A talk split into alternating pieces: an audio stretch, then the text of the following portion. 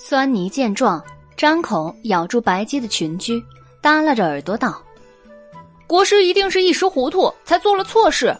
姑姑都走到这儿来了，您不能不管他呀。”云中君露出狡黠的神色，也笑着劝白姬：“正如酸泥所言，都走到这里了，去见一见也无妨。”酸泥可怜兮兮的望着白姬，恳求道。姑姑，去见一见国师吧。白姬不为所动。小吼，你撒娇也没有用。原耀不动声色的道：“白姬，八卦楼下光藏国师最珍贵的宝物啊。”酸泥承诺过，白姬帮他找回光藏，他就把光藏埋在八卦楼下最珍贵的宝物挖出来做报酬。贪财的龙妖听见宝物。眼中金光一闪，他又转过了身，跟上云中君的步伐，说：“去见一见国师也无妨。”袁耀笑了，他实在是太了解这条龙妖贪财的心性了。云中君领众人来到一片云雾缭绕的花圃中，光藏正矜持着上身，用花锄翻着赤色的土壤，他行销骨立，神情萎靡。浑身都是火烧的伤痕，双手和双脚还带着铁镣。他已经不再是白玉京的客人，而变成了白玉京的囚徒。酸泥看见光藏凄惨的模样，眼泪如雨，他哽咽的呼唤道：“国师！”光藏闻唤，猛然回头，他浑浊而绝望的双眸，在看清酸泥、白姬、原药、黎奴的刹那。焕发出了希望的光彩，涌出了热泪。血红色的土壤根本不是土壤，而是许多细小的虫子。光藏奔向酸泥时，他赤着双脚疾走，惊扰了虫群，虫子纷纷噬咬他的脚。光藏的双脚血肉模糊，几乎可见白骨，他脸上露出痛苦的表情。冷汗滑落苍白而消瘦的脸庞，原要倒抽一口凉气，不寒而栗。酸泥哽咽，与光藏抱头痛哭。国师，你受苦了。光藏流泪道：“这重壤还算好的，在火焰之渊中种治果，炙热难忍，血肉都会被烧焦啊。”在千年冰冻中种冰玉芽，冷的人实在是受不了。酸泥哭道：“可怜的国师。”袁耀心中涌起一阵怜悯之情，看来光藏在白玉京吃了不少苦头。云中君冷冷的望了光藏一眼，眼看太上老君诞辰临近。天虚丹却没有了，东皇太一非常焦虑，愁眉不展。再炼三枚天虚丹不是难事，只是天虚丹中有几味药材十分珍奇，白玉京中没有了。光藏吃掉了天虚丹，只有让他种了。什么时候种出药材来，什么时候让他回人间。白姬挑眉道：“那。”他恐怕永远也回不了人间了。云中君笑了，呵，这就是我请龙王进入白玉京的原因了。什么意思？白姬逆目望着云中君，云中君说：“白玉京中缺少的几味药材，别的神仙应该有。龙王神通广大，你去找齐几味药材。”光藏就可以回人间去。白姬皱眉：“您和东皇太一为什么不自己去呢？”云中君叹了一口气：“啊，东皇太一是远古的神奇，他心性淡泊，喜爱幽静，很少和别的神仙来往。”白姬不答应：“我也不认识各路神仙呀。”光藏流泪道：“龙妖，你不能见死不救啊！”白姬冷笑：“国师唯一自救的方法，就是把三枚天虚丹吐出来。”光藏悔恨的道：“这吃下去的东西，哪里还吐得出来啊？本国师真是悔不当初啊！”袁耀觉得光藏是真心在悔恨，他心中不忍，劝白姬道：“白姬，人非圣贤，孰能无过呢？光藏国师已经知错了，你要是有办法帮他，就尽量帮帮他吧。救人一命，胜造七级浮屠啊！”光藏抹泪道：“ 龙瑶，你我一直是敌人。”本国师以前还试图封印你，如今也没有颜面要求你必须帮本国师。只是，本国师曾经封印了一些危害人间的邪恶妖怪，如果本国师长久不回去，封印会松动，那些厉妖邪鬼十分的可怕，一旦冲破封印，长安必有祸乱呢。到时候会有很多人和非人遭殃。如果真的到了那一步，缥缈阁也必定会受到牵连。看在长安城的安宁的份上，请你帮本国师一把，让本国师离开白玉京，回人间去啊！酸泥也说道：“姑姑，你就帮一帮国师吧。”白姬望着光藏，明白他所言非假，但是他还是没有表示要帮他。云中君见了，笑道：“如果龙王找齐了药材，东皇太医会有谢礼相赠。”哦，什么谢礼啊？白姬望向云中君，一瓶春色。白姬想了想。再加十个水月之精，五个，九个，六个，八个，七个，成交。见白姬答应去找药材，光藏如释重负，热泪长流。白姬对光藏说道：“国师不要高兴的太早了，能不能找齐药材，还得靠运气呢。”光藏道：“本国师相信你。事不宜迟，我和宣之、黎奴去找药材。小吼，你留在白玉京。”酸泥说道：“侄儿也要跟姑姑一起去。人多反而碍事，你还是留下来替国师翻土吧。”那好吧。云中君将炼制天虚丹所缺的药材告诉了白姬。一共缺四味药材：治果、重葵、冰玉芽、凤凰羽。祝你们好运。白姬、原药、黎奴离开了白玉京，在云桥上骑鹤而上，又回到了星空之中。望着浩瀚的星海，原药问道：“白姬，我们去哪里找药材啊？”白姬陷入了沉思。黎奴出主意道：“哎，主人，太上老君爱炼丹，兜率宫的药材最多了，不如去兜率宫吧。”白姬摇头道：“不行，太上老君一向小气，我们又和他不熟，即使有药材，他也一定不会给的。那我们就去偷偷的拿，反正兜率宫药材多，他也未必会察觉少了几味啊。”白姬摸摸下巴，想了一会儿，这个主意不好。袁耀同意白姬的话：“是啊，偷盗不是正人君子所为。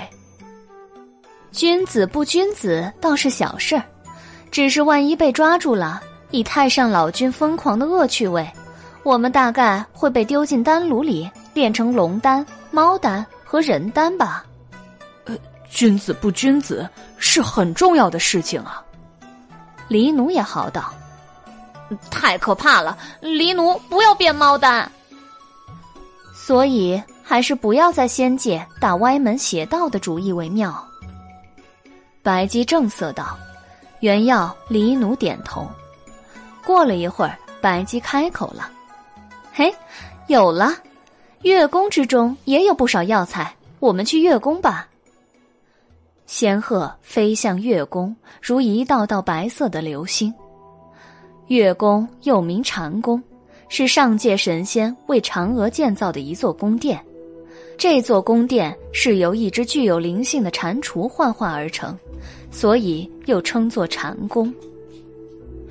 月宫规模浩大，宫室绵延，一共由一宫、二馆、三亭、四台、五殿组成。宫殿群中还有一个园林，园林中有一个潭，叫月潭。月潭附近有一口井，叫琉璃井。琉璃井可以和四海龙宫、太虚幻境、蓬莱、昆仑山、南海等仙界相通。仙鹤驮着白姬一行人在月宫上空徘徊，最后停在了广寒宫前面的广场上。原耀站在广寒宫前，仿佛踏入了一片月光之海。华美的宫室净澈如琉璃。寂静无人的广场上落满了木樨花。不远处，一棵五百丈高的木樨树下，有一名大胡子仙人正挥舞着斧头砍树。可是无论他怎么努力，也砍不断木樨树，因为上一斧头在树干上砍下的缺口，在他挥下下一斧头时就会完好如初。原要猜测，这位大胡子仙人。应该就是传说中在月宫中砍桂树的吴刚。吴刚看了白姬一行人一眼，没有理会，继续砍自己的树。一名风华绝代的仙女从广寒宫中走出来，俯视玉阶下的来客。她穿着一身玉青色的云纹罗裙，挽着长长的拖曳在地上的月光色披帛。她的容颜十分美丽，一双清灵的眸子。比月色更美，她的峨眉间有一缕寂寥的忧愁，那是岁月沉淀的神秘感伤。这位仙子的美丽令浩劫的月华都黯然失色，原耀有些看痴了。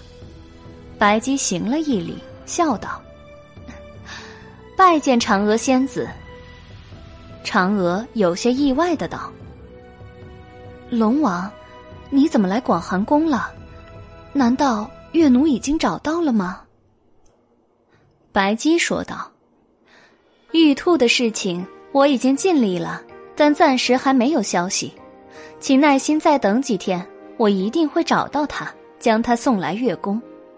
这次我来月宫是有一件事情想请嫦娥仙子帮忙。”嫦娥问道：“什么事啊？”我在为东皇太一寻找四味药材。是哪四味药材？治果、重葵、冰玉芽、凤凰羽。嫦娥想了想。治果、重葵、冰玉芽，这三味药材月宫中倒是有，凤凰羽没有。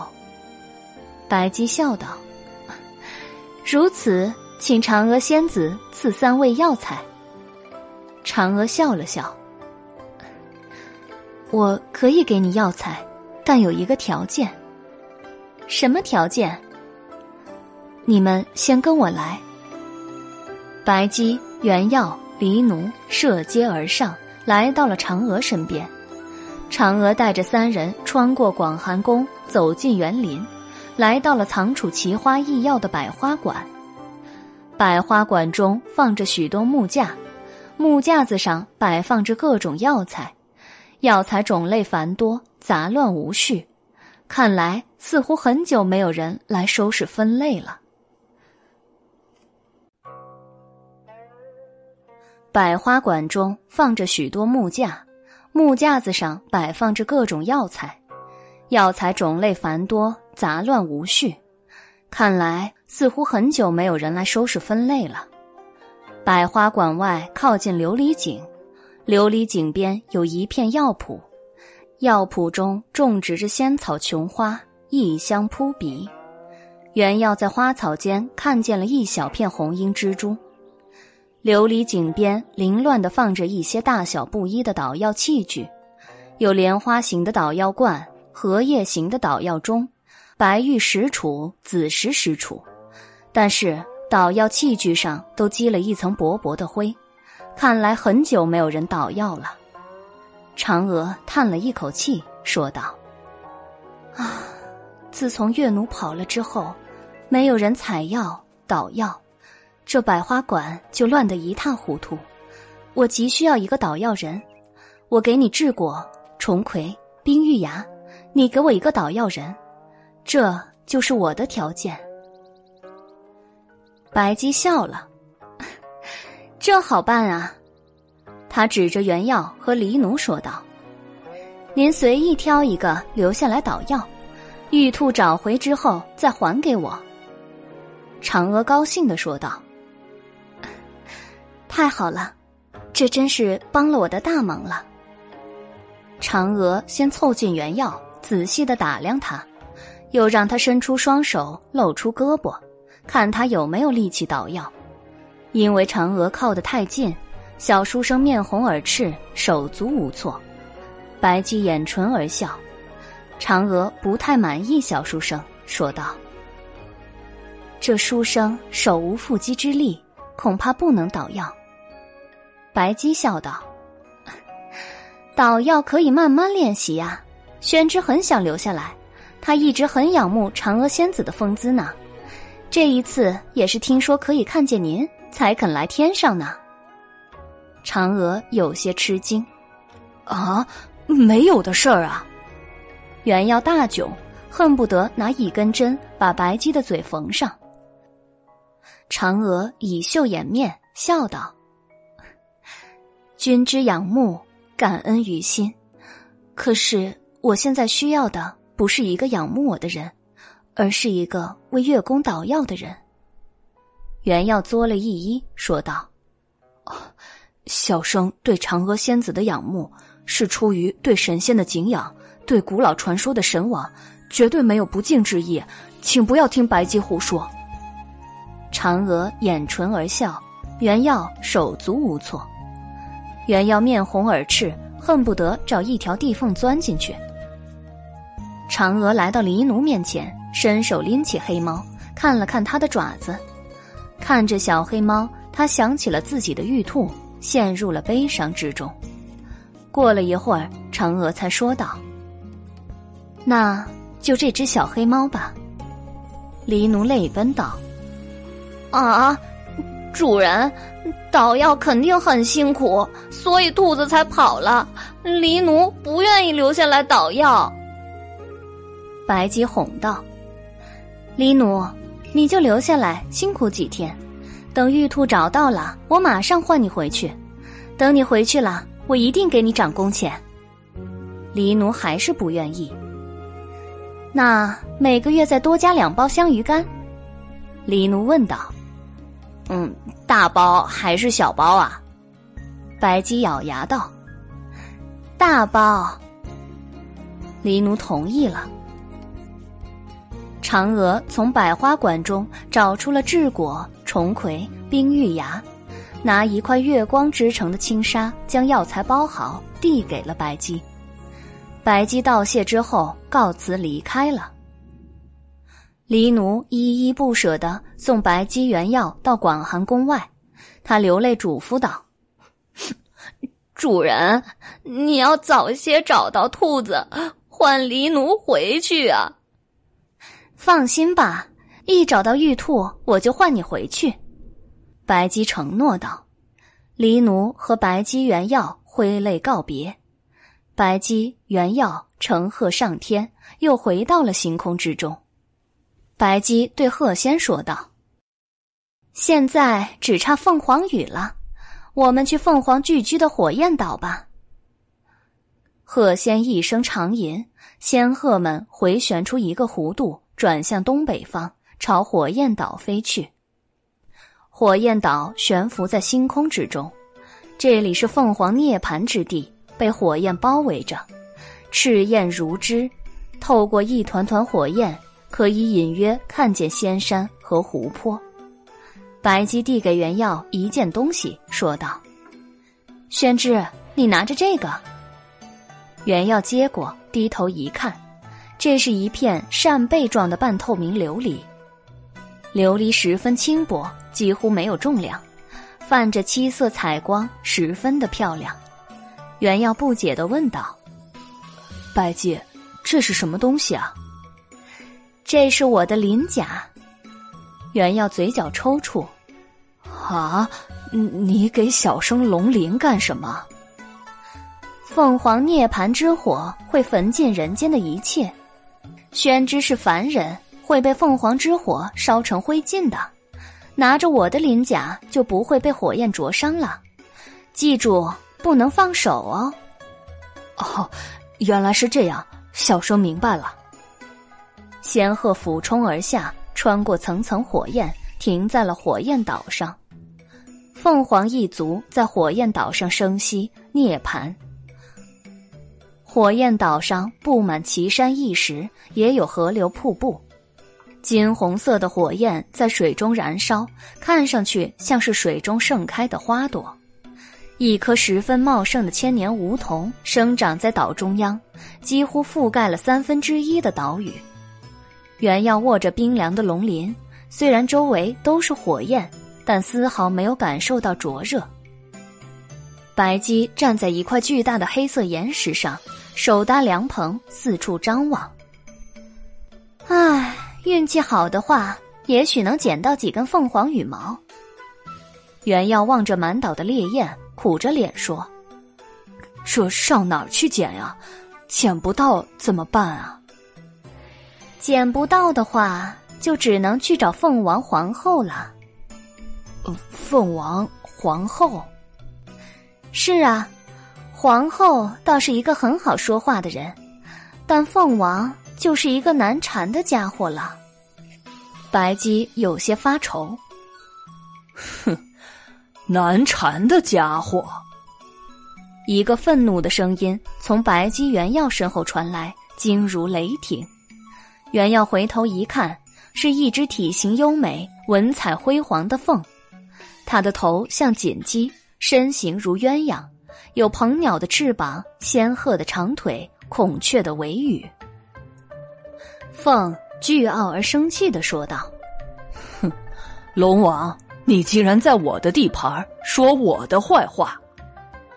白姬理亏笑道：“凤王还是这么精神抖擞、威风神气呀，不愧是百鸟之王。”凤挖苦的说道：“那是自然，我已羽化成仙，不像龙王你这么落魄，一直流浪人间，徘徊妖道。”还套着一个愚蠢的人类皮囊。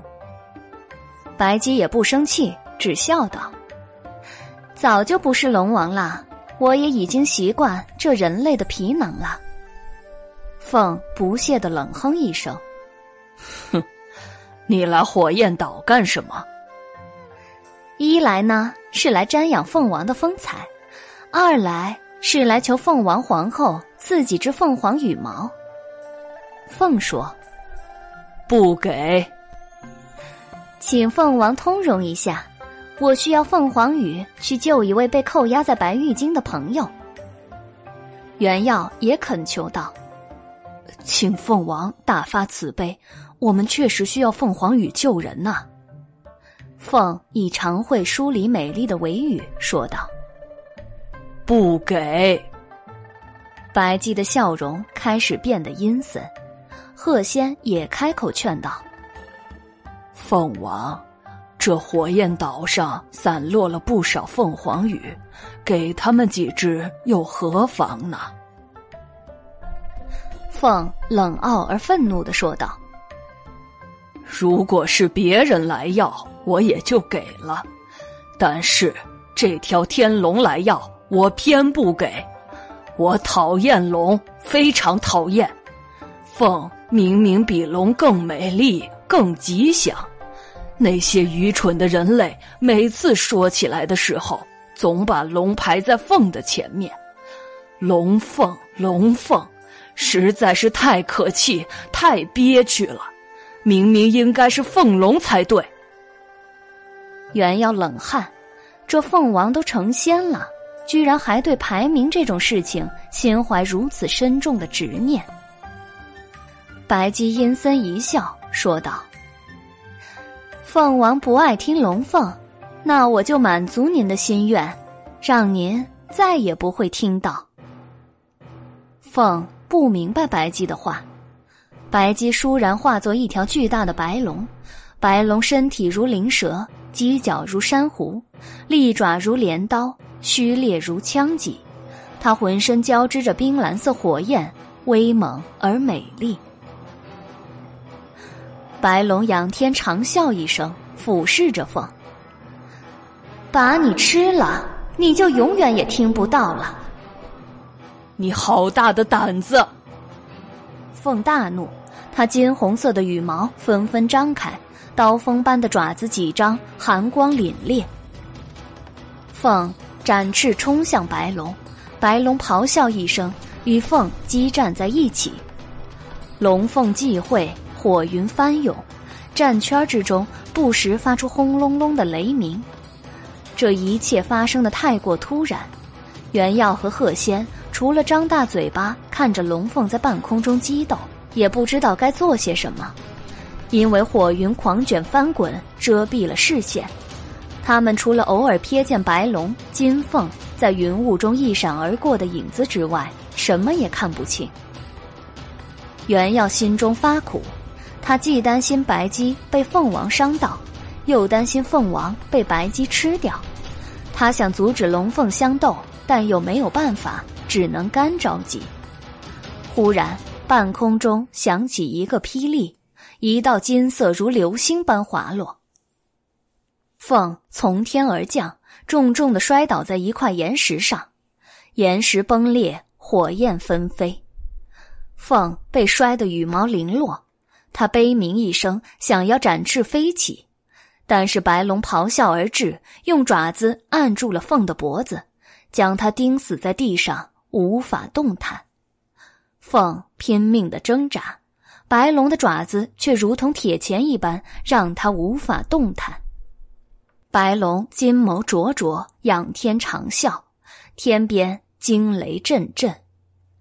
被龙的气势所慑，凤放弃了挣扎，他垂下了头，十分的沮丧。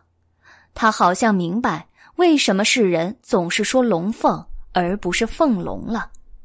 一开始。他就错了，这条天龙即使流落人间，一心向佛，他本质上还是那个曾经让四海六界风云色变的天龙之王啊！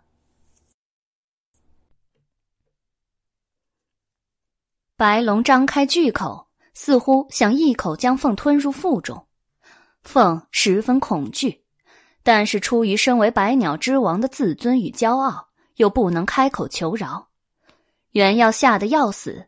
凤王好歹也是神，万一白姬真的把他吃了，可就有大麻烦了。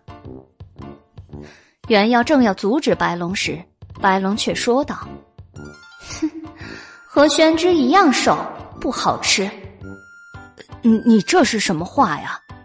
原要生气的吼道。白龙左爪拽起凤王，右爪从他身上生生的扯下一大把艳丽的尾羽，凤王凄厉的惨叫。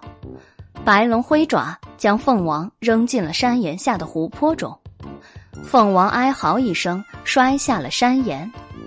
只听扑通一声，凤王掉进了湖水中。白龙变回了白鸡的模样，他抓着一把刚拔下的凤凰羽毛。笑眯眯的对站在不远处的袁耀和贺仙说道：“ 这一把凤凰羽应该够了。”袁耀、贺仙冷汗如雨。凤王在和白龙缠斗时，羽毛就掉了不少，现在又被拔掉了一把，那他还有羽毛吗？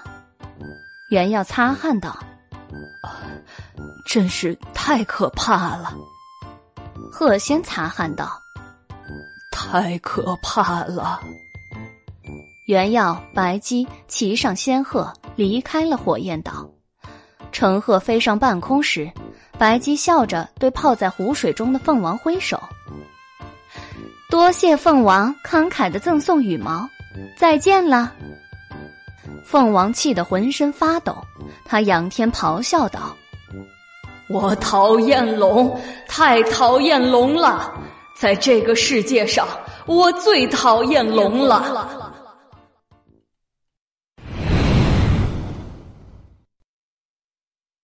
仙鹤驮着白鸡、原要在星海中跋涉，又回到了白玉京。云中君来到云桥上迎接白姬一行人，他笑道：“不愧是龙王啊，办事很有效率。”白姬笑道：“高效率做事一向是我的习惯。”原耀冷汗，这条懒散到无可救药的龙妖。他怎么说谎都不会脸红呢？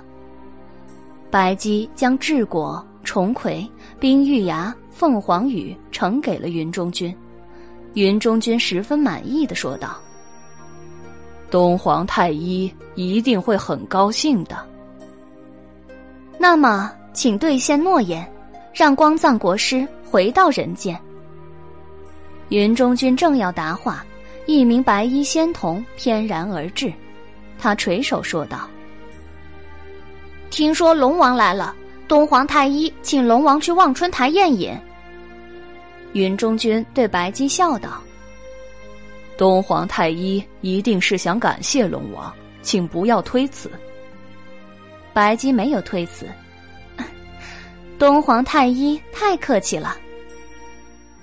云中君、白姬、原耀走过浮桥。穿过重重华美的宫殿，来到了望春台。望春台上，桃花妖，杏花闹，海棠红姿娇。东皇太一端坐在东房，他的身形十分的高大，一身华服金光灿烂。原要偷偷的望向东皇太一，不由得吓了一跳。东皇太一长着一颗鸟头。鹰一样的鼻子十分的可怕，他蓝色的眼眸中透出一股不怒自威的凛然。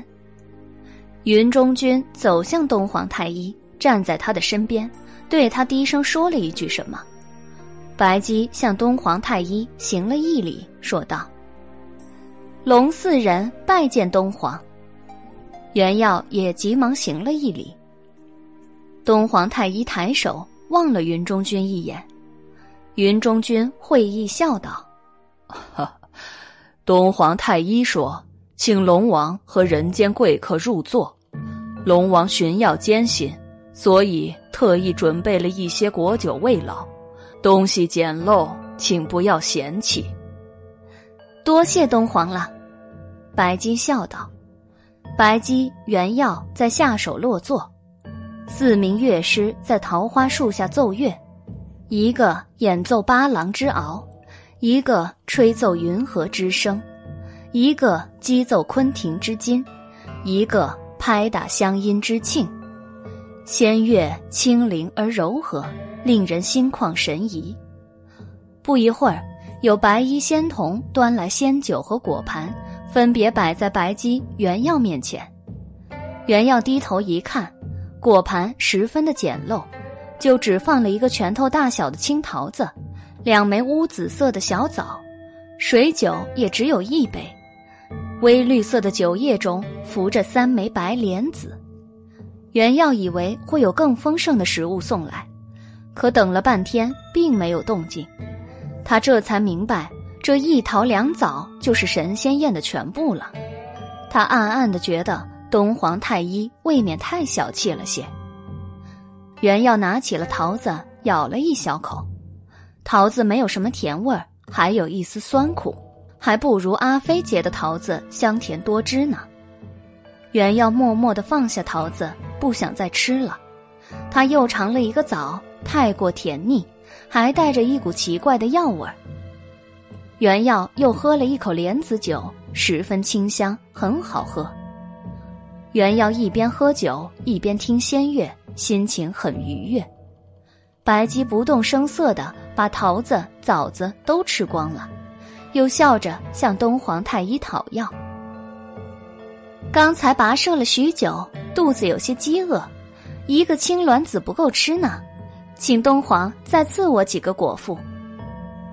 东皇太医尚未说话，云中君已经阴森的笑道：“，不要得寸进尺。”这青鸾之桃比西王母的蟠桃还珍贵，一般的神仙都不得吃。白玉精一共也才十个。白姬打了一个哈哈，不再讨要了。原药见了，说道：“白姬，小生这儿还有，你如果不嫌弃，小生咬过一口，就拿去吃吧。”既然宣之不喜欢，那我就替宣之吃了吧。白姬毫不介意，他拿起原药吃过的桃子，几口就吃下了肚子。不知道为什么，原药的脸红了。东皇太医对云中君耳语了几句，云中君传达了东皇太医的意思。龙王找来药材，东皇太医愁闷的心情得到缓解，他十分感谢。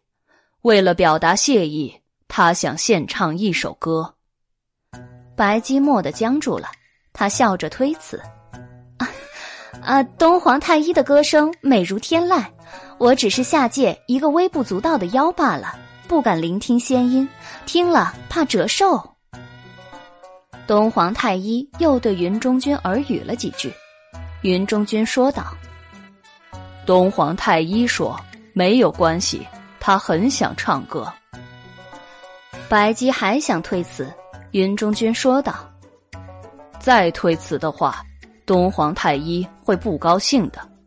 如果让东皇太医不高兴了，那一瓶春色可就没有了。”白姬颓然。那么，请唱吧。原耀感到很奇怪。白姬为什么不愿意听东皇太一唱歌呢？从刚才起，东皇太一就只和云中君低声说话，不知道他的声音是怎么样的。东皇太一站起身，开始引吭高歌。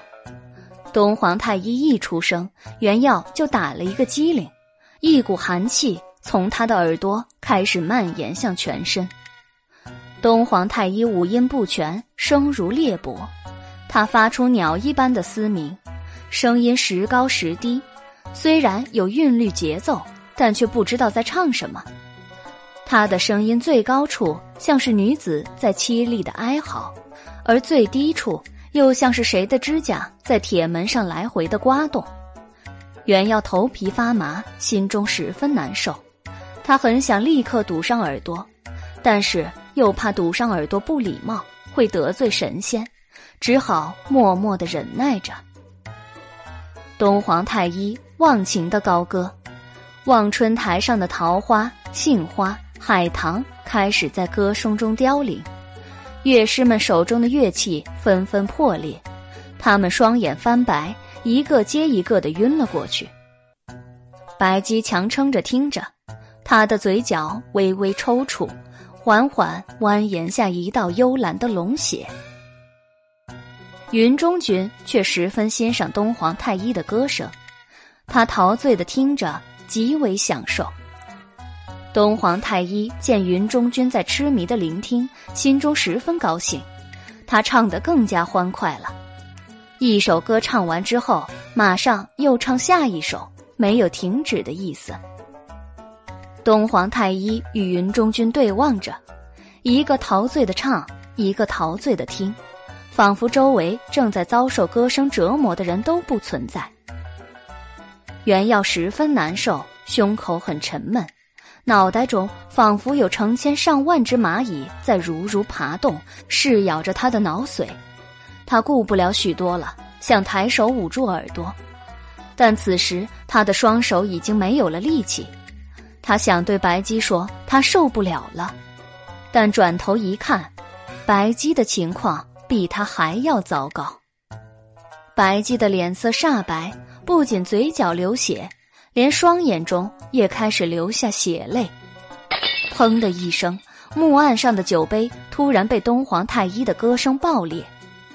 袁耀再也受不了了，他惨叫一声，晕死了过去。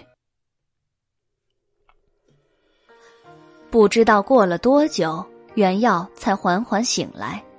他睁开眼睛，一条浩瀚的星河倒入他的眼帘，十分灿烂。袁耀侧头一看，对上了一双比星辰更加明亮的眼眸。白姬笑道：“哎呀，宣之，你终于醒了。”袁耀这才发现，白姬侧身坐着，他正枕在白姬的腿上。袁耀面红耳赤，急忙坐起身来。他的动作很大。地面突然摇晃起来，他从地面滑落下去。白姬伸手抓住了袁耀的胳膊，袁耀才稳住了身形。前方传来光藏的声音：“不要乱动，不然星福茶会翻倒，大家都会掉下去的。”后方传来酸泥的声音：“国师，我已经掉下去了，姑姑，快来拉我一把呀！”白姬急忙到后面去拉只剩两只前爪扣在星福茶上的酸泥，将酸泥拉上来之后，白姬回到原耀身边，盘腿坐下。原耀这才发现，他们置身在一个很大的竹筏一样的东西上，竹筏浮游在星海之中，云雾飘渺，光藏在前面划桨，酸泥在后面划桨。白姬和他坐在新福茶中央，一阵风吹过，袁耀衣袂翻飞，因为之前睡觉的缘故，他的发髻也松散了，长发飞扬。这是怎么一回事儿啊？他们在哪里？袁耀十分的迷惑。他记得在望春台的宴会上，他因为听了东皇太一的歌声而昏厥。然后就没有知觉了。白姬，小生昏过去之后发生了什么事儿啊？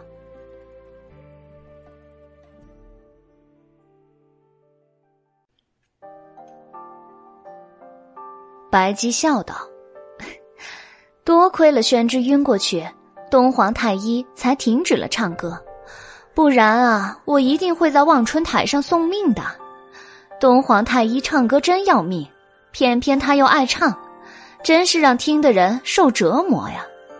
因为宣之晕倒了，不能骑鹤回人间，东皇太一让我们乘星福茶回去。宴会匆匆结束之后，东皇太一遵守诺言，让光藏回人间，也给了白姬一瓶春色和七个水月之精。不过。云中君察觉黎奴之前偷吃了一个水月之精，只给了白姬六个。天上一日，人间一年，不能在天上耽搁太久。于是，白姬、光藏一行人就离开了白玉京，乘着星福茶回人间去了。在星福茶上，白姬吃下一个水月之精。才从东皇太一的歌声造成的伤害中恢复了元气。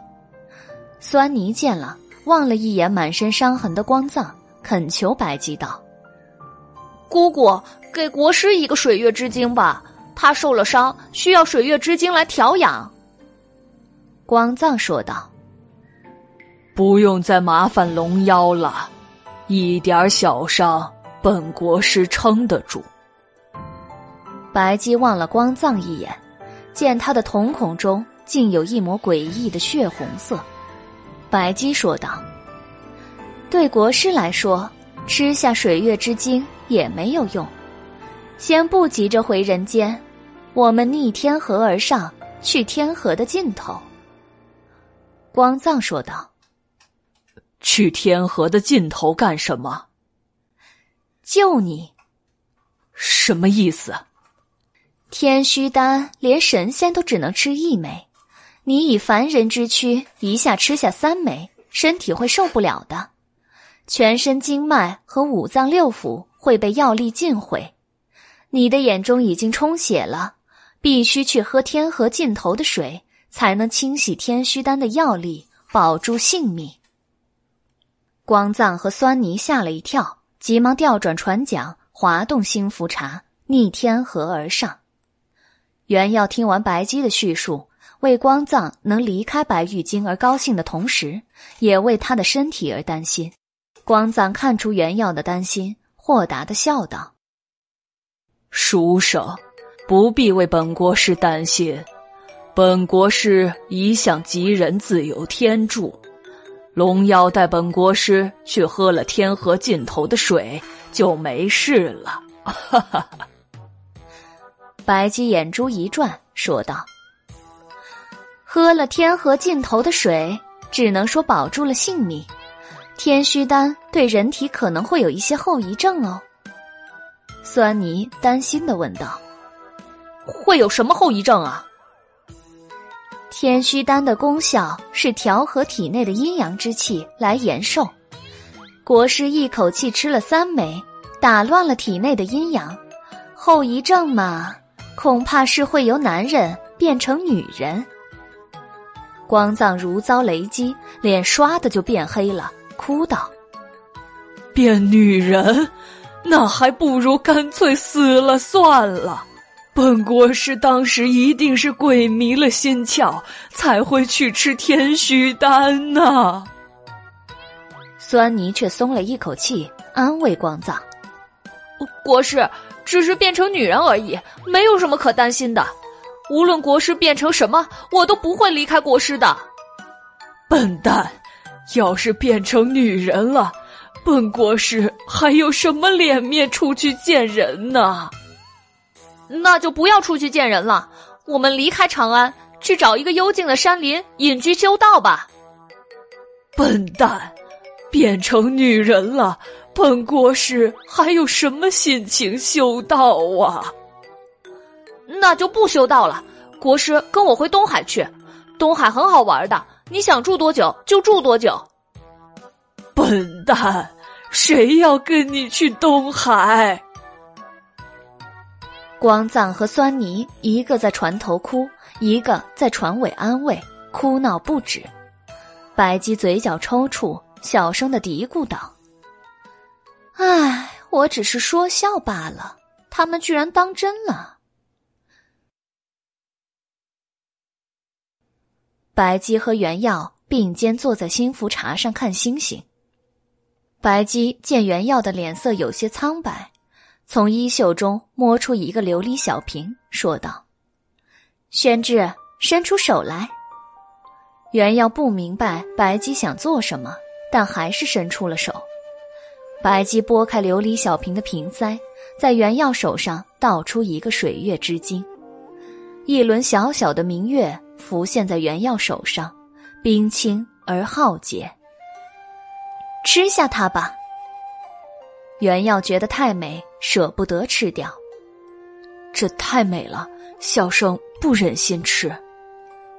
白姬想了想，拔下一根长发，她将长发穿过明月。然后拎起来，星光之下，长发化为一根黑绳，水月之精化作一颗拇指大小的明珠，光滑流转。白姬将明珠挂在原药的颈上，笑道：“舍不得吃掉，那就佩戴着，也可以一起养生呢。”原药脸红了，呃，多谢白姬。玄之不必客气。水月之精的，原耀苦着脸打断白姬：“水月之精能不算钱，不从小生的月钱里扣吗？再扣下去，小生就永远都领不到月钱了。”好吧，偶尔就送玄之一件东西吧。原耀心里甜甜的，很高兴。白姬又笑道：“不过嘛。”头发的钱还是要算的，这可是真正的龙宗，虽然柔软，却很有韧性，刀剑不断，水火不侵呐。原耀嘴角抽搐。过了没多久，星福茶行到了天河尽头。天河本是虚幻，并不是真正的河水，但天河尽头却有一道真正的瀑布。瀑布高越千丈，悬挂在虚空之中。瀑布倾泻而下，飞落银河，非常的壮美。瀑布的水一直往下落，看不见底，不知道流向了哪里。袁耀远远的望着瀑布，惊讶的张大了嘴：“白姬，这瀑布太神奇壮观了。”白姬笑道。这是宇宙的源头，这道瀑布是生命之源，由世间万物的灵气汇聚而成。在此岸从九天流向幽冥，在彼岸从幽冥逆流回人间，循环不止，生生不息。白姬的话很深奥，原耀听不懂，也不想弄懂。有些深奥的东西不必探知究竟。只要欣赏这份天地间独一无二的瑰丽就好了。离瀑布不远处有一棵巨大的枯树，枯树生长在虚空之中，枝干峥嵘，秃枝上没有半片叶子。许多美丽的飞天或坐在树枝上拨竖琴、吹玉笙，或围着枯树翩翩起舞。他们穿着华艳的霓裳。披着蝉翼一样轻薄的羽衣，仙足踏莲花，舞姿十分的曼妙。白姬见了，笑道：“ 有眼福了，可以看见飞天跳舞。”幸福茶从枯树下经过时，飞天们嬉笑着绕着木筏跳舞，一时间天花乱坠，香风旖旎，飞天的舞姿十分迷人。白姬、原药、光藏、酸泥看得出神，几乎忘了前行。原药忍不住感叹：“真的好美啊！”白姬伸手接了一朵天花在掌上，他从衣袖中拿出装着春色的小玉瓶，用拇指移开瓶塞，将一缕春色倾注在天花之上。白姬对着沾了春色的天花吹了一口气，天花缓缓飞走，飘向飞天们聚集的枯树。当天花落在枯树上时，仿佛被施了魔法一般，枯树在一瞬间抽出嫩芽，绽开花朵。转瞬之间，枯树从寒冬过渡到了春天，变得枝繁叶茂，亭亭如盖，绽放了生命的光彩。飞天们见枯树逢春，十分高兴，舞动得更加欢快了。一名飞天从树上摘了一枝花，飞到新福茶上，送给白姬以示感谢。白姬微笑着接过，十分的愉快。新福茶向瀑布滑去，飞天们跟着新福茶前行，绕着白姬一行人跳舞。幸福茶行到瀑布下，却因为水流的冲击而无法靠近。光藏试着站在船头探出身子，也够不到水流。他没有办法喝到灵水，心中有些着急。一名飞天见了，摘了一半头发上插的莲花，他飞向瀑布，用小碗般的莲花花瓣接了瀑布之水，然后飞到光藏面前，递给了他。光藏接过莲花瓣，一仰头喝下了天河灵水，他眼中的血丝一瞬间消退了，浑身仿佛脱掉了沉重的枷锁，舒服了不少。光藏擦了擦嘴角，意犹未尽，对飞天说道：“没喝够，再给本国师来一杯。”见光藏如此没有礼貌，飞天不高兴的甩袖飞走了。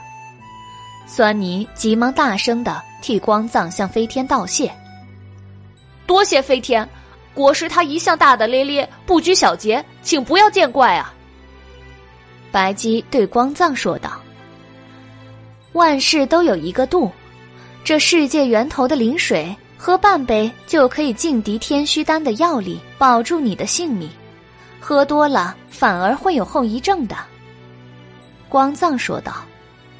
什么后遗症？也会变女人。白姬以袖掩面，不，这是生命之源，喝多了会让人类变成猿猴的。光藏一愣，呆住了。酸泥大声的说道：“即使国师变成猿猴了，我也不会嫌弃国师的。”原耀以为光藏在担心变猿猴，说道：“国师不必担心，你只喝了半杯。”应该不会有事儿的。光藏对白姬道：“龙耀，你身上有装水的器具吗？借本国师一用。本国师想带一些灵水回去。”袁耀奇怪的问道：“国师带灵水回去做什么？”哼，有几个特别讨厌的家伙，总是偷偷嘲笑本国师的光头。如果他们变成猿猴，本国师也可以嘲笑他们了。原耀冷汗。白姬说道：“打消这个念头吧，别白费力气了。世界源头的灵水带到人间就会失去灵性，变成普通的水。”光藏挑了一下画出的火焰眉，说道：“龙妖，你怎么知道？难道你早就试过了？”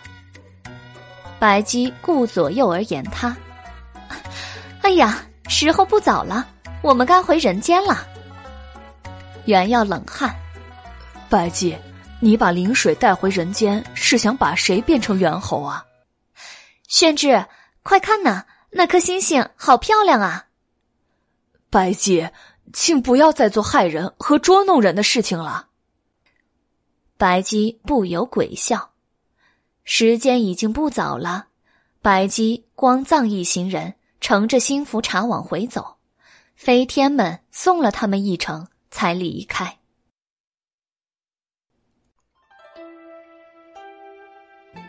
星福茶静静的浮游在星河之中，它顺流而下，天风飘渺。因为顺流而下，不需要划桨，光藏盘坐在船头，吐纳养息。酸泥蹲在船尾睡着了，袁耀望着两边不时拂过的龟尾仙宫，心情宁静且澎湃。白姬和袁耀并肩而坐，一边欣赏天界之景，一边有一句没一句的闲聊。宣之，天上很美吧？美是美，只是空得慌，让人心中不踏实。袁耀说道。除了美丽归尾的仙宫，眼前就是一望无际的冷清寂寥，没有一丝烟火，空旷的让人不舒服。与俗世烟火的温暖之美不同，这是一种空寂之美。玄之要懂得体味不同的美丽啊！这种美，小生不太习惯，人间就好多了。唉。看来宣之既没有佛根，也没有仙缘，只有妖缘鬼分了。白姐，你这是什么话呀？袁耀不高兴的道。见袁耀还披散着头发，白姬笑道：“ 宣之不要生气，我来替你束发吧。”袁耀这才想到披头散发与理不合，有违圣人的教诲，便说道。那就有劳白姬了。白姬跪坐在袁耀身后，替他束发。他将他的长发拢起，挽在头顶之后，才发现没有束发的布巾和簪子。哎，宣志，你的发簪和布巾呢？可能在哪里弄掉了吧。袁耀挠头，有些苦恼。没有簪子和布巾，这可怎么束发呢？白姬望了一眼飞天送的花枝，说道：“权且折一段树枝代替簪子吧。”好。袁耀拿起花枝，折了发簪长短的一截树枝，递给了白姬。白姬接过树枝，插在袁耀的头上，束紧了发髻。看着小书生清爽而精神的面容，白姬高兴的笑了。宣之看起来很有精神。呃，多谢白姬。也许是树枝上还残留着春色。突然，啪嗒一声，袁耀的发簪上开出了一朵花。白姬怔怔的看着袁耀的头顶，啪嗒啪嗒，发簪上又接连开出了数朵花，一朵连一朵，重重叠叠。不一会儿，小书生就顶着满头的鲜花了。白姬望着原药，以袖掩面，嘴角抽搐。原药察觉出不对劲来，哎，小生的头顶上好像发生了什么事儿啊！白姬扑哧一声笑了，宣之的头上开满了鲜花呢。哎，不要摘掉啊，这可是好兆头。白姬，这不会是你又在捉弄小生吧？小书生黑着脸说。白姬捧腹大笑，没有，这一次真的是意外。酸妮醒了，他看见满头鲜花的原药。也忍不住哈哈大笑，光藏睁开眼，看见满头鲜花的小书生，笑得几乎摔下了新福茶。原药很生气，却也没有办法。于是，在一路的笑声中，新福茶缓缓从天界降落到了人间，回到了长安上空。人间仍是晚上，不过距离白姬一行人。乘鹤飞天的那一晚已经过了七日了，下弦月挂在天边，长安城中黑暗而安静。新福茶来到了西市上空，本该是缥缈阁的地方，只看见一大片的红缨蜘蛛。光藏大吃一惊：“龙妖，才上天没几天，缥缈阁怎么荒凉成这样了？”白姬忧愁道。啊，别提了，早知道就不种红缨蜘蛛了，也不知道能不能除掉这些藤蔓啊。原药也忧愁，哎，不知道十三郎抓到玉兔没有？李奴老弟还在月宫等着唤他回来呢。幸福茶落在缥缈阁的后院，白姬、原药走下了地，踩在重重苍藤之上。告别之后，光藏、酸泥划着新福茶回大角观了。光藏会在大角观做法，将新福茶还给东皇太一。缥缈阁中十分的安静，到处都是红缨蜘蛛。白姬神色忧愁，走向亮着灯火的里间，原药也跟了上去。里间中也爬满了苍翠的藤蔓，郁郁森森。牡丹屏风之后，覆盖着藤蔓的青玉案旁，一只红狐狸和一只小白兔相对坐着，他们正在灯下玩出仆，好像很开心的样子。白鸡低咳了一声，小狐狸抬头，才发现白鸡原要回来了，他十分高兴的说道：“ 白鸡，袁公子，你们回来了。”十三郎看店辛苦了，一点儿也不辛苦，某还交了一个好朋友呢。小狐狸揉脸道：“小白兔看见白鸡，眼珠一转，起身逃跑。白鸡手疾眼快，抓住了小白兔，将它拎了起来。这不是月奴吗？既然来缥缈阁了，就不要急着走嘛。”白鸡笑眯眯的说道。小白兔垂下了头，对爪轻声说道：“好久不见龙王了。”白姬将小白兔放在地上，小白兔倏地化作一个白衣少女。少女长发垂髫，双眸眼波盈盈，长得十分娇美。白姬拉着月奴的手坐下，笑道：“月奴妹妹在人间玩了这么久，也该回去了。”嫦娥仙子非常思念你，连人都憔悴了不少。月奴双眸眼泪汪汪。我也很思念嫦娥姐姐，可是捣药太辛苦了，几千年来我日夜捣药，从没休息过一天，而且也没有工钱。我一直都想给自己放一天假，快快乐乐的玩一天。这一次好不容易出来了，我一定要玩满一天才回去。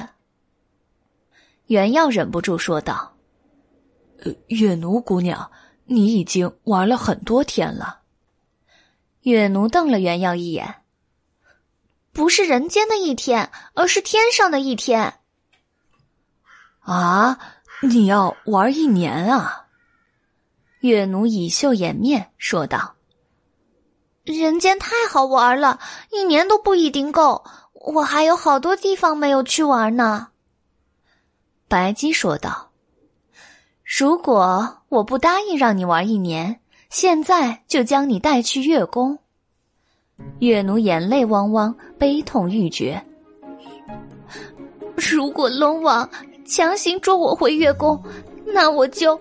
我就偷偷的吊死在缥缈阁外，让你做不成生意。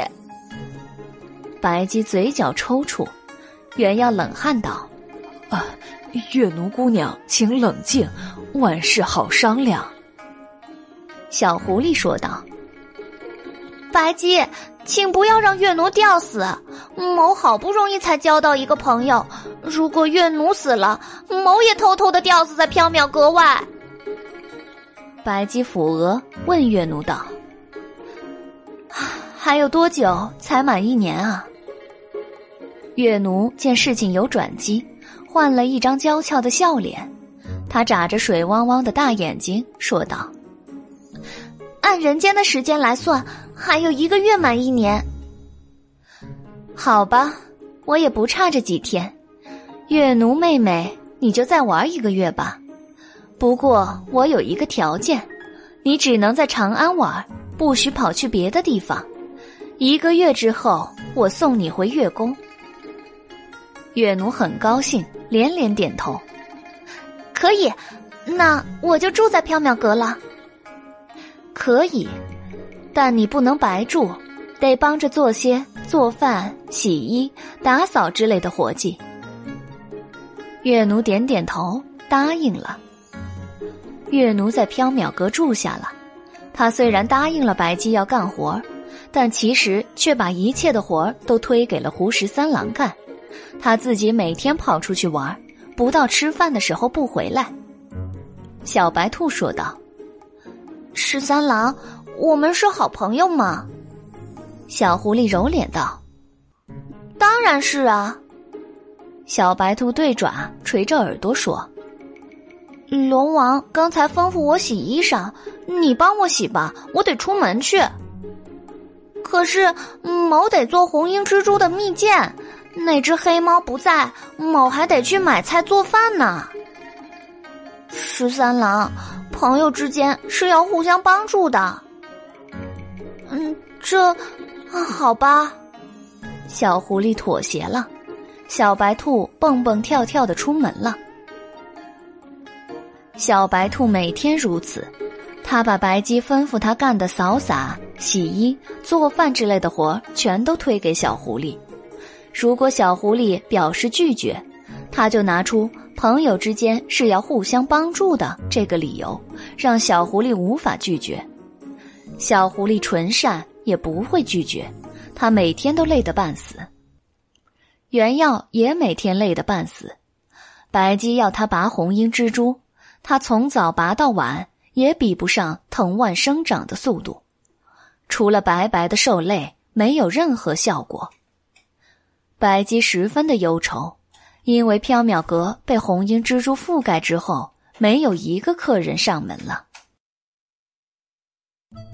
这一天大早，白姬又使唤原药拔红缨蜘蛛，原药提议道：“白姬。”你曾说龙火可以焚烧尽一切，你不如吐一些龙火，把这些藤蔓给烧了吧。”白姬悠悠的说道。“那样做的话，缥缈阁也会烧成灰烬了。”小书生竖起了耳朵。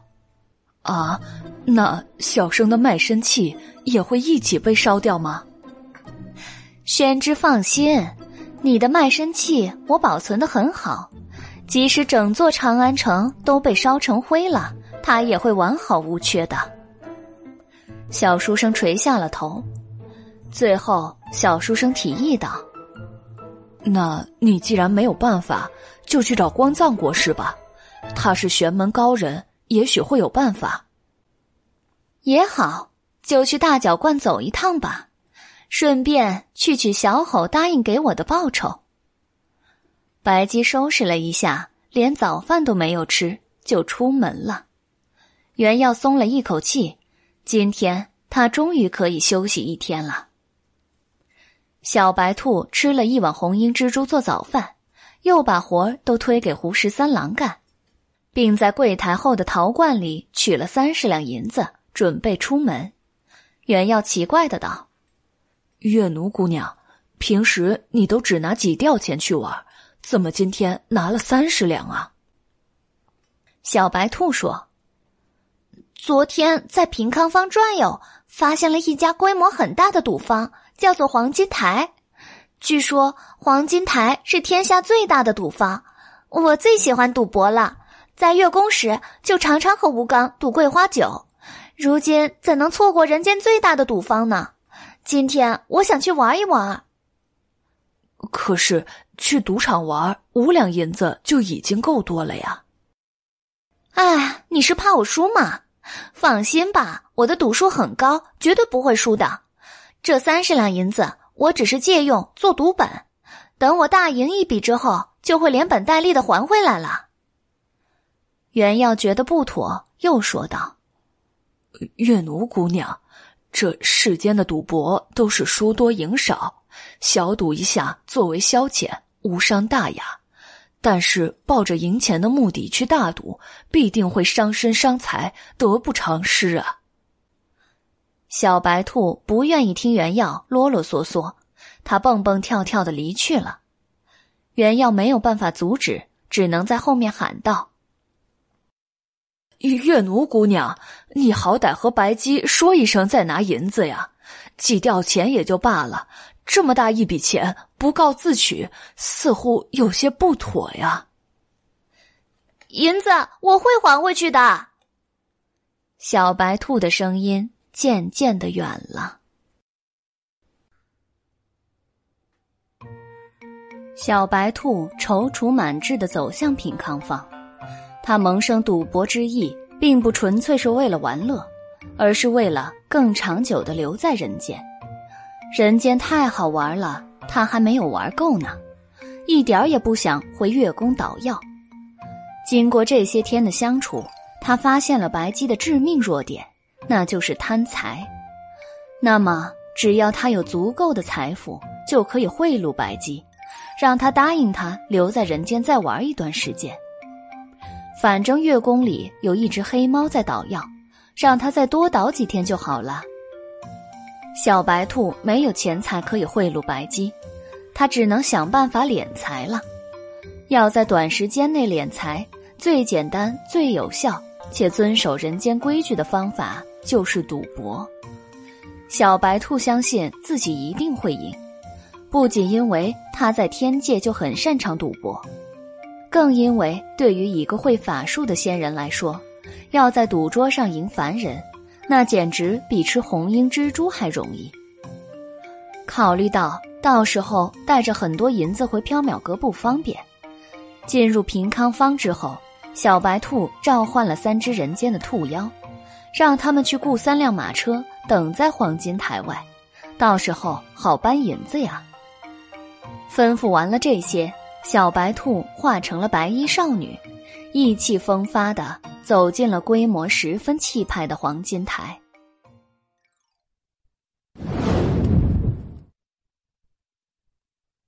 午后时分，袁耀和胡十三郎在缥缈阁里闲坐喝茶。最近根本没有客人上门，店里十分的清闲。小狐狸低头看着自己的爪子，十分的忧伤。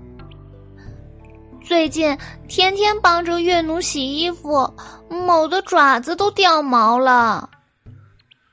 原耀说道：“十三郎，再忍耐一下吧。月奴姑娘很快就要回月宫了。其实他也很可怜的，千年如一日的捣药。”都没有休息的时候。帮他做事，毛也没有什么怨言。朋友之间就应该互相帮助。十三郎心肠真好。听见原耀夸自己，小狐狸羞涩的笑了。他担心的说道：“不知道那只黑猫现在在月宫里过得好不好呀？听说嫦娥仙子不食人间烟火，月宫里没有吃饭的地方，她会不会挨饿呀？”呃，听白姬说，月宫里还是有月饼可以吃的，不至于挨饿。嗯，不过嘛，黎奴老弟喜欢吃香鱼干，不爱吃月饼，在饮食上肯定会艰苦一些的。哎，十三郎，你居然会担心黎奴老弟呀？小狐狸揉脸道：“那只黑猫虽然讨厌，但是少了它来吵架，猫也会觉得寂寞的。”原耀笑道：“其实你们是朋友吧？”朋友？不可能，我们是宿敌。小狐狸揉脸道。原耀和胡十三郎正在聊天，三只小兔子慌慌张张的跳进了缥缈阁，急道：“啊，不好了，不好了！”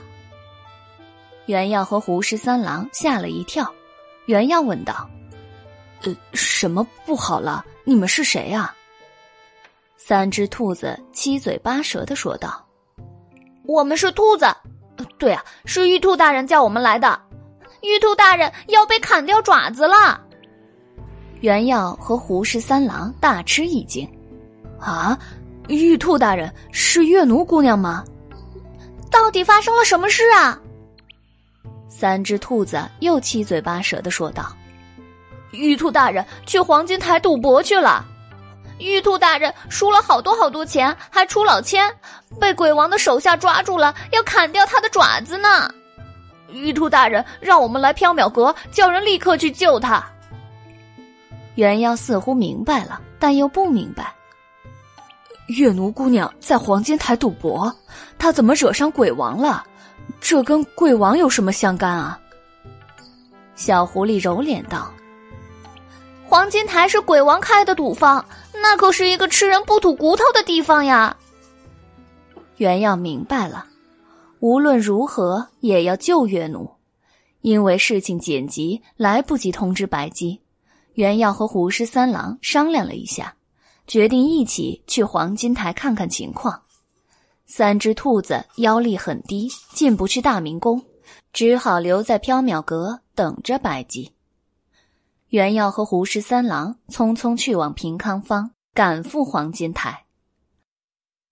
黄金台中人来人往，赌徒们围着赌桌一掷千金。赢的人欢喜，输的人忧愁。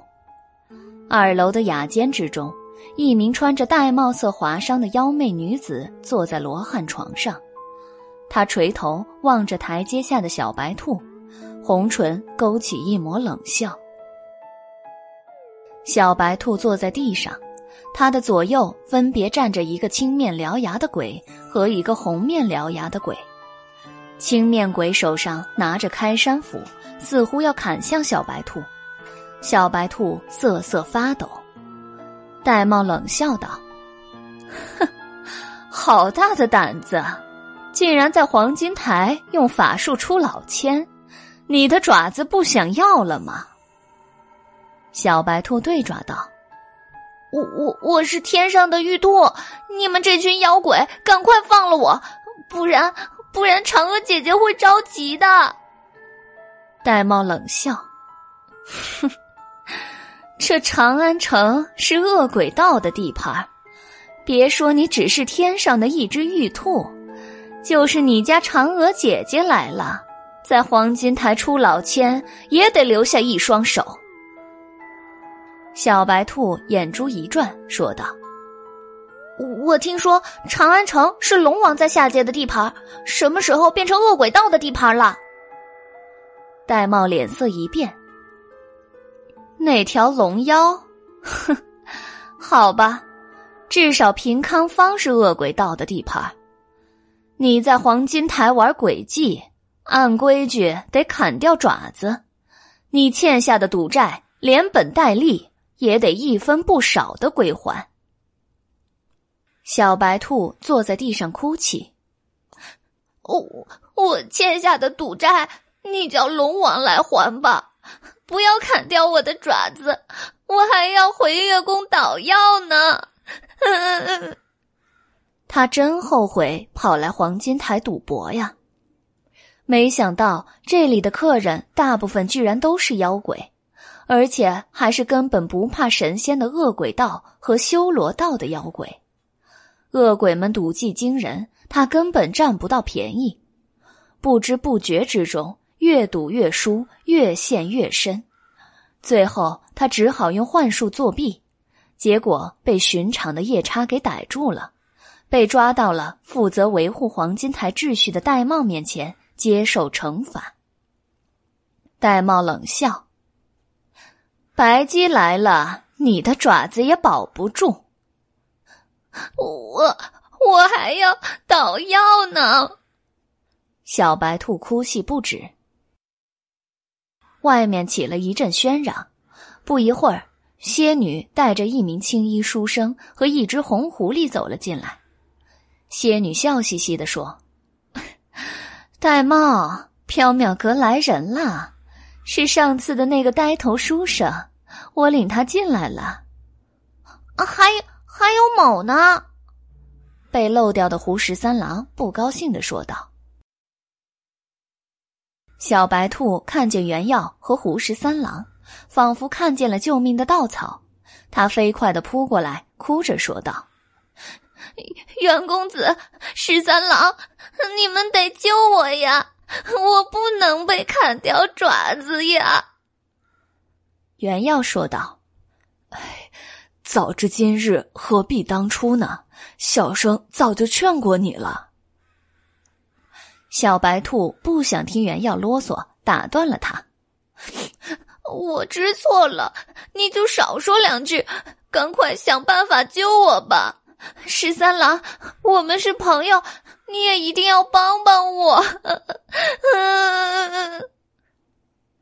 戴帽笑道：“哟，袁公子，好久不见了。”袁耀作了一揖：“小生见过玳瑁姑娘，这位月奴姑娘是缥缈阁的客人，她是天上之客，不太懂得人间的规矩。”有什么冒犯之处，还请多多担待，不要和她计较啊。玳瑁笑道：“ 袁公子越来越会说话了，口气也越来越像那条龙妖了。”小生不敢和白姬相比。要放这只兔子离开也可以，他在赌场出千，当砍掉双爪。看在袁公子说情的份上呢。就只砍掉一只吧，他欠了三千两银子，你替他还清之后，如果他还有命在，就可以走了。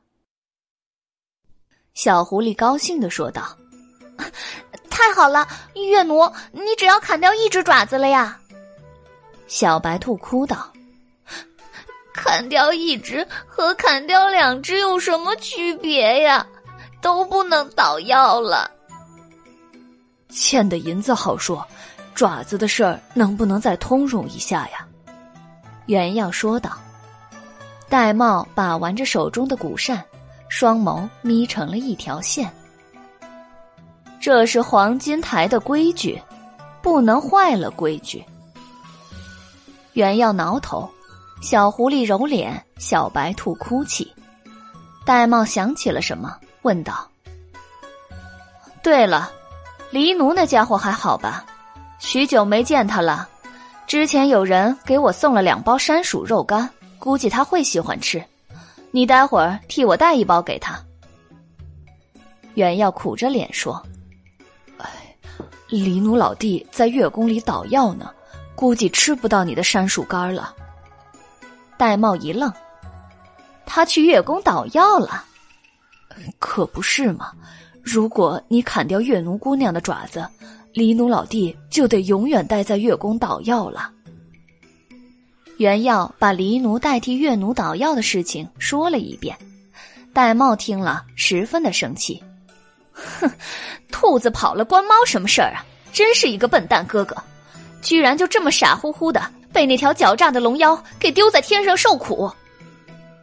是啊，玳瑁姑娘，月奴姑娘如果不回去的话，或者回去了不能捣药的话，林奴老弟就还得继续捣药啊。你砍掉月姑娘的爪子，会害了令兄啊。小白兔急忙点头：“呃，对，对的，我回去捣药才能换那只黑猫回来。”玳瑁陷入了沉思。过了一会儿。玳瑁才叹了一口气，说道：“啊，爹临死时嘱咐我要好好的照顾那只笨蛋哥哥，那只笨蛋哥哥一直让我操心，我真是不明白为什么我这么聪明，却会有一只这么笨的哥哥？为什么？”原耀冷汗道：“不管怎么样，你们都是兄妹。”应该按照令尊的遗言相互照顾呀！看在令兄的份上，请饶了月奴姑娘吧。小白兔也哭道：“请饶了我吧！”啊，也罢，看在爹的遗言上，兔子不砍掉你的爪子也行。你现在就回月宫去，马上换黎奴那只笨蛋回来。小白兔的耳朵竖了起来。对爪道：“现在就回月宫，可是还有十八天才满一年呀。”玳瑁瞪了小白兔一眼，呲嘴露出尖利的牙齿。青面鬼，砍掉他的爪子！不要动手，我这就回去。小白兔哭道。小白兔拉过耳朵，擦干眼泪。对原耀和胡十三郎行了一礼，告别道：“月奴给袁公子和十三郎添麻烦了，谢谢你们，就此别过，保重。”“呃，保重啊，月奴姑娘。”胡十三郎也说道：“月奴，你保重啊，某会天天望着月亮看你捣药的。”小白兔说。好，有空了你们可以来月宫找我玩儿。托元耀和胡十三郎向白姬转告一句道别之后，小白兔跳到了窗边，他招来一朵白云，升天而去，回月宫了。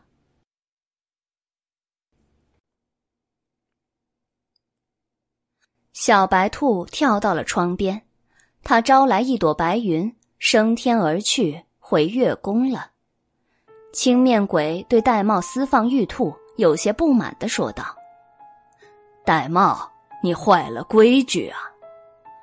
玳瑁笑了笑，身形忽的暴起，急速如一道飞影。他掠过青面鬼身边时，一声惨叫响起，一道鲜血喷薄。青面鬼狰狞的头颅齐根而断，落在地上。头颅滚动着，拖着一条血痕，停在了红面鬼的脚边。玳瑁伸出粉红色的舌头，舔舐从刀锋般的猫爪上滴落的鲜血，眼神冰冷而残忍。红面鬼冷汗如雨，双腿发抖。玳瑁问红面鬼：“谁坏了规矩？”红面鬼指着横尸地上的青面鬼道：“是。”是他，他坏了规矩。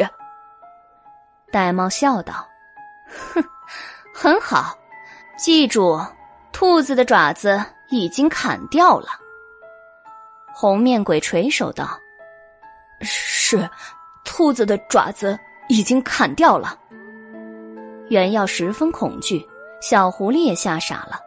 他们觉得青面鬼死得很冤，但又不敢作声。袁耀心中害怕，急忙告辞。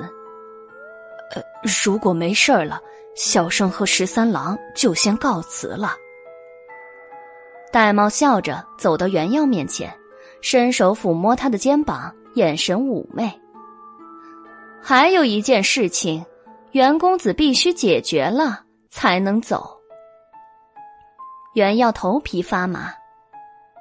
什么事儿啊？玳瑁笑着凑向袁耀耳边，柔声道：“我听袁公子的话，放兔子走了，他的赌债，袁公子得偿还。”袁耀拉长了苦瓜脸道：“这个，小生身上没带钱啊，小生也拿不出这么多钱，请容小生回去找白姬商量。”哼，找白姬商量。那条老奸巨猾的龙妖肯定不认这笔账，你一回去，我这三千两银子就打水漂了。啊！但你把小生杀了，小生也拿不出这笔钱啊。戴帽上上下下的打量小书生，发现他确实没有油水可榨，他把目光转向了小狐狸，笑道。这位是九尾狐家的十三公子吧？九尾狐富甲一方，据说家里藏着很多宝贝呢。小狐狸虽然不怕狸奴，但是特别害怕玳瑁，因为玳瑁身上有一股恶鬼道的厉妖所特有的阴森邪气。小狐狸瑟瑟发抖。嗯，某某某是十三郎。玳瑁正在盘算时，袁耀急忙挡在小狐狸面前，说道：“不要打十三郎的主意，这件事情和他无关。”玳瑁嘻嘻笑道：“那袁公子就还这三千两吧。”袁耀无奈，十分着急，他忽然想起了什么，从怀中掏出一块素色手帕，袁耀小心翼翼的打开手帕。一瞬间，有无限光明涌出，日光之下可以看见一团珍珠般的白光。白光之中是一个吊坠，一根黑绳串着一颗明珠。这正是白姬送给袁耀的用龙宗穿着的水月之晶。袁耀很珍惜它，因为担心挂在脖子上会弄坏，就一直用手帕包着，贴身收藏。玳瑁很识货。一看见水月之精，双眼就亮了。袁耀忍痛道：“这水月之精给你，算作还月奴姑娘的赌债，请放小生和十三郎离开。”行。玳瑁拿过水月之精，笑了：“哼 我就知道，从缥缈阁出来的人身上一定有好东西，把这个献给鬼王。”他一定会很高兴的。原耀、胡十三郎垂头丧气的离开了黄金台。小狐狸很过意不去的说道：“对不起，袁公子，某害你失去了珍贵的东西。”袁耀安慰小狐狸：“哪里的话呀，不关十三郎的事儿，我们能够平安回去就已经很好了。”回缥缈阁的路上，袁耀听见行人们议论纷纷。据说今天发生了一件怪事儿：大明宫内大角观上空雷鸣电闪，狂风大作，一个天雷劈倒了八卦楼。但是大明宫其他的地方以及整个长安城却是风和日丽，艳阳高照。大家人心惶惶，惊疑不定，害怕这是妖异现世的征兆，会带来灾难。光藏国师急忙派弟子出来辟谣，说道：“大家不用担心，不是妖异现世，而是龙王来做客了。”众人又十分担心，龙王为什么要劈八卦楼啊？是不是发怒了？如果龙王发怒了，今年天下。会不会发生干旱或者洪涝啊？光赞国师又急忙派弟子出来辟谣，安定人心。龙王没有发怒，他只是精神很好。劈八卦楼正是因为他精力旺盛。这条精力旺盛的龙王一定会保佑大唐风调雨顺、五谷丰登的。众人才安心下来，纷纷摆下祭坛祭拜龙神。袁耀觉得很奇怪，难道是白姬在大角观作怪吗？他批人家的八卦楼干什么呀？袁耀、胡十三郎回到缥缈阁时，白姬已经回来了。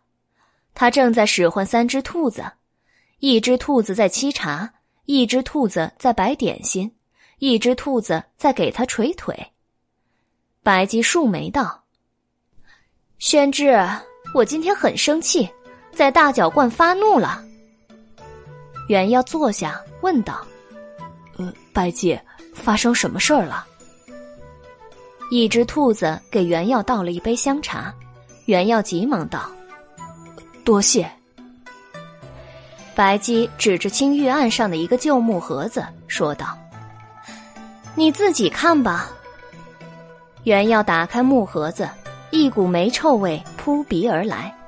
他捏着鼻子定睛望去，发现盒子里是一团乱糟糟的毛发。原耀奇怪的问道：“这是什么呀？”白姬悠悠的说：“光藏埋在八卦楼下，他最珍贵的宝物啊，他的头发、眉毛和胡子。”原耀忍俊不禁笑了，啊，这对于光藏国师来说，倒也确实是珍贵的宝物了。可是对我来说，这些却比垃圾还没有用。小吼把这个交给我时，我这些天积郁的怒气全都涌了出来。等回过神来时，已经劈了八卦楼了。可是白姐，你说他的宝物是垃圾？光藏国师会伤心的，我更伤心啊！我辛辛苦苦去天上一趟，不仅四处奔波劳累，还忍受了东皇太一唱歌，更失去了黎奴，结果就换得了这么一团毛发，太伤心了呀！袁耀笑道：“这得怪你事前没问清楚报酬是什么呀！”唉。白姬陷入了忧愁之中。宣之，月奴在黄金台出了什么事儿啊？我问这三只兔子，他们七嘴八舌的说，我也听不清楚。哦，已经没事了，月奴姑娘已经回月宫了。原耀把黄金台发生的事情告诉了白姬，但他没有说他的水月之精被玳瑁抢去献给鬼王了。因为以这条龙妖的性格，一定会去抢回来的。他虽然厉害，但鬼王也法力高深，两虎相斗必有一伤。如果白姬会因此受伤，他宁愿不要水月之精。再珍贵的宝物都是身外之物，人能平安健康才是最重要的。白姬听了更忧愁了，唉。这么说，黎奴要回来了呀？是啊，黎奴老弟终于要回来了。白姬，你怎么一脸发愁的样子啊？白姬愁道：“啊，黎奴一回来，得给他涨工钱呀。最近什么都没卖出去，没有闲钱给他涨工钱呀。其实，即使生意兴隆，你也不会给他涨工钱吧？”小书生在心里说道：“白姬吩咐小兔子去把柜台后装银子的陶罐拿来。他清点了陶罐里的散碎银子，笑了。月奴最近花了不少，今天又拿了三十两，这些钱可以去找嫦娥仙子补，就算四分利好啦。”小书生在心中咆哮。这条龙妖居然连不食人间烟火的嫦娥仙子都要压榨呀！袁耀想到了什么，问道：“哎，拜祭，光藏国师有除掉红缨蜘蛛的方法吗？”白姬愁道：“有。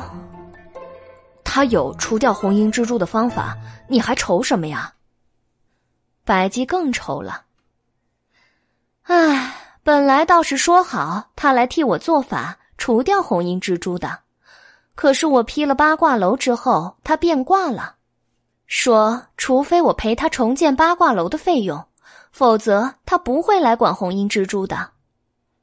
那你就赔他重建八卦楼的费用啊，因为八卦楼本来就是你毁坏的。宣志，你疯了吗？那得多少两银子呀？袁耀无力的说道：“，那好吧，那你就看着红缨蜘蛛继续长下去，缥缈阁最后关门大吉。”白姬以手托腮，陷入了沉思。过了一会儿，白姬的目光瞥过木盒子中的毛发，突然有了主意。他红唇勾起一抹鬼笑，有了。白姬对着木盒子吹出一口气，光藏的一束毛发飘飞起来，毛发纷纷散在空中，发出一道道光亮。每一根毛发落地时，就变成了一个光藏。不一会儿，缥缈阁里就站了九十九个光藏。光藏们对白姬行了一礼，齐声道：“主人。”白姬笑道。你们去摘红缨蜘蛛，然后去长安城中朱门大户的人家敲门贩卖，就说这是天上摘的鲜果。对年长的客人说可以延年益寿，对年轻的女客人说可以美容养颜。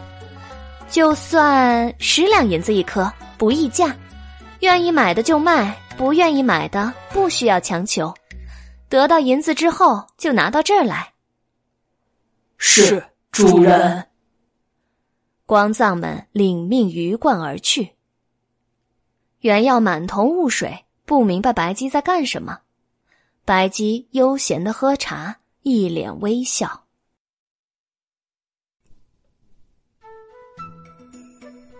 小狐狸匆匆而来，一脸受了惊吓的样子。白姬，缥缈阁里突然多了好多光头，他们摘了红缨蜘蛛就出门去了。白姬笑道：“没关系，那些是临时雇的新仆人。”啊，原来如此啊！吓死某了。小狐狸松了一口气，又去做饭了。袁耀忍不住问道：“白姬，你到底在干什么呀？”白姬笑道：“卖红缨蜘蛛，筹集赔偿八卦楼的费用啊。”嗯，你卖红缨蜘蛛也就罢了，那你为什么把头发画成光藏国师的模样去卖啊？白姬以袖掩面，为了省人力呀。原样冷汗，他怀疑红缨蜘蛛能不能卖掉。这种卖法像江湖骗子似的，还十两银子一颗，能卖掉吗？别人去卖，也许会被认为是江湖骗子。被乱棍打出去，但是光藏国师去卖就不一样了。住在朱门大户里的人家，不是贵族就是官宦。贵族官宦中，谁不认识武后最宠信的光藏国师呢？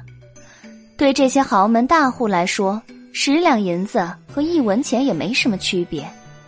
只要他们相信光藏国师，就不会吝惜十两银子呀。袁耀还是不太相信。红缨蜘蛛能卖出去。一盏茶之后，光藏一个接一个的带着银子回来了。他们把银子放在青玉案上，又摘了红缨蜘蛛出门了。望着青玉案上越堆越高的银子，小书生不得不相信，他吃腻的想吐的红缨蜘蛛真能以十两银子一颗的价钱卖出去啊！白姬掐腰笑道。等筹集够了赔偿八卦楼的银子，我就去叫光藏国师来除掉红缨蜘蛛。原要擦汗，他觉得光藏国师如果真的来了，一定会先除掉这条冒他的名去招摇撞骗的龙妖的。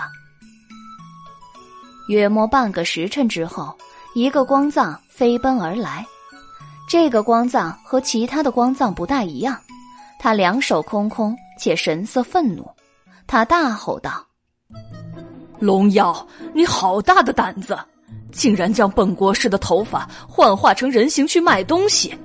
现在满长安都是本国师在跑来跑去，大家都开始怀疑本国师是妖怪，你叫本国师怎么辟谣啊？原耀回过神来，这位是真正的光藏。他得到消息之后，兴师问罪来了。白姬停下了数银子，笑道：“国师的头发既然已经送给我了，我想怎么使用，您就管不着了。如果这位国师带来了困扰，那我真是深感抱歉呀。”就在这个时候。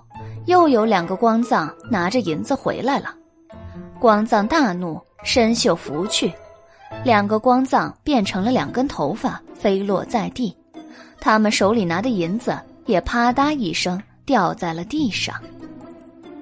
光藏一掌拍向青玉案，怒道：“龙妖，快把这些冒牌货给本国师收回来！”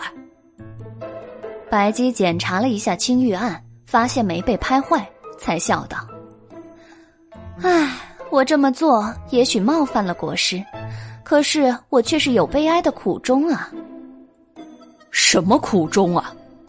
光藏问道。白姬叹了一口气，以袖掩面，滑落了两滴清泪。之前为了去白玉京救国师，一去七八天，没有时间管缥缈阁。结果我一回来，缥缈阁竟然已经变成了这副冷落凄惨的模样。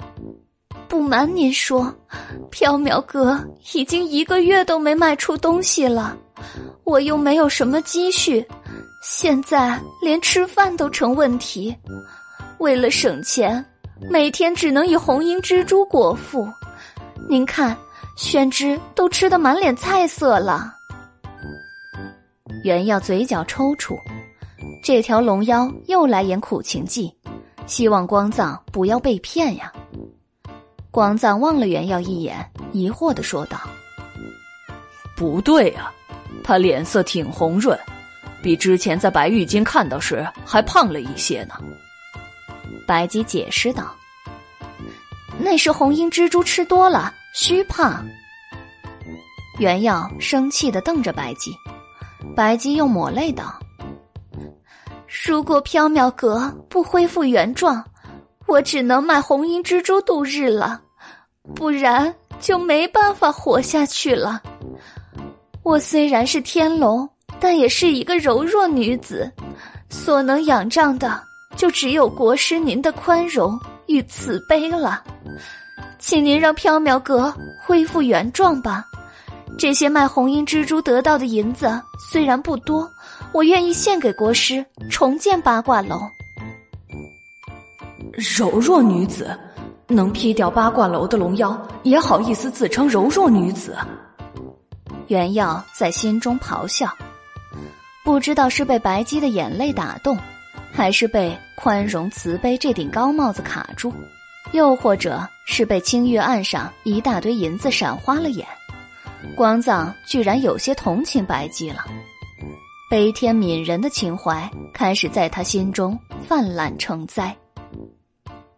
光藏仰天叹了一口气，说道：“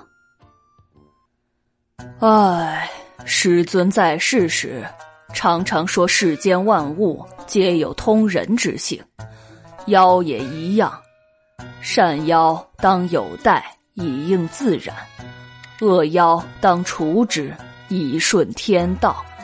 你本是天龙之王，在天道五千年未修佛缘，又在人间五千年兼具灵性、佛性与人性。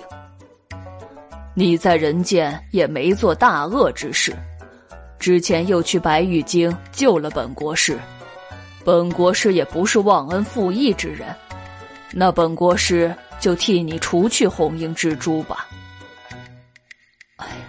光藏国师，不要轻信这条狡猾的龙妖啊！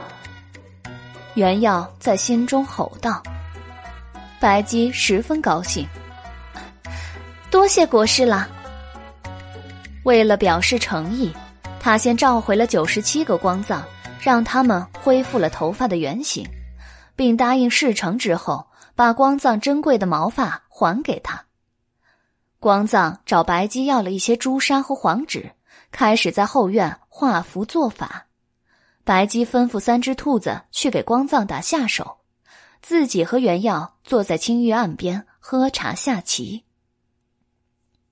原耀有些心不在焉，他担心光藏是否能够除去红缨蜘蛛。白姬也心不在焉，他拈着棋子在想着什么，似笑非笑。一盘棋尚未下完，幽暗的缥缈阁突然拨云见日，重重叠叠的红缨蜘蛛开始枯萎凋零。下午的阳光照进缥缈阁，房梁上、货架上、地板上的藤蔓渐渐枯萎成衰草，风一吹过，散作烟尘。小狐狸匆匆跑进来，一脸受惊的样子。白姬，后院中有一个光头在做法，红缨蜘蛛都不见了。十三郎不必担心，没事的，以后缥缈阁就会恢复原状了。白姬笑眯眯的说道。不一会儿，光藏走了进来，他擦了擦额上的汗水，道：“可以了，红缨蜘蛛不会再长出来了。”白姬倒了一杯茶，呈给光藏。辛苦国师了。光藏喝了半杯茶，见时候不早了，告辞离去。白姬把光藏的头发还给了他，并把卖红缨蜘蛛得来的银子当着光藏的面包了起来，递给他。光藏带着头发和银子，满意的离开了。白姬也满意的笑了。小狐狸站在旁边。心中十分奇怪，直到光藏走了，他才迷惑的揉脸道：“白姬，这光头拿走一包棋子干什么？”原要低头去望棋盘，才发现棋盘上堆满了银子。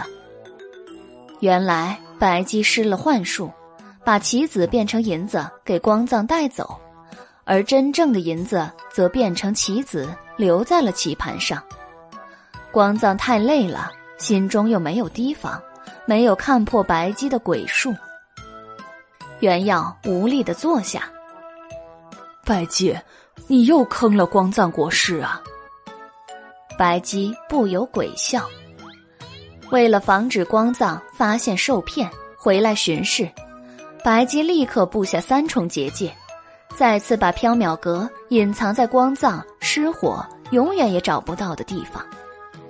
一切又回到了最初的状态。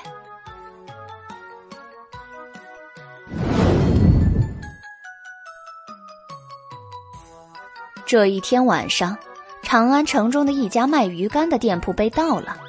盗贼没有偷钱，只是把一篓上好的香鱼干吃了个精光，并留下了四块月饼。第二天。发现香鱼干被人偷吃的店铺老板本来打算报案，但是吃了半块月饼之后，他打消了报案的念头。他从来没有吃过这么美味的月饼，嫦娥做的月饼恐怕也没有这么香甜的滋味吧。这四块月饼换一篓鱼干也值了。元耀醒来时，阳光已经洒进了缥缈阁，他伸了一个懒腰。发现睡在他旁边的小狐狸不见了，他猜想小狐狸可能已经起床干活去了，他也不好意思赖床了。原耀正在收拾寝具时，忽然听见缥缈阁外传来奇怪的声音。原耀觉得很奇怪，他走到门口，打开了大门。大门外，一只小红狐狸被扔在台阶上，它被五花大绑着。可怜兮兮的望着原耀，因为嘴里塞着抹布，他只能发出呜呜的声音。啊，十三郎！原耀大惊，他怎么这副模样躺在缥缈阁外呀？原耀急忙蹲下给小狐狸松绑，因为夜间寒露重，小狐狸浑身冰冷，狐毛都湿了。小狐狸刚缓过气来。就怒气冲冲的冲进了缥缈阁，直奔里间而去。袁耀急忙跟上。里间中，一只黑猫正翻着圆滚滚的肚皮，四脚朝天的睡在被子上，它睡得很香甜，嘴角还流着口水。原耀欢喜的说道：“啊，黎奴老弟什么时候回来了？”小狐狸火冒三丈，他一扑而上，掐住黑猫的脖子，道：“哼，臭黑猫，深夜回来就暗算某，把某丢出去！你害某受了一夜的寒风，某跟你拼了！”黑猫被掐醒了，他急忙挣扎乱挠，小狐狸被踢开了。黑猫伏地龇牙道：“哼，爷在天上受苦挨饿。”你却在缥缈阁里享清福，把你扔出去已经算是轻的了。昨晚，黎奴从月宫回到长安，他先去鱼铺大吃了一顿香鱼干，才回到缥缈阁。缥缈阁的人都睡下了，他从天窗跳进来，看见酣睡的袁耀，觉得有些亲切。他转目一看，胡十三郎睡在袁耀的旁边。正发出香甜的鼾声。不知道为什么，黎奴心中涌起一阵无名怒火。主人和书呆子这么久都没去接他，一定是这只狡猾的臭狐狸在挑唆。他一定在打如意算盘，打算取代他留在缥缈阁。黑猫想了想，有了一个主意。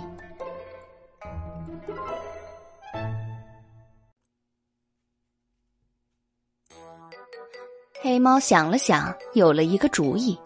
他悄悄的从货架上取下一柄玉如意，拿在手里。接着，他把睡熟的小狐狸脱离了原药。小狐狸被扰醒了，迷迷糊糊的睁开眼睛。啊，谁在脱毛？小狐狸刚看清黑猫的模样，黑猫就用玉如意打向他。小狐狸连叫声都来不及发出，就昏了过去。黑猫咧嘴一笑，找来绳子把小狐狸五花大绑，又把抹布塞进了他的嘴里。黑猫轻轻的打开缥缈阁的大门，把小狐狸丢了出去。黑猫关上门，满意的笑了。黑猫走到原药枕边，看着正在打鼾的小书生，嘀咕道。这死书呆子居然长胖了，爷不在，他一定又偷懒不干活。啊，明天早上再去向主人打招呼吧。小黑猫打了一个哈欠，走进里间，铺好自己的寝具，睡下了。小狐狸气得浑身发抖，又扑上去和黑猫撕咬，黑猫也不示弱，精神抖擞的迎战。两只小兽打成了一团，渐渐把战场移到了大厅。这一次，原耀反应很快，在黑猫和小狐狸尚未妖化激战，造成大破坏之前，他已经披头散发的奔上楼去找白姬了。袁耀猛敲白姬的房门，扯着嗓子喊道：“白姬，白姬，李怒老弟和胡十三郎打起来了。”不一会儿。白姬哗啦一声打开了门，他披散着头发，明显还没睡醒。他连连打着哈欠说道：“啊，黎奴回来了，和十三郎打起来了。”袁耀一下子愣住了，他的脸瞬间涨得通红如烙铁，张着嘴巴说不出话来。白姬打着哈欠飘出房间道。哦，我下去看看，别又毁坏了宝物啊！袁耀这才回过神来，他对着白姬的背影大声说道：“白姬，你把衣服穿上了再下去，赤身露体有违圣人的教诲啊！”白姬没有听见，已经飘下去了。袁耀冲进房间，抱着屏风上搭着的白姬的衣裙，飞奔下楼去追白姬。要她穿衣裳。袁耀赶到一楼时，白姬已经去外面去了。袁耀大窘，急忙奔去大厅。大厅之中，一条手臂粗细的小白龙浮在半空之中。黑猫和小狐狸已经停止了打架，他们规矩的匍匐在地上，各自被一条金色的锁链绑住，动弹不得。小白龙望着地上摔碎的瓷瓶、玉碗、铜镜，头顶上开始冒出青烟。黑猫和小狐狸心虚，瑟瑟发抖。原耀满头大汗，这下糟了，白姬一定不会放过黎奴和十三郎的。过了片刻，小白龙才开口了。我还是先上去冷静一下。小白龙飞身飘走，在路过袁耀身边时，他伸爪从小书生手上拿走了自己的衣裙。小白龙神色郁闷，袁耀想开口安慰他，却又不知道该说些什么。小白龙飘走之后，黑猫和小狐狸身上的锁链也不见了。虽然获得了自由。黑猫和小狐狸也没再打起来，他们只是呆呆的蹲坐着。小狐狸揉脸道：“这下糟了，白鸡生气了，它一定讨厌某了，都是你这只臭黑猫害的。”狸奴挠头说：“刚一回来就惹主人生气了，他一定不会给我涨工钱了，都是你这只死狐狸害的。”小狐狸刚要反驳，原要赶紧劝：“哎呀，不要再吵了，大家都少说一句。”黑猫起身离开，爷去做早饭，冷静一下。小狐狸也站起身：“某来打扫，冷静一下。”原耀想了想，也去后院梳洗，冷静一下。黑猫来到厨房之中。发现厨房被胡十三郎收拾的很干净整洁，心情好了一些。灶台上放着一个大盘子，盘子里放着三条用竹叶包着的烤鱼，虽然已经冷了，但还是能隐约闻到香料和鱼肉的味道。黑猫暗暗在心中嘲笑，一定是胡十三郎那个家伙烤鱼讨好主人和书呆子。结果烤的太难吃，主人和书呆子都没吃。黎奴端着盘子走出厨房，打算去后院倒掉。原耀在古井边洗漱，整衣洁冠。黑猫对原药说道：“书呆子，狐狸做的烤鱼一定很难吃吧？爷今天给你做好吃的烤鱼。”原耀疑惑的说：“啊？”可十三郎从来没有做烤鱼给小生和白鸡吃啊。因为黎奴没有一天不做鱼，所以胡十三郎来打杂的时候就特意避开了做鱼，只做别的菜肴给白鸡和原药换换口味。黎奴嘲笑道：“哼，那这盘子里的是什么啊？”“哦，这竹叶烤鱼啊。”这不是十三郎做给小生和白鸡吃的，而是他特意做给黎奴老弟你吃的。听说月宫里只能吃月饼果腹，十三郎就一直担心你挨饿。昨天十三郎以为你快回来了，就做了竹叶烤鱼，谁知道吃晚饭的时候你却没有回来。白鸡说你晚上可能会回来，于是十三郎就把竹叶烤鱼放着，说晚上你回来也许会饿。万一找不到东西吃，就可以吃烤鱼了。黑猫闻言如遭雷击，它爪子一松，盘子啪嗒一声掉在了地上，碎了。这是做给他吃的，那只臭狐狸居然会关心他。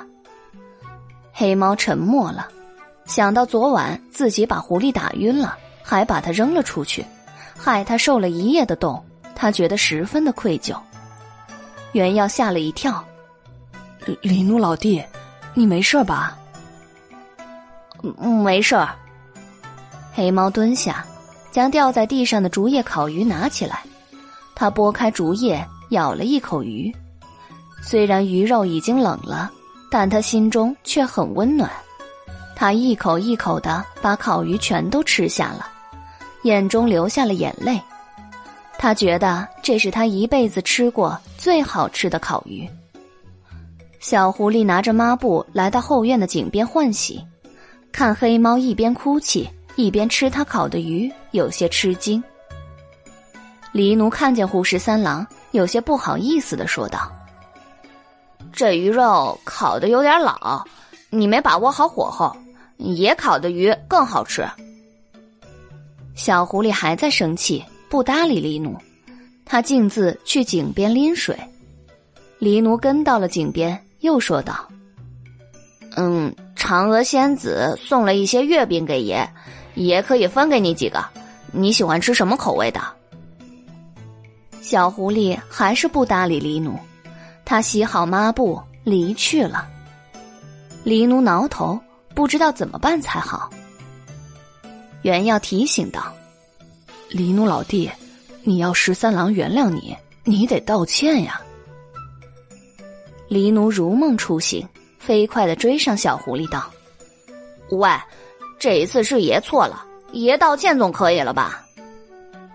小狐狸停下脚步，生气的说道：“某不叫喂。哎，十三郎，这一次是爷不对，大不了爷让你挠一次，绝不还手。”小狐狸竖起耳朵，真的，真的。黎奴点头。小狐狸露出利爪，狠狠的挠向黑猫。臭黑猫，叫你让某受了一夜的冻。黎奴惨叫一声，热泪横流。黑猫，某原谅你了。小狐狸解了气，开心的跑了。黑猫眼泪汪汪的趴在地上，这死狐狸居然下这么重的毒手！原耀远远的看着，不禁笑了。看来太阳从西边出来了，他们居然真的和好了呀！白姬冷静之后飘了下来，胡十三郎熬了绿豆粥给白姬降火。希望他能宽容处理他打碎宝物的事情。黎奴把嫦娥送的月饼呈给了白姬，以讨好他，请求宽大处理。白姬看见黎奴和胡氏三郎冰释前嫌，化敌为友，十分的震惊。他一边喝着绿豆粥，一边吃着月饼，道：“黎奴，你在月宫捣药的日子，我常常望着月亮挂念你。”你回来真是太好了，我立刻给你涨工钱，每个月多给你三吊钱，外加两大包香鱼干，怎么样？黑猫欢喜的道：“啊，多谢主人。”白姬又笑道：“不过嘛，早上你和十三郎打架，摔碎了一个邢窑白瓷莲花瓶，两个荷叶水晶碗，一面海兽葡萄镜，三个。”黑猫哭着打断白姬的话：“主人，不要再说了。黎奴明白了，黎奴没有月钱了，也吃不到香鱼干了。”白姬摸了摸黑猫的头：“黎奴，只要你努力干活，不偷懒，工钱和香鱼干都会有的。”黑猫擦干了眼泪道：“嗯。”黎奴一定努力干活。于是，黎奴的卖身契上又加了两百年。虎视三郎十分惶恐的说道：“白鸡，打架，某也有份，某需要赔偿多少银子呀？”白鸡笑了：“十三郎就算了，你是客人，这些天又帮了我这么多忙，为缥缈阁日夜劳累。”几个平平碗碗也不值什么，不必赔偿了。更何况打架的起因都在黎奴，他应该负全部的责任。小狐狸十分过意不去。啊，如此，多谢白姬了。因为黎奴回来了，小狐狸当天就告辞回翠华山。白姬送了他三坛红缨蜘蛛的蜜饯，一来作为谢礼。二来让他带回去给老狐王尝鲜。胡十三郎道谢之后接受了，黎奴送给胡十三郎三个月饼，算是作为三条烤鱼的谢礼。胡十三郎离开之后，缥缈阁恢复如常，没了红缨蜘蛛遮挡通路，居然又有客人上门了。白姬十分的高兴。不过天有不测风云，不知道为什么，白姬、原耀、黎奴下午都开始拉肚子，三个人连晚饭都没吃，一直来回折腾到晚上，十分难受。弦乐东升，白姬、原耀、黎奴坐在后院，但没有心情赏月。原耀苦着脸说。小生也没吃什么不干净的东西，怎么会腹泻呀？白姬问道。啊，宣之，你吃了什么呀？小生早上吃了一碗馄饨，中午吃了两个月饼，喝了一壶阳羡茶，这些东西应该没问题啊。白姬回忆道。啊，我今天也就只吃了一碗绿豆粥，几枚红缨蜘蛛的蜜饯，还有一个月饼。黎奴想了想，说道：“黎奴今天只吃了三条竹叶烤鱼，因为中午就有些拉肚子了，下午就什么都没吃啊。”真难受啊！啊，真难受啊！黎奴想到了什么？说道：“难道难道是那只臭狐狸在烤鱼里放了泻药？一定是这样的，不然他为什么走的那么匆忙？一定是心虚了。爷早该看出他居心叵测。哎呦，爷真是瞎了猫眼，还傻傻的被他感动了。爷让他挠了一爪子都没还手。”主人，书呆子，你们八成也是被那只臭狐狸给害了。”原耀说道。“黎奴老弟，不要胡乱猜测，十三郎不是这种人啊。”也没有胡乱猜测，爷今天什么都没吃，只吃了烤鱼，拉肚子一定是烤鱼的问题。这个，哎呀，原耀一时语塞。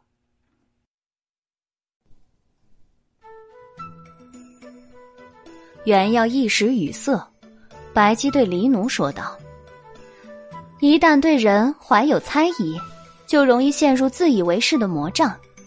我们认识十三郎很久了，他心性纯良，是可以信任的人。你吃坏肚子，八成是天气热了，烤鱼放了一夜坏掉了。”黎奴恍然，当时吃烤鱼的时候，好像确实有一点异味。但他还是嘴硬的说道：“嗯，不管怎么样，爷拉肚子都是那只臭狐狸的错。下次见到他，爷绝对饶不了他。”袁耀问白姬道：“那小生和你又是怎么回事啊？我们又没吃烤鱼。”白姬想了想，说道：“我和宣之吃的东西之中，都有月饼。”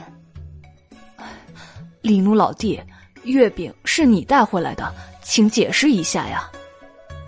黎奴吓了一跳，急忙解释：“这不关我的事儿啊，那是嫦娥仙子做的，而且我在月宫之中也吃了很多，在回来的路上也吃了几个，完全没问题啊。”白姬思索了一下，扭曲着脸道：“啊，我明白了，月饼没有问题，是水的问题。”嫦娥仙子是用琉璃井中的天水做的月饼，天水不能和人间的水混合，也就是说，吃了月饼之后，三个时辰之内不能喝人间的水，否则大则丧命，小则腹泻。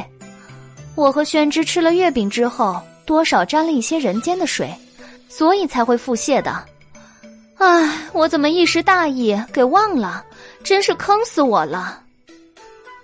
白姬的肚子咕咕直叫，他起身又奔去茅厕了。原耀的肚子也咕咕直叫，缥缈阁里没有马桶，只有一个茅厕。他大声的说道：“白姬，你快一些啊，小生也憋不住了。”黑猫的肚子也咕咕叫，他蛮横的说道：“书呆子，让爷先去。”袁耀苦着脸说：“哎呀，你一只猫在院子里随便找个地方解决不就行了？和小生争什么茅厕呀？”黑猫狠狠的挠了小书生一爪子。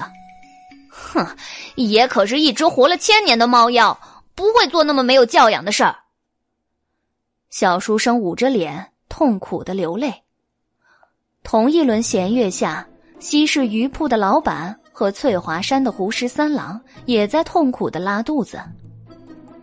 小狐狸眼泪汪汪的骂着黎奴：“一定是那只臭黑猫在月饼里下了泻药，某真是瞎了虎眼，竟然相信他是真心道歉。下次见到他，某绝对饶不了他。”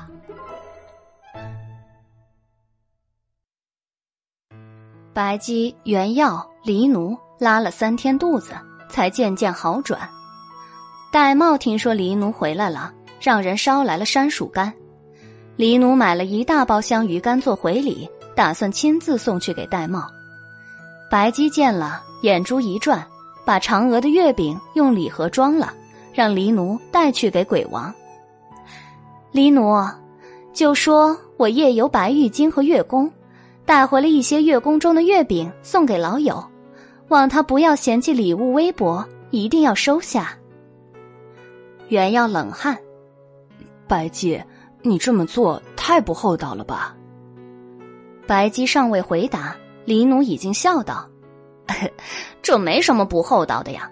那鬼王不是一个好东西，他一直觊觎缥缈阁的宝物，平时也没少害主人啊。”可万一鬼王分给玳瑁姑娘吃，那不是害了玳瑁姑娘吗？玳瑁从来不吃甜食。白姬也笑道：“难得有这么美味的月饼，不能浪费了呀。”于是原耀无法阻止，只好任由白姬和黎奴捉弄鬼王。黎奴去了平康坊，傍晚时才回来。黎奴很高兴。一来，因为他今天和戴帽相处融洽，没有吵架；二来，鬼王接受了月饼，还当场吃了两个，喝了一杯茶。黎奴想到鬼王拉肚子的模样，就暗笑到内伤。原要站在后院欣赏夕阳，黎奴来到他跟前，把一个明珠吊坠递给了他。书呆子，这个戴帽让爷给你。原耀感到很意外，黎奴给他的吊坠正是被玳瑁抢走的水月之精，玳瑁怎么突然还给他了？黎奴说道：“玳瑁说他把吊坠献给了鬼王，结果鬼王天天做噩梦，受不了了，又还给了他。结果玳瑁自己带着，也天天做噩梦，不能安枕。他让爷把这个吊坠拿来给书呆子你。哎，真是奇怪。”为什么要给你啊？虽然不知道鬼王和玳瑁为什么会做噩梦，但是水月之精回来了，原耀十分高兴。因为这个吊坠本来就是小生的东西啊。书呆子，你带着难道不做噩梦吗？原耀想了想，说道：“好像没有啊，不过大概因为绳子是龙宗的缘故吧。”小生带着他入睡，常常会梦见白姬。他有时候是人形，有时候是一条龙，都金眸灼灼，威风凛凛，十分有精神呢。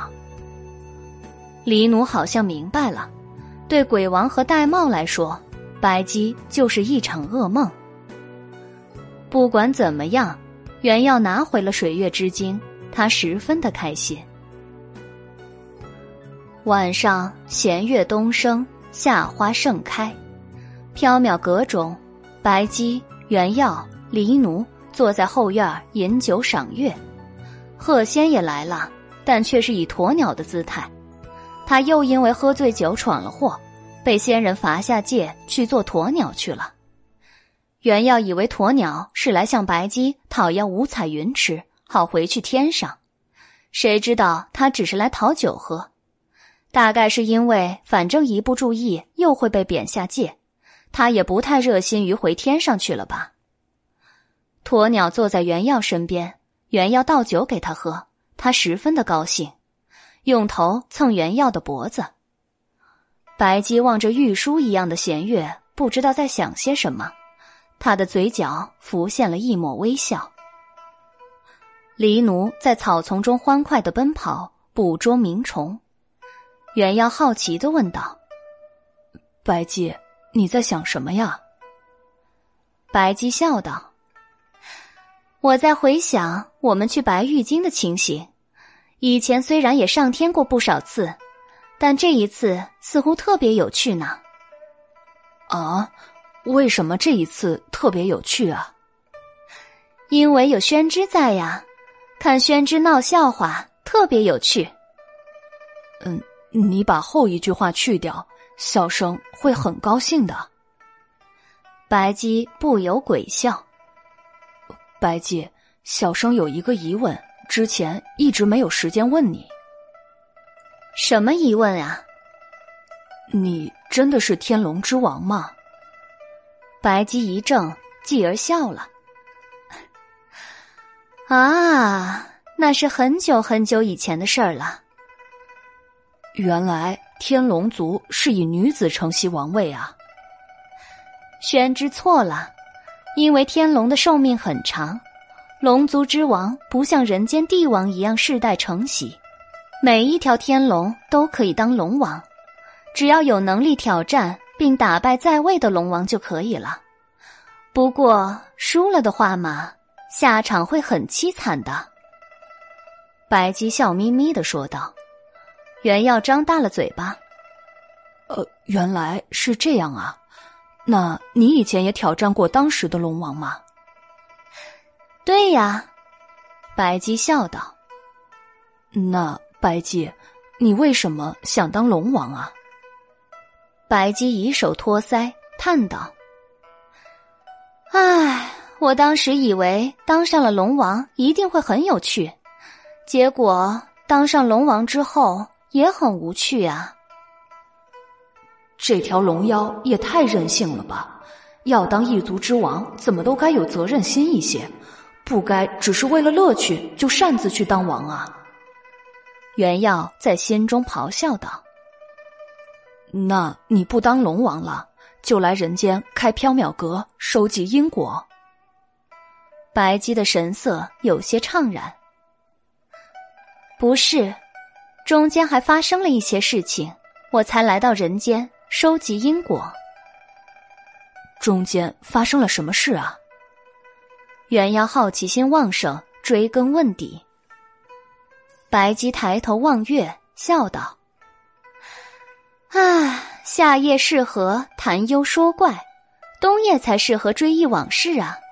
等到冬天赏雪的时候，再告诉宣之吧。到了冬天，你又会说冬天适合围炉夜话。”还是夏天再追忆往事吧。袁耀在心中说道：“他知道白姬不想说，也就不再追问了。不过他还是有一个疑问。对了，白姬，现在天龙族的王是谁啊？这五千年来，龙族没有王。啊？为什么呀？因为没有谁能打败我呀。”呵呵，白姬掐腰大笑，原要擦汗。白姬接着道：“不过我也不是龙王了，一条连大海都回不去的天龙，不过是一个被放逐的罪人，哪里还会是王呢？”白姬的语气悲伤且自嘲，看见白姬悲伤的眼神，原耀心中也觉得悲伤。他感到莫名的痛苦。白姬，不要想往事了，我们来谈忧说怪吧。好啊，宣之想听什么怪谈？呃，那就说一说《白玉经》吧，《白玉经》里一定有很多传说。白姬笑了笑，说道：“天上白玉京，十二楼五城，白玉京的每一座城都有传说。”每一座楼都有典故啊！白姬滔滔不绝、眉飞色舞的说着，袁耀很有兴趣的听着。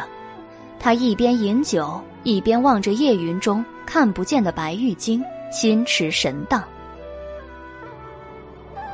一阵风吹来，碧草起伏，夏天又到了。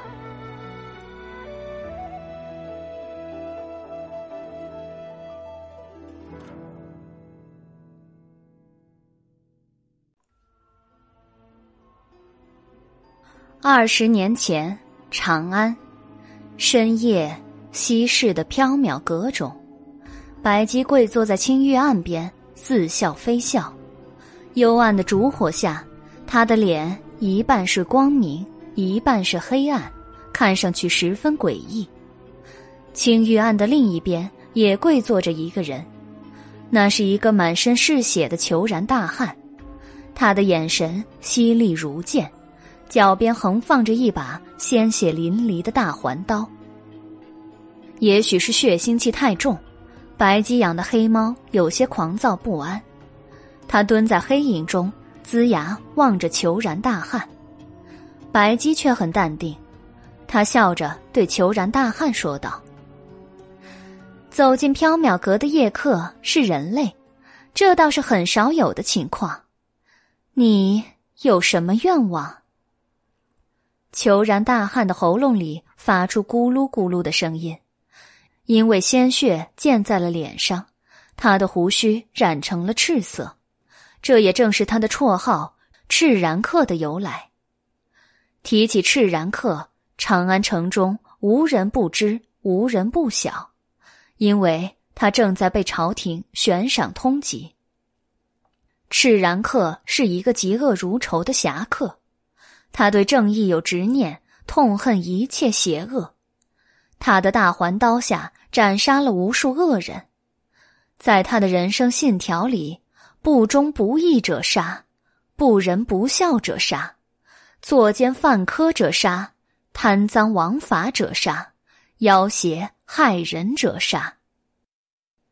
赤然客一丝不苟的执行自己的信条，是要除尽天下所有的邪恶。因为杀人太多，他被朝廷通缉，四处流亡。在被通缉的逃亡生涯中，他发现自己力量有限，要维护正义、除尽邪恶，必须要有更强大的力量。他的心愿让他在今夜杀掉了一个草菅人命的恶霸之后，闯进了缥缈阁。见赤然客不说话，白姬笑着重复道。你有什么愿望？在缥缈阁中，任何愿望都能够实现。白姬的声音飘渺如风，却蛊惑人心。赤然客抬头道：“我需要力量。”白姬笑了：“什么力量？”赤然客掷地有声的道。正义的力量，除尽一切邪恶的力量。白姬想了想，笑道：“那就需要借助佛舌了。”什么佛舌？赤然客问道。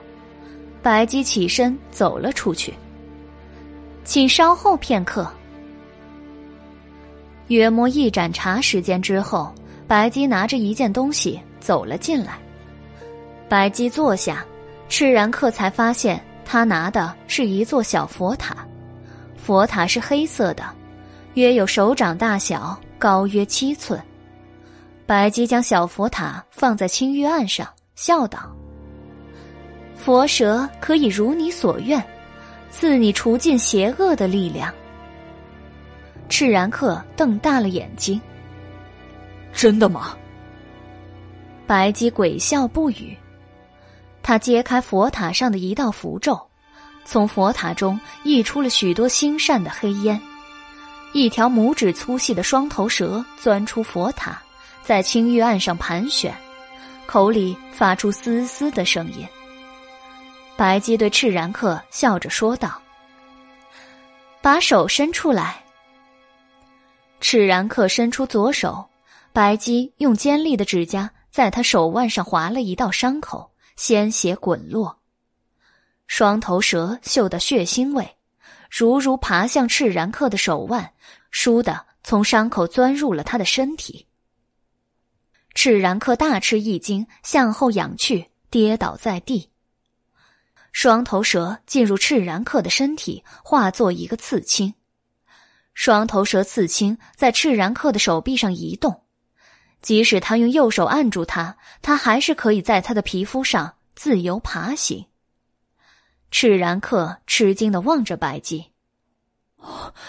这，这，这很好呀，佛蛇接受了你。”赤然客坐起身来。身体微微发抖，妖异，妖异啊！白姬说道：“佛蛇以恶人的活干为食，不要忘记喂它。它的力量，你将来会明白的。”妖异，邪恶！赤然客仿佛疯了一般，他拾起脚边的大环刀，倏地。刺入白姬的胸口，又拔了出来，鲜血四溅。白姬软倒在地，胸前有一个大窟窿，鲜血染红了他的白衣。黑猫在阴影中低低呜咽，用碧森森的眸子注视着赤然客。妖邪之人，该杀！赤然客见杀死了白姬，提着刀准备逃走。因为他是通缉犯，正在逃亡，他打算在缥缈阁中拿些值钱的东西做盘缠。赤然克举着灯火去大厅的货架上翻找，但发现都是一些玉瓶、瓷器、香料之类不适合带着逃亡的东西。赤然克正在郁闷，突然听见后面传来细微的声音，他回头一看，竟是他刚才杀死的白姬飘了出来。白姬脸色煞白，一身鲜血，胸口还有一个血淋淋的大窟窿。女店主扶着胸口，悠悠的问道：“客人，你在找什么？”“啊，有鬼，有鬼啊！”赤然客惊叫一声，顾不得再找盘缠，夺路奔出了缥缈阁。白姬倚在店门口。捧着鲜血淋漓的胸口，悠悠的说道：“客人，你还没有付佛蛇的钱呢。”赤然客惊叫着，一溜烟跑得没影了。白姬望着赤然客消失的地方，红唇勾起一抹鬼笑：“现在不付，将来要算利息哟。”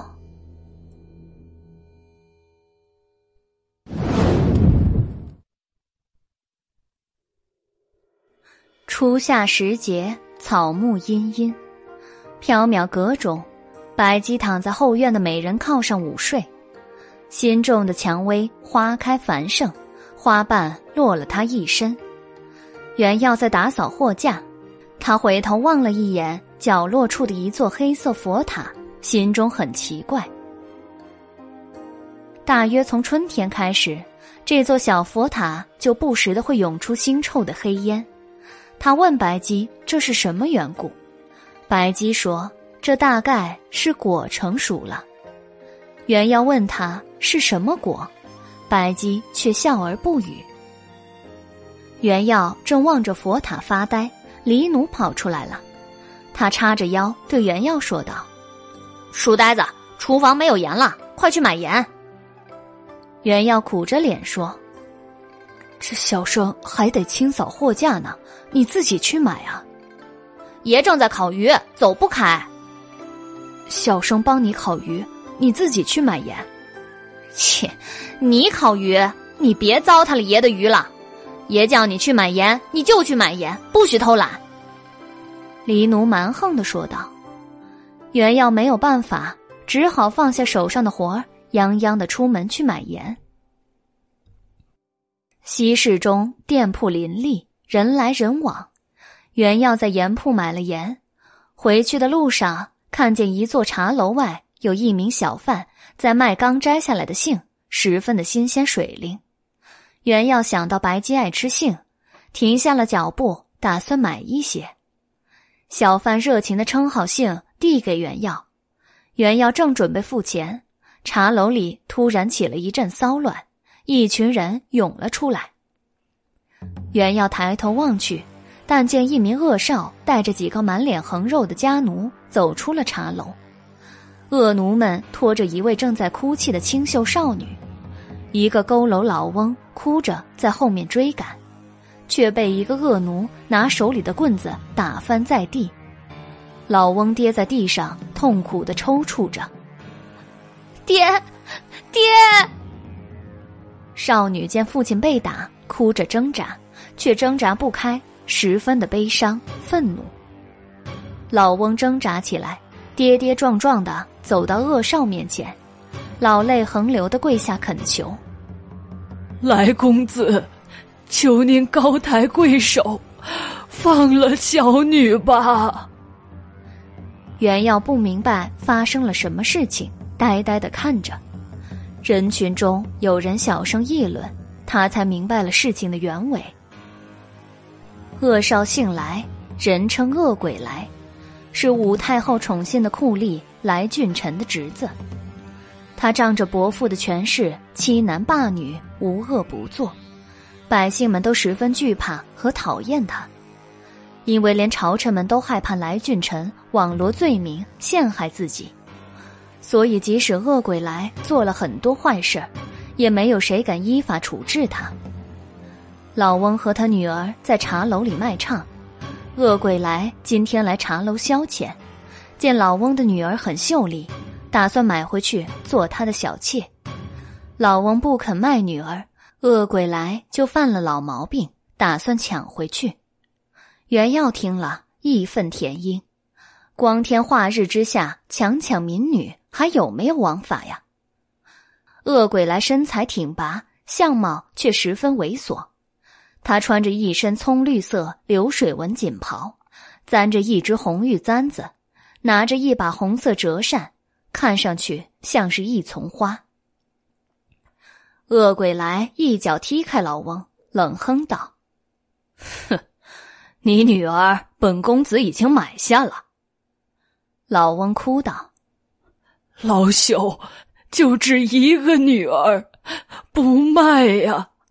求您大发慈悲，放过她吧。”少女也嚎啕大哭：“爹，救我！女儿跟他走。”肯定是活不成了。老翁又爬起来，苦苦的磕头哀求，他的头都磕出血了。恶鬼来却仿佛食人一般，不为所动，还和恶奴一起嘲笑老翁，又对少女说一些猥亵的话语。少女悲痛欲绝，只想寻死，但又被恶奴钳制着，寻死不能。看热闹的路人见了，十分同情老翁妇女，痛恨恶鬼来，但是却没有谁敢站出来阻止。得罪了恶鬼来和来俊臣，挨一顿毒打是轻的，只怕还会连累家人朋友，以莫须有的罪名被抓入大牢受酷刑啊！袁耀看不下去了，他冲了出去。袁耀看不下去了，他冲了出去，生气的对恶鬼来说道：“光天化日，朗朗乾坤，你在天子脚下作恶，眼里还有没有王法呀？”恶鬼来一愣，继而笑了：“哦，王法，我伯父乃是侍御史，接受公卿奏事，举何非法，他就是王法。”恶鬼来一挥折扇。一个恶奴向前，狠狠一拳将袁耀揍翻在地。恶奴们嘲笑袁耀：“哟，哪里来的酸书生啊？也敢学人家英雄救美？哈哈，他也不掂量一下自己有几两重，就来多管闲事儿。”袁耀的眼眶被打青了，他晕头转向，几乎站不起来。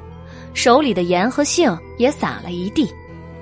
恶鬼来对恶奴说道：“他要做英雄，本公子就满足他。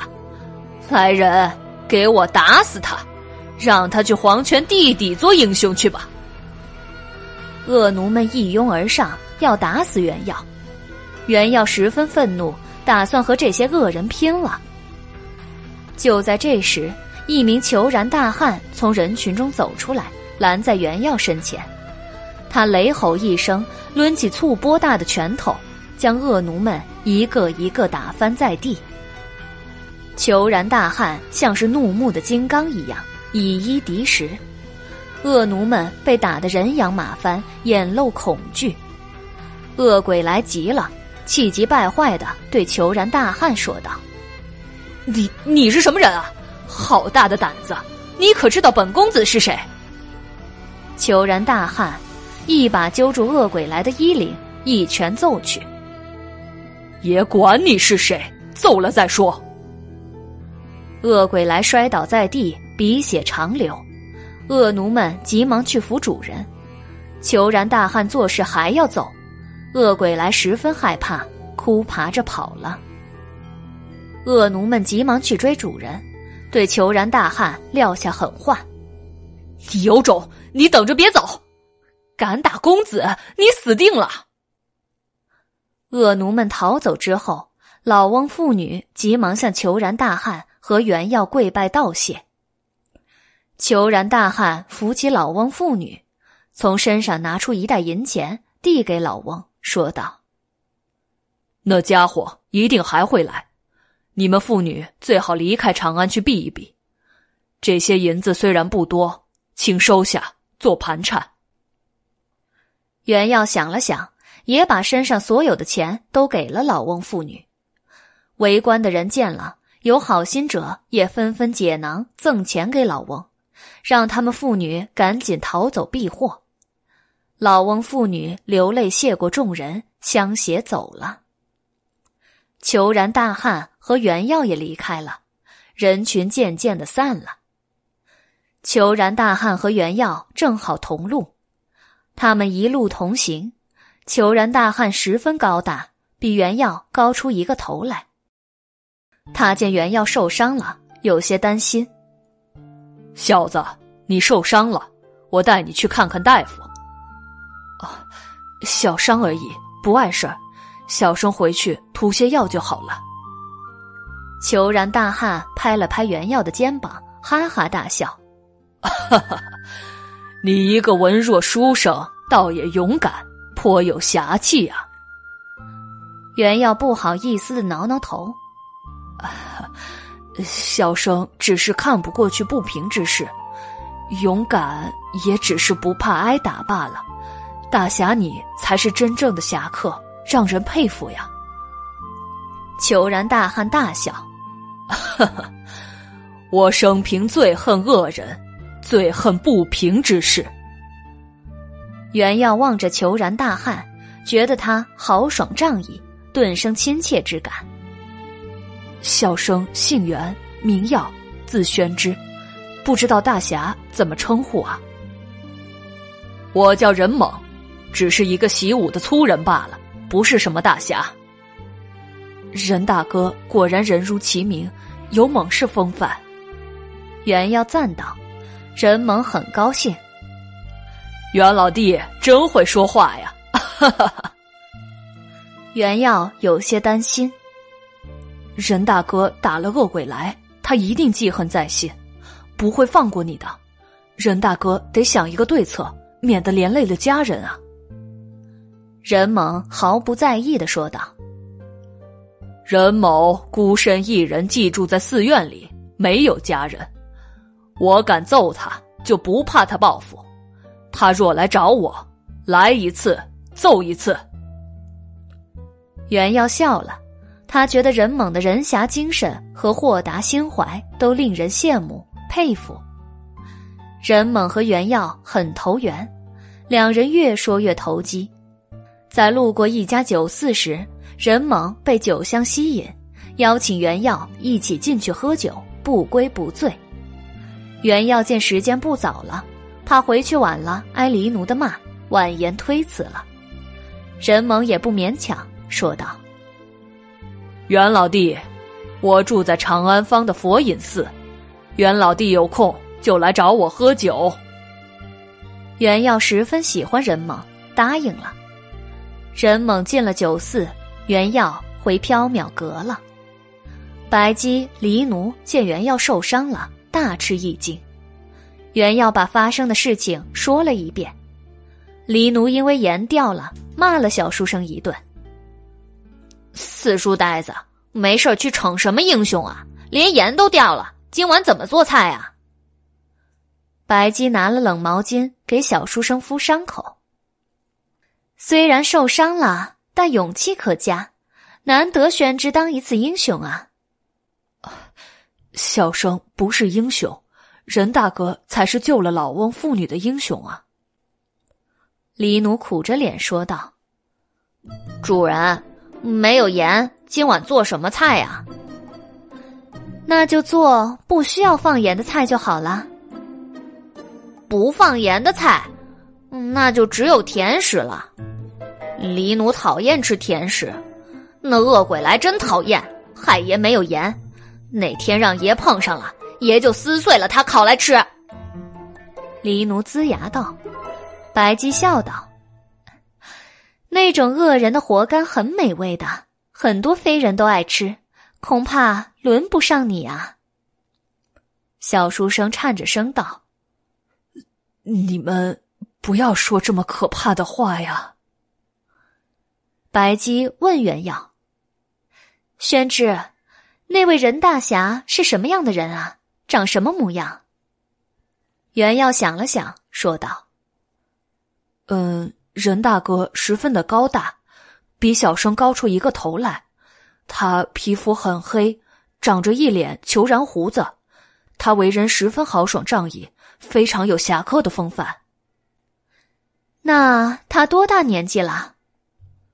看起来三十左右吧。”白姬想了想，又问道：“他的胡子是什么颜色？”“黑色的。”“他身上有没有双头蛇刺青呢？”袁耀瞪着白姬说道：“白姬，小生刚和任大哥认识，哪里知道人家身上有没有刺青啊？”白姬陷入了沉思，袁耀忍不住问道。你问这些干什么呀？啊，也许是我弄错了，我还以为他是缥缈阁以前的一位客人，不过年纪不对，而且那位客人现在也不会是人形了。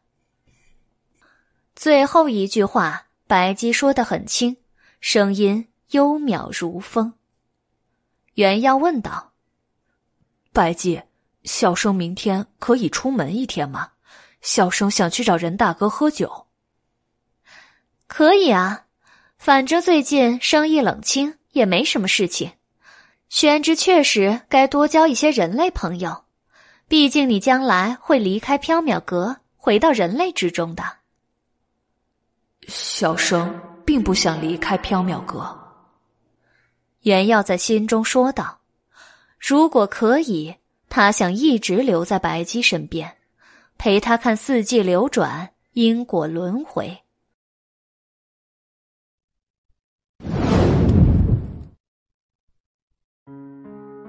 弦乐东升，夏风清扬，树木在夜风中发出簌簌声。长安西南方，一股浑浊的妖气逐渐蔓延。如果此时。从弦乐的角度往下俯瞰，就会发现，在井然有序的坊间大道上，有一条巨大的黑影正在缓慢的移动。一辆马车从顺义门出来，经过布政坊往南而去。马车周围有一队随从和护卫，看仪仗，应该是一位朝臣从皇宫回家。黑影从南向北而行。官员的马车从北向南而行，双方在延康坊与新化坊之间相遇了。为马车开道的护卫首领看见前方缓缓而来一团黑影，不知道是什么，叫四名卫兵点亮灯笼前去照看。那团黑影中也有四个灯笼，不过灯火不是橘色，而是碧悠悠的。四名卫兵举着灯笼去看，只听得各种惨叫声接连响起，他们就不见了。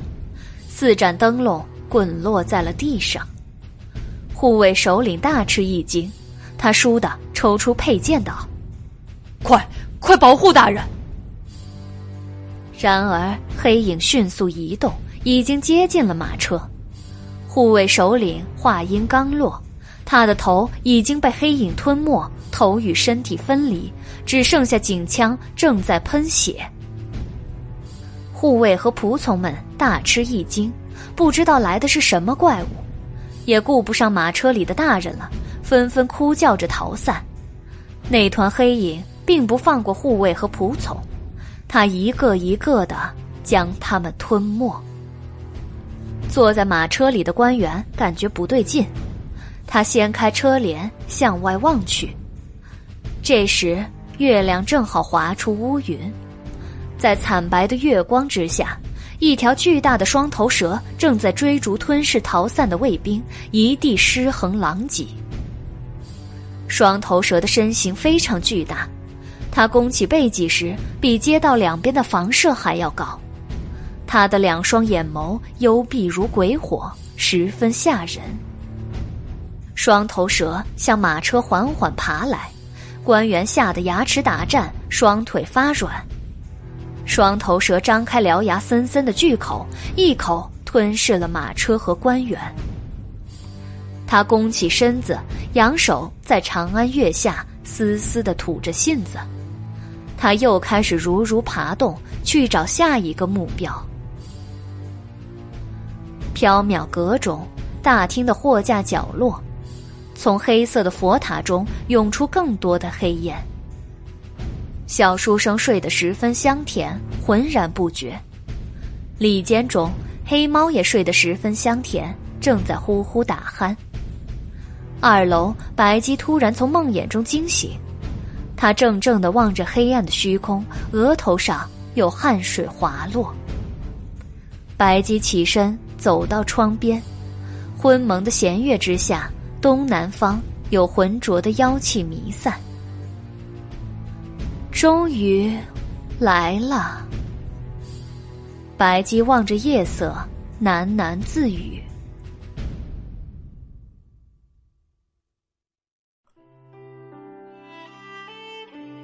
阳光明媚，夏风微醺。缥缈阁中，袁耀的眼眶有些肿了，十分疼痛。白姬让黎奴买来外伤药，兑上菩提露，给他涂抹。”白姬轻轻的替小书生涂药，道：“还好没伤到眼睛，做英雄也是要付出代价的。”小书生说道：“小生打算让任大哥教小生习武，以后也可以行侠仗义、打抱不平了。”白姬笑了，宣之的想法很好。但习武不是一朝一夕可以速成的事儿，而且侠义与人心有关，与习武关系不大。白姬，你也懂侠义吗？我不太懂，不过恰好季札、孟尝、越女、荆轲、朱家、郭邪等人都曾是缥缈阁的客人，与他们相谈。多少也知道一些侠义之事。袁耀张大了嘴巴，原来缥缈阁来过这么多侠客呀。白姬，你认为什么是侠义呀？白姬想了想，指着缥缈格外的阳光道：“侠义就像阳光，十分光明，让人心中充满了温暖和希望。”嗯。小生也这样认为。袁耀点头，很赞同白姬的说法。涂完了伤药，小书生走进去收拾一下，准。备出门去拜访任猛。白姬望着小书生走去的身影，笑了。可是有阳光的地方，必定会有阴影。光明与黑暗本就是一体呀。白姬正在柜台边发愣，一名华衣公子走进了缥缈阁。白姬抬头一看，笑道：“哟，韦公子，近来难得见你来缥缈阁呀。”韦燕一展水墨折扇，叹了一口气道。哎，最近长安人心惶惶，朝中上下人人自危，我哪有闲心玩啊？哎，对了，宣之呢？今天难得闲了一天，我来找他喝酒去。宣之新交了一个朋友，正要去和他喝酒。韦燕闻言不高兴了，他大声的说道：“宣之，宣之，我来找你喝酒了。”袁耀听见韦燕的声音，急忙出来了。哎，丹阳，好久不见了。韦燕见袁耀受伤了，有些吃惊。宣之，你的眼睛怎么了？难道是白姬打的？白姬悠悠的道：“韦公子说笑了，我从不打人。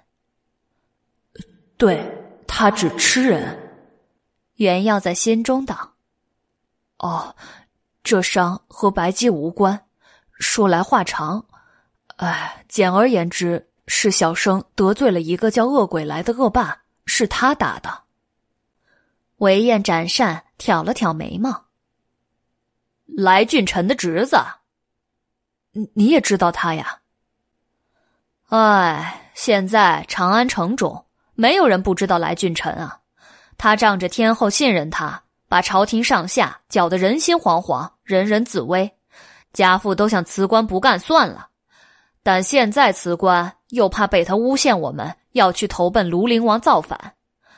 唉，真闹心啊！从春天以来，又出了好几桩夜行官员被妖怪袭击的事儿，现场没留一个活口，连仆人都死了。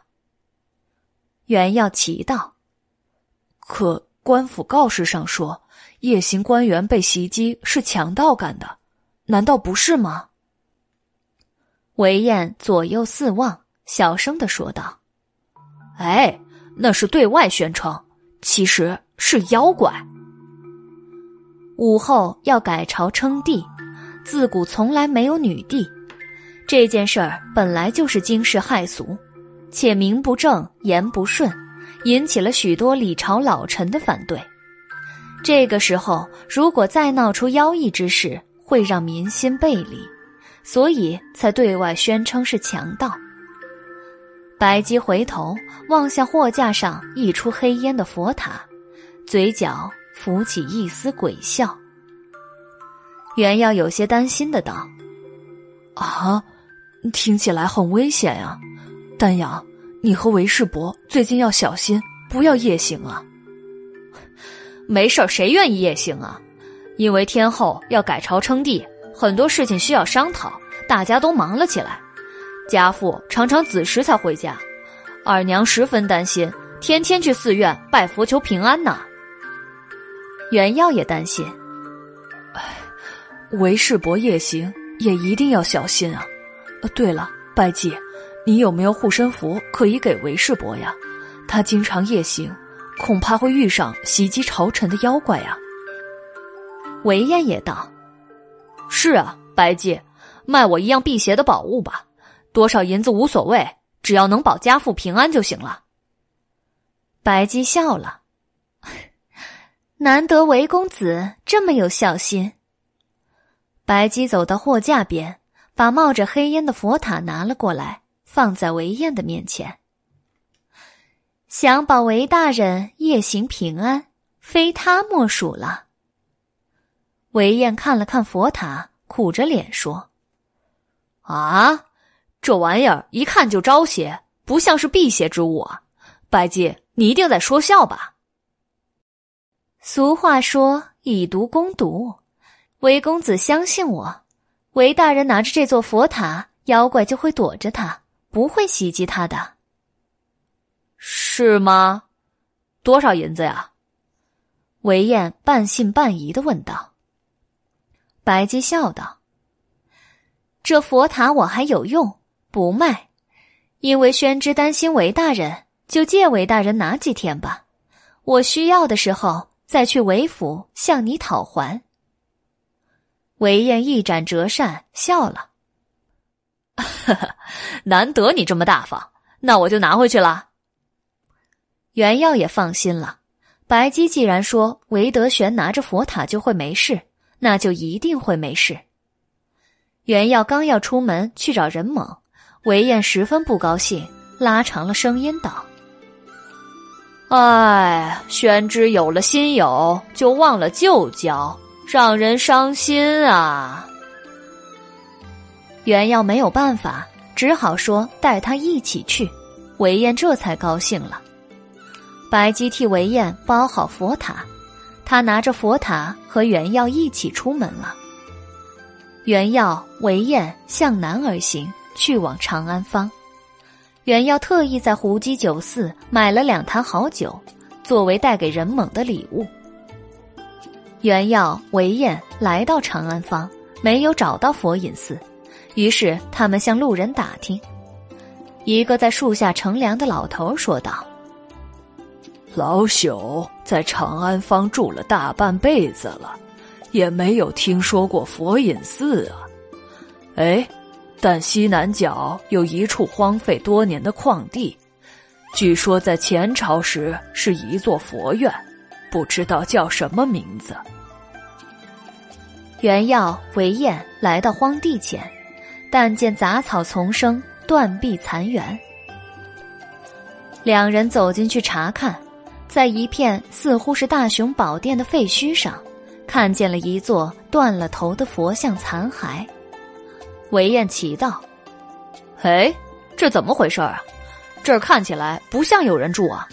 这就是佛隐寺吗？人猛呢？”袁耀道：“呃，这儿好像确实不像有人住啊，大概是小生听错地方了。”韦燕想了想，说道。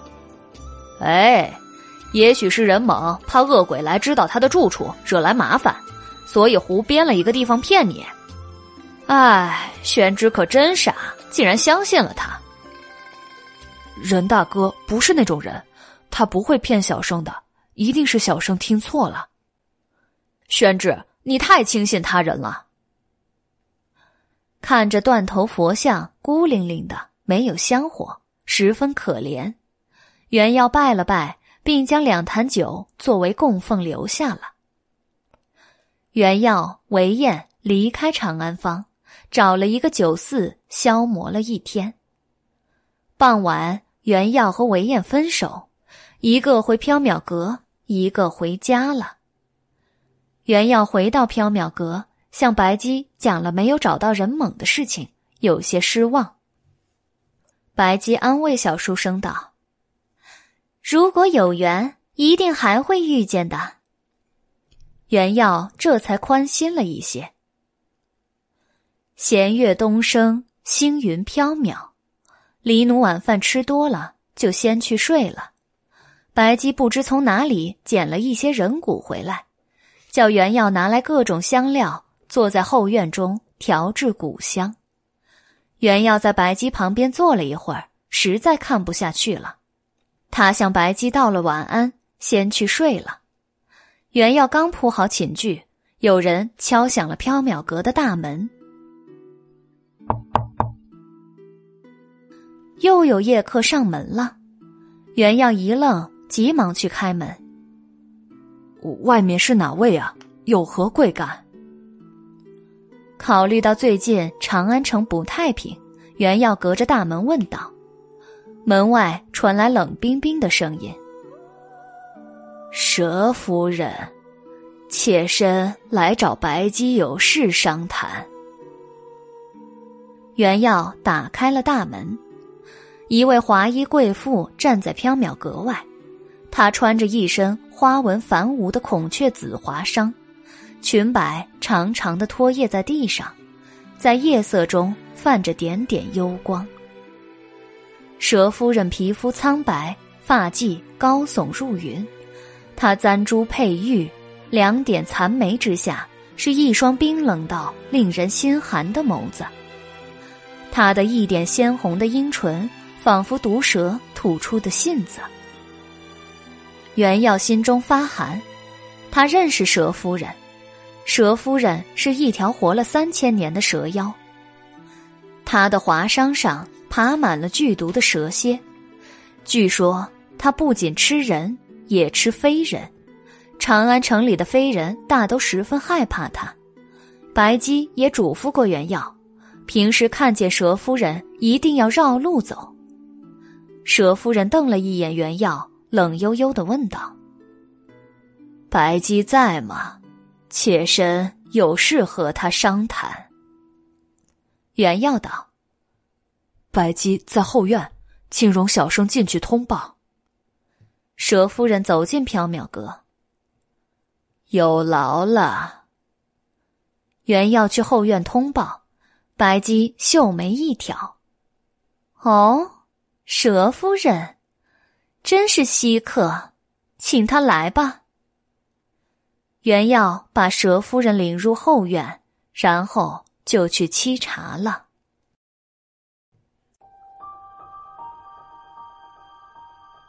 袁耀把六安茶端上来时，只见蛇夫人坐在白鸡旁边，苦恼的说道：“唉，不管您信还是不信。”最近吃掉飞人的双头怪蛇，真的不是妾身呢。可是，大家都怀疑是妾身的化身，连鬼王也听信了谣言，决意驱逐妾身。妾身在长安城已经住了八百年了，不想迁徙。白姬笑道：“ 我当然相信佘夫人，但要大家相信你。”必须要有证据啊！佘夫人苦恼道：“，那双头蛇怪来无影去无踪，妾身去他经常出没的地方追寻他的踪迹，都找不到他。白姬，您神通广大，无所不知，关于这双头蛇，可否指点妾身一二啊？”白姬笑道。长安城中千妖伏聚，百鬼夜行，我也不可能每一个都知道呀。佘夫人从衣袖中拿出一个小木盒，放在地上，打开，一朵大如手掌的紫色灵芝静静的躺在盒子里，灵芝上隐隐透出光华。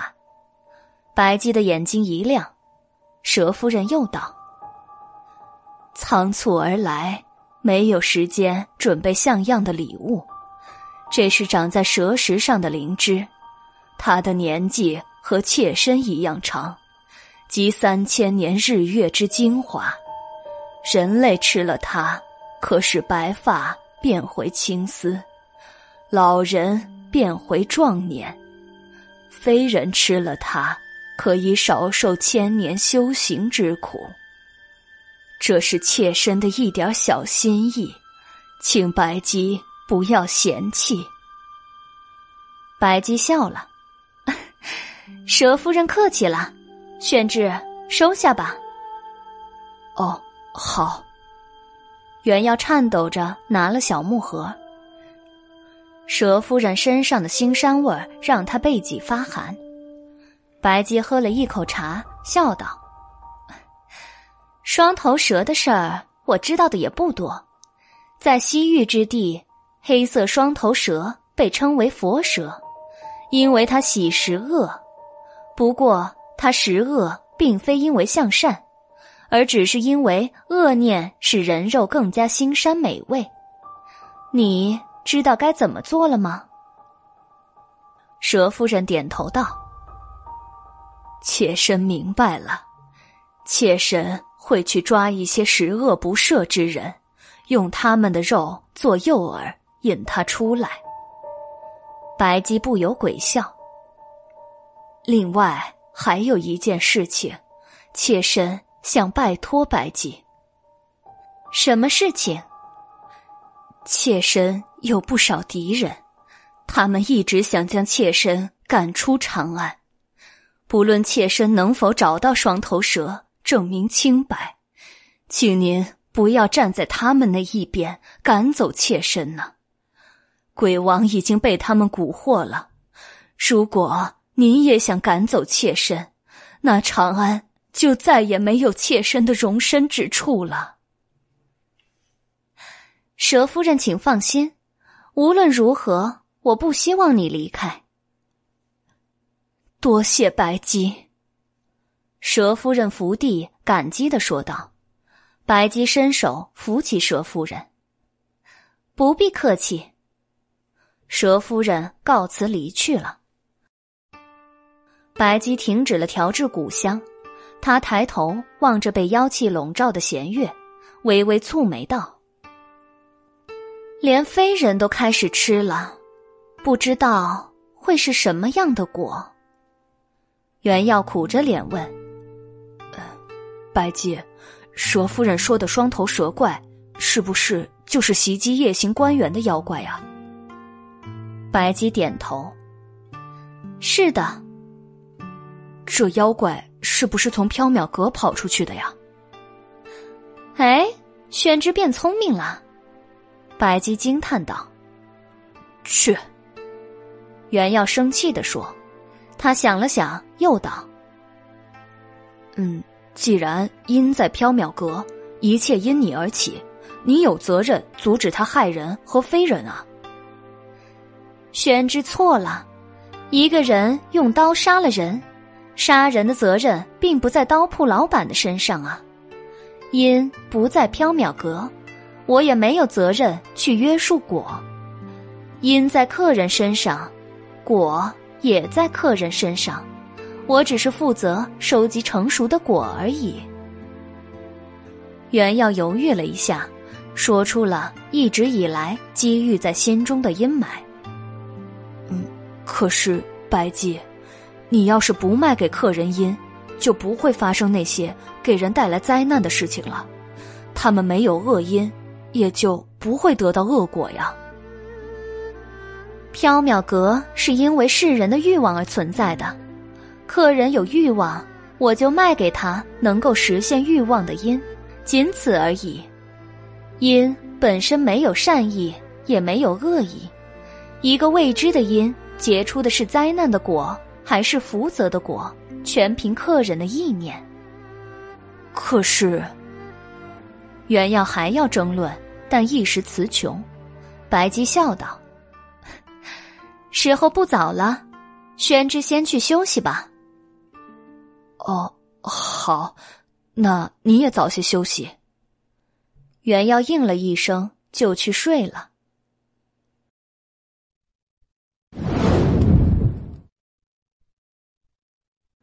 时光如梭，转眼又过了七天。这七天里，缥缈阁里没有大事儿。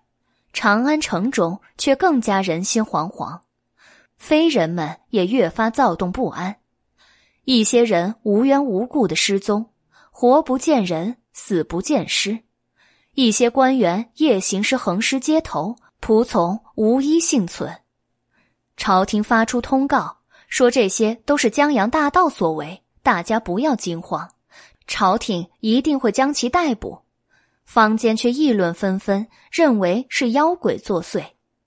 因为害怕被袭击丧命，很多官员干脆称病在家，不敢出门。在被夜袭的官员中，有一个人居然幸运的存活了下来，他就是韦德玄。子夜时分，韦德玄在学士院忙完公务，和同僚王世进一起回家。两人分别乘坐马车，带领仆从侍卫出了景丰门，往崇仁坊而去。刚走了没一会儿，就出事儿了。韦德玄提心吊胆地坐在车内，听着外边传来侍卫、仆从的连番惨叫，伴随着咯哒咯哒咀嚼骨头的声音。他战战兢兢地掀开车帘，看见了一条巨大的双头蛇正在月下追咬仆人、侍卫。将他们都吞下了肚子，王世进吓得从马车里爬出来，拔腿就跑。双头蛇一个俯冲，张开巨口，将王世进拦腰咬住，嚼成了两段。韦德玄吓得几乎晕了过去，他想逃跑，但两条老腿实在迈不动，只能暗道今夜命休矣。韦德玄坐在马车上，闭目等死。谁知双头蛇远远的望了韦德玄一眼，竟嘶嘶的退走了。于是韦德玄成了第一个从妖怪的袭击中幸存的人，也是第一个看见妖怪的人。午后召韦德玄进宫，询问事情的经过。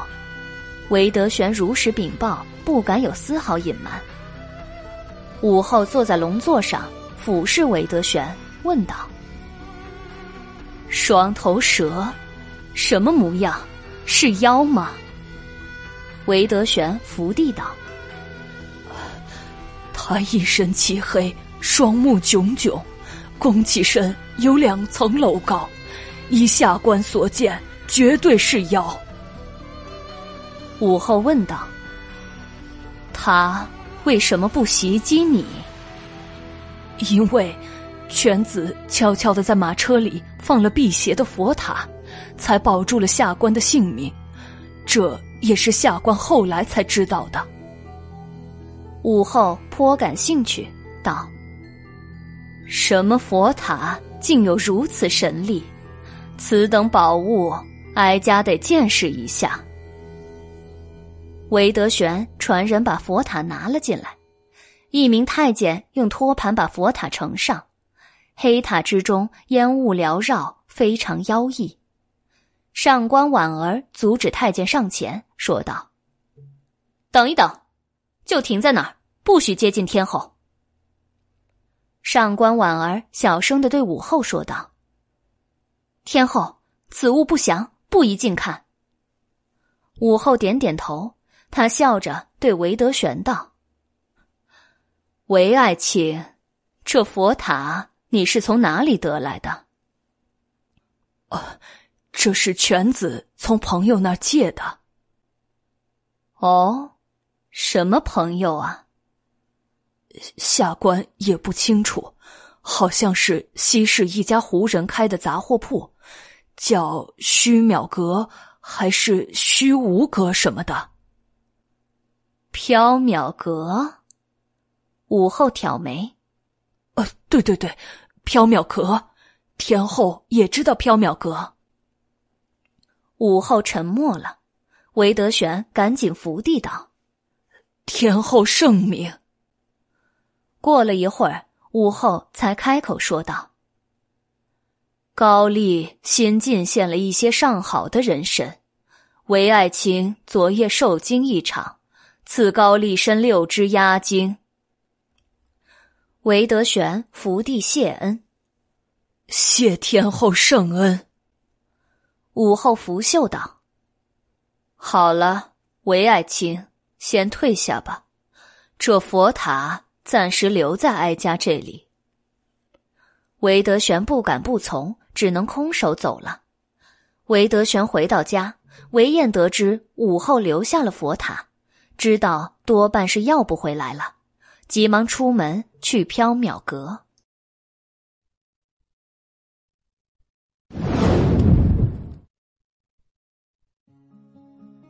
西市缥缈阁中，李奴打听到有从岭南运来的新鲜荔枝卖，白姬就使唤原药出门去买。原药提着竹篮，拿着钱袋奔去集市，但荔枝早已经卖完了。虽然荔枝的价格非常昂贵。但却往往一运到长安就被分送往王公贵族之家，没有剩余。岭南旅商见袁耀垂头丧气，就让他等待下一批荔枝抵达，说到时候他提前卖给他一些，不过要加十两银子。袁耀提着沉重的钱袋往回走，他觉得提着空篮子回去，白姬一定会不高兴的。于是他打算买一些别的水果凑数。袁耀正在集市转悠，突然有人拍了一下他的肩膀，笑道：“果然是袁老弟啊！”袁耀回头一看，那人雄壮魁梧，黑面虬髯，不是人猛又是谁呀？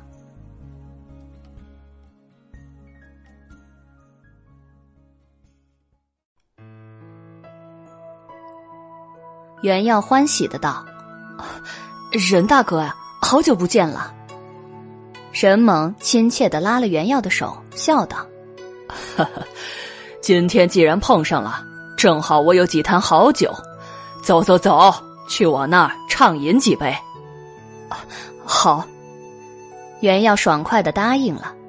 任猛和袁耀说说笑笑走向长安坊，一路行去，袁耀觉得有些奇怪。平时即使是大白天，各个坊间的道路边。屋檐下、树荫里、墙角处，都多多少少会站着一些飞人。他们会盯着过往的行人看，但不会伤害行人。而今天走入长安坊之后，路上连半个飞人都没看见，似乎干净的太诡异了。任猛笑道：“呵 呵我一直在等着袁老弟找我饮酒呢。”袁老弟却一直没来。袁耀笑道：“啊，上次分别之后，小生来找过任大哥，可是没有找到佛隐寺，也没有找到你，只看到一处荒废多年的寺院。”任猛哈哈大笑：“哈哈哈，你呀，一定没往里走，我就借住在荒寺后面的僧房里呢。”啊。原来是这样啊！任猛和袁耀来到荒寺，穿过荒烟蔓草，踏过断壁残垣，走到了最里面。在齐腰深的杂草之中，果然有几间破旧的僧房掩映其中，这就是任猛的落脚之处。袁耀走进僧舍，发现陈设十分简陋，只有一席一被而已。四周的墙角上都结着蛛丝，地上散落着很多空酒坛，墙上悬挂着一把大环刀。袁耀、任猛席地而坐，任猛拿出了一坛好酒，摆了两个大碗，他拍开泥封，将酒倒入酒碗里。这酒啊，是在前院的佛像边发现的，不知道是谁供奉的祭品。佛祖不喝酒，摆着也是浪费，我就拿来喝了。袁耀发现这酒就是他之前放在佛像前的东西，笑道：“也许这酒本来就是为任大哥准备的。”任猛大笑，与小书生干了一碗酒。袁耀一边喝酒一边问道：“哎，对了，任大哥是哪里人士啊？”今年贵庚？哈，我啊，乃运州人士，从小父母双亡，跟随师傅在山中习武，十六岁流浪江湖，游侠四方，如今已经到了三十而立之岁了。啊，那任大哥一定去过不少地方吧？嗨，江湖浪人，四海为家。大江南北没有我没去过的地方。袁耀很是羡慕，哎，小生也想像任大哥一样浪迹天涯，行侠仗义。哈哈，男儿志在四方，袁老弟肯与我结伴同游，那就太好了。袁耀浮想了一番和任猛四处游侠的场面，很是心驰神往。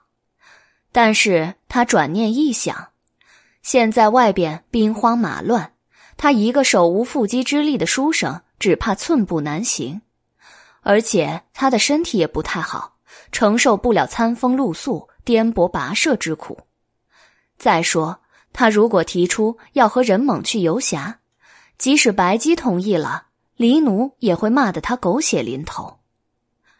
袁耀的游侠之梦尚未开始。就破灭了，啊，嗯，仔细一想，笑声并不适合去游侠。任猛笑道：“哈哈，并非一定要游侠才是侠客。袁老弟威武不屈，敢为弱者出头，已经是有一颗侠义之心了。”因为天气闷热，任猛脱了外衣，赤着胳膊纵情豪饮。袁耀看见任猛的左臂上纹着一条黑色双头蛇，不由得一愣。任猛一边和袁耀喝酒，一边说起了自己游侠的往事。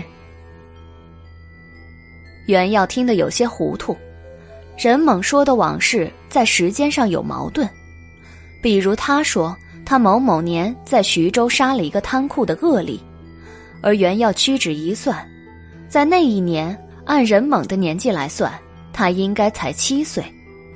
他总是在说二十年前的往事，而他现在才三十岁呀。可任猛的神色不像是在说谎，事情的因果，其中的细节也说得十分清楚。袁耀觉得很奇怪，但也没有指出。只当是任猛喝醉了，记错了年月。袁耀问道：“任大哥这次来长安是做什么？也是为了游侠？”任猛有些迷惑，他想了想道：“我这次来长安，有一件很重要的事情要办。奇怪，我怎么记不起是什么事儿了？”任猛苦恼的抱着脑袋冥想，还是想不出来。渐渐的，他开始满头大汗，左臂上的双头蛇刺青开始在皮肤上如如爬动，转眼间爬上了他的肩膀。袁耀大惊，失声道：“沈大哥的刺青，好别致啊！”任猛低头望向双头蛇刺青，在看见双头蛇刺青时。他的眼中充满了恐惧，突然，他仰起头，双目盯着虚空，仿佛着了魔一般呢喃：“不忠不义者杀，不仁不孝者杀，作奸犯科者杀，贪赃枉法者杀，要挟害人者杀，杀！”小书生十分害怕。颤着声问：“任大哥，你你你怎么了？”任猛倏地起身，疾步走向墙边，抽出墙上的大环刀，朝小书生劈去。他入了魔一般呢喃：“不忠不义，不仁不孝，作奸犯科，贪赃枉法，杀杀杀！”小书生大惊之下，急忙抱头退避，堪堪躲过了大环刀。杀，杀，杀！任猛举刀再次劈向小书生，小书生飞快的逃了出去，任猛也没有追赶。袁耀站在荒草之中，气喘吁吁。刚才太可怕了，难道任猛中邪了？僧舍中传来了任猛撕心裂肺的哀嚎，然后响起了重物倒地的声音。袁耀十分担心，但又很害怕。他犹豫了一下，壮着胆子折了回去，一看究竟。任任大哥，小书生小心翼翼的走进僧舍，一眼可以望见全景的僧舍中空空如也，人猛消失无踪。地上只剩下一柄大环刀和许多空酒坛。僧舍只有一扇门，袁耀刚才一直在外面，并没有看见任猛出去。那任猛去哪里了？怎么凭空消失了？袁耀站在空屋之中，百思不得其解。站了一会儿，见天色不早了，袁耀也就愁眉苦脸的。回缥缈阁去了。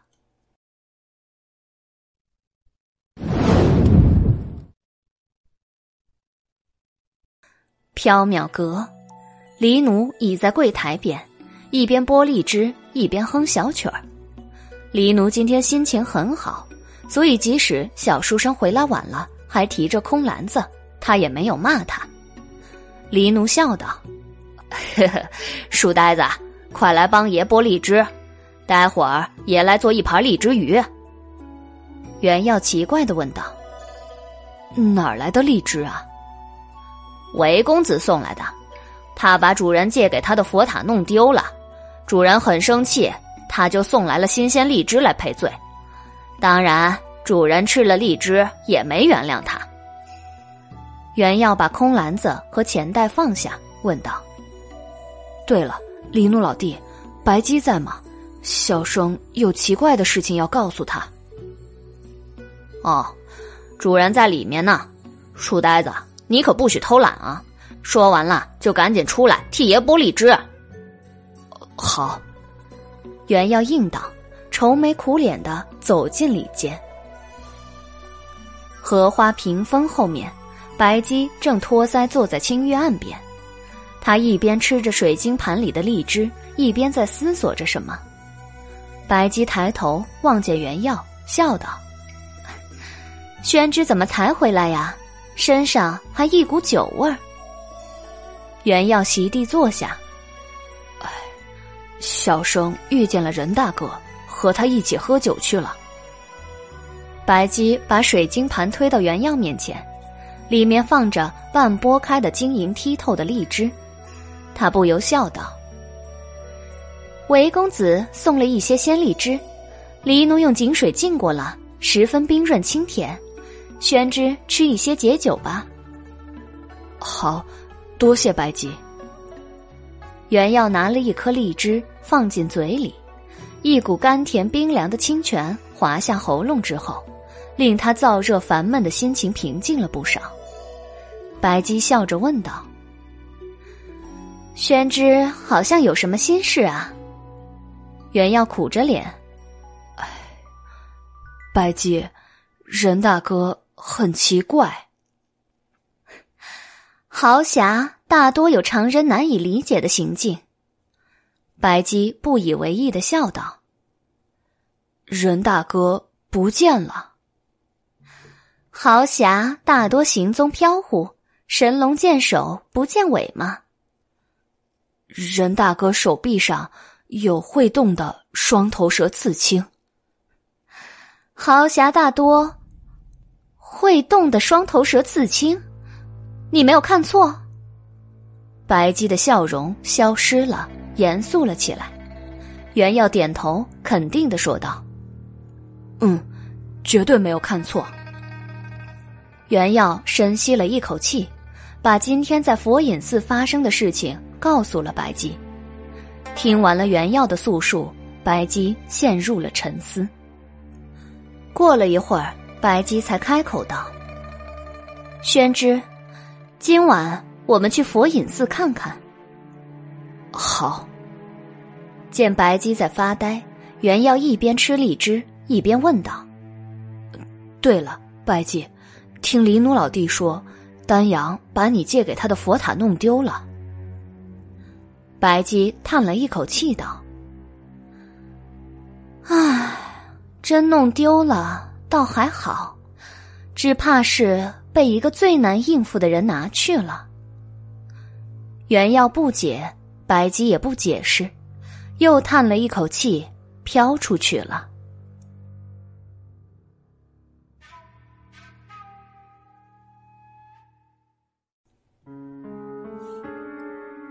一月孤立，冷视人间。白姬、袁耀行走在去近的街道上，白姬提着一盏青灯走在前面，袁耀走在他后面。袁耀有些害怕，道：“白姬，万一路上碰见了那个吃人和非人的双头蛇怪，怎么办啊？”逃跑啊！我们能跑得比他快吗？不知道，不过我只要跑得比宣之快就行了。你，你，你这是什么话呀？袁耀十分生气。白姬笑道：“说笑而已，宣之不要生气，我绝对不会丢下宣之，让你被蛇怪吃掉的。”袁耀心中一暖。白姬认真的说道：“如果宣之被吃掉了，那以后我就没有可以使唤和捉弄的人了。”你你太过分了！袁耀更生气了。白姬掩唇而笑。说话之间，白姬、袁耀来到了长安坊。一路走来，越接近长安坊，有鬼夜妖就越少。长安坊里。几乎没有飞人。白姬发现了异样，他微微蹙起了秀眉，道：“宣之，这里很危险。”元妖不解：“此话怎讲啊？”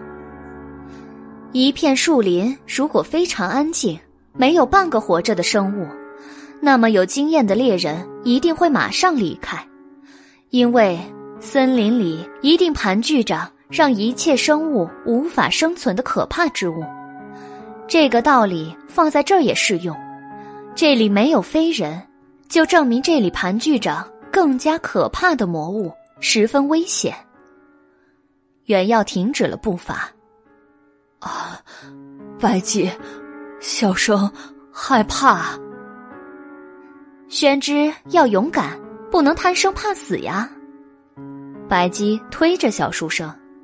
小书生身不由己的往前走，他苦着脸道：“哎，你这是站着说话不腰疼啊？”“谁说我站着呢？我也和宣之一样，一起在往前走啊。”白姬笑眯眯的说道。白姬、原耀吵吵闹闹的往前走，来到了佛隐寺外面，月光之下。废弃的寺院显得格外凄凉。白姬望着凄迷的荒草，道：“有妖气。”袁耀转身想逃，白姬伸手拉住了他，笑说：“宣之别怕，妖怪现在不在家。”袁耀还想说什么，白姬不由分说把他拉进了荒寺。两人穿过断壁残垣。踏过荒烟蔓草，来到了破旧的僧房前。白姬走进僧房，原耀也跟了上去。僧房之中一片漆黑，白姬提灯四处照看，只看见满地酒坛和一柄大环刀。白姬把灯笼递给原耀，让他拎着。他弯腰拾起了大环刀，刀锋在灯光下青光凛冽，森寒如水。原耀道：“这是任大哥的刀。”白姬笑了：“这刀还是这么锋利呀。”白姬，你认识任大哥？如果他是这刀的主人的话，那二十年前我们见过一面，他是缥缈阁的客人。啊，二十年前，那时候任大哥才十岁啊。不，那时他三十岁，他是嫉恶如仇的江湖豪侠，真名没人知道，因为杀了很多人，胡须都染红了，所以人称赤然客。他被朝廷通缉，亡命天涯。可是，那个时候任大哥才十岁啊。宣之遇见的是人猛，不是赤然客。小生糊涂了，任大哥和赤然客是同一个人，还是不同的人啊？如果宣之的话是真的，任大侠身上有会动的双头蛇刺青，那么他们是一个人。白姬笑了笑得神秘。任大侠是光明，赤然客是黑暗，当黑暗侵蚀了光明。任大侠就成了赤然客，也走进了缥缈阁。袁耀听不懂白姬的话，只问出了他此刻最担心的事儿。现在任大哥在哪里啊？白姬神秘一笑：“双头蛇在哪里，他就在哪里。”白姬在荒寺中巡视了一遍，来到了无头佛像所在的地方。原要紧跟着白姬，不敢远离半步。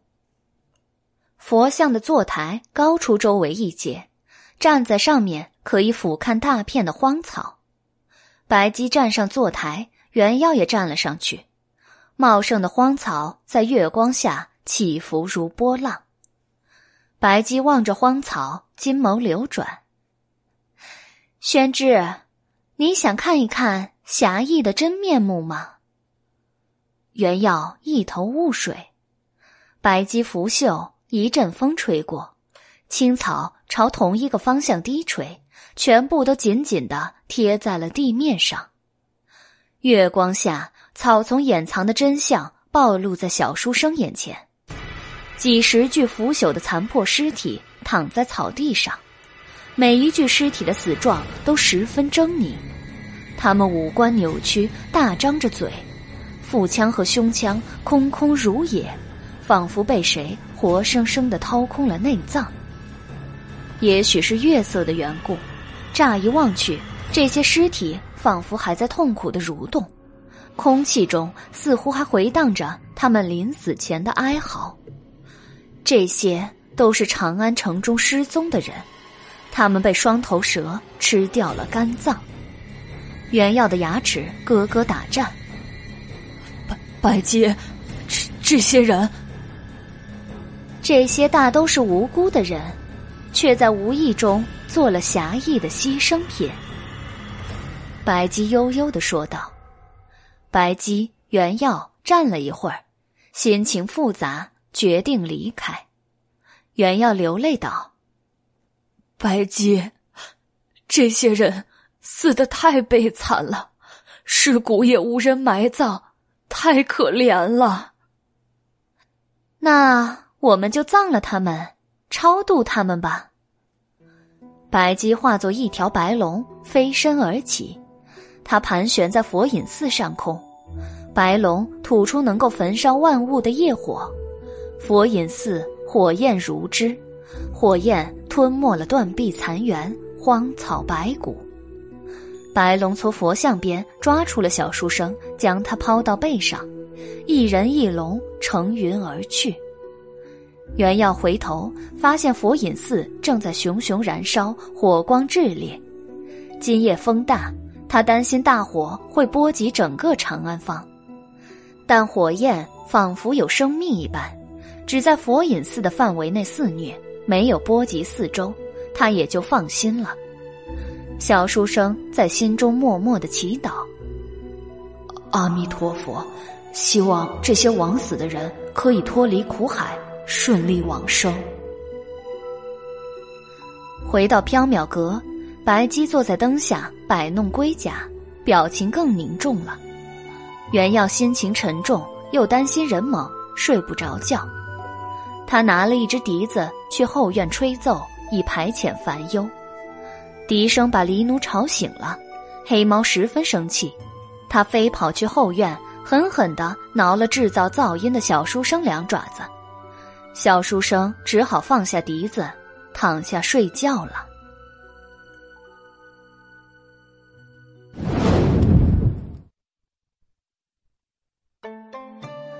第二天上午，白姬坐在清月岸边喝茶，原耀坐在白姬对面看书，两人有一句没一句的闲聊。突然，一名金甲神人从天而降，站在两人面前。金甲神人本来只有普通人大小，但落地之后，他迅速变大，几乎与屋顶齐高了。袁耀吓了一跳。仰头呆呆的望着金甲神人，金甲神人垂头俯视着白姬和原耀，白姬不高兴了。我讨厌被俯视的感觉。他将手中的茶水泼向金甲神人，金甲神人被淋湿了，浑身战栗，他输的变薄了，然后渐渐的缩小，最后。金甲神人变成了一个巴掌大小的金色纸人，湿漉漉的躺在地上。原耀垂头俯视着纸人，吃惊的张大了嘴巴。白姬笑眯眯的说道：“还是俯视别人的感觉好。”金色纸人在茶水中抽搐了一下，口吐人语：“天后有诏，速入大明宫。”白姬扶额：“啊，麻烦了。”金色纸人渐渐被茶水浸透，又开口重复道：“天后有诏，速入大明宫。”白姬对金色纸人说道：“请回复天后，我生了重病，缠绵病榻，正在冥府徘徊，无法应召前去大明宫。”袁耀瞪了白姬一眼：“你明明生龙活虎！”天后有诏，你找借口不去会被诛九族的，到时候黎奴老弟和小生也跑不掉啊！白姬以袖掩面。宣之，我是真的生病了，我现在就很头疼啊。头疼不影响去觐见天后，有影响，没有影响。白姬、原耀正在争吵。金色纸人已经完全被茶水浸透，无法再开口说话，也无法动弹了。白姬愁道：“啊，不好了，这下子不能不去了。这是你自己泼的茶，怪不得别人啊！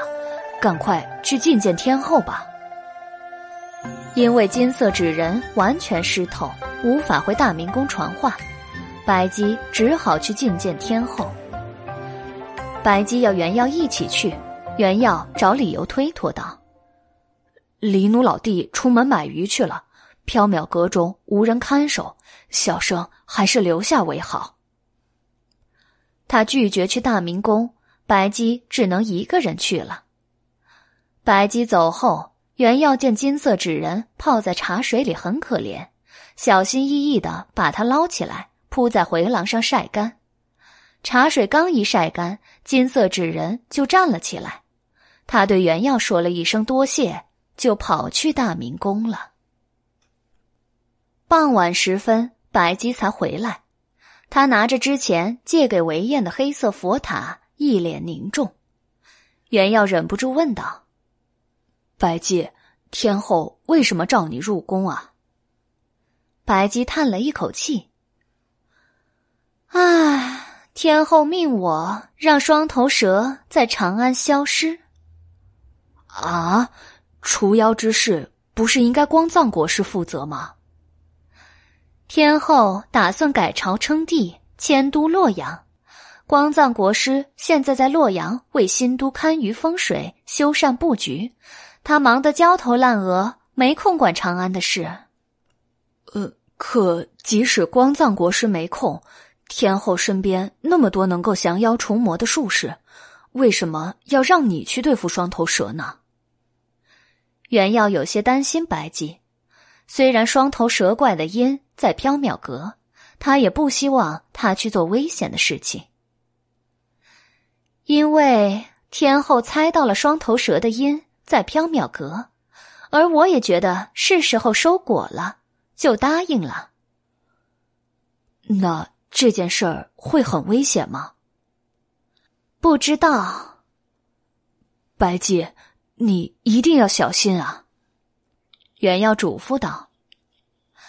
宣之也一样。哎，因为宣之会和我一起去。啊！宣之不是一直想做个侠客吗？这正是一个好机会呀！除掉作恶多端的双头蛇。保卫长安的和平，成为大英雄啊！白姬笑眯眯的道：“袁耀的脸都绿了。呃，行侠仗义不包括除妖啊？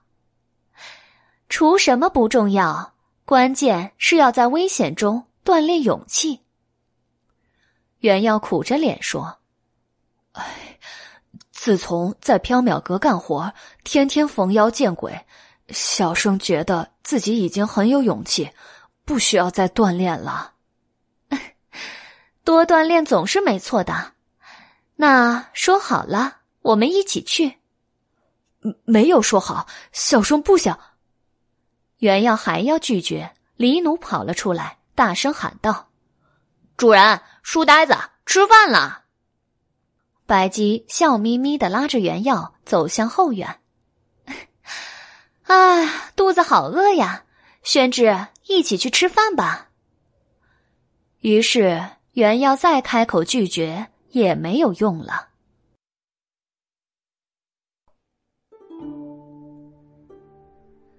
烟笼寒水，月上花树。原耀以为白姬今晚就会去找双头蛇怪，谁知道白姬只是坐在月下，用小石磨研磨蛇夫人送的蛇灵芝。原耀坐在白姬旁边看他磨灵芝，却不知道他在做什么。白姬把灵芝研成粉末，又掺上了几种不知道是什么的粉末。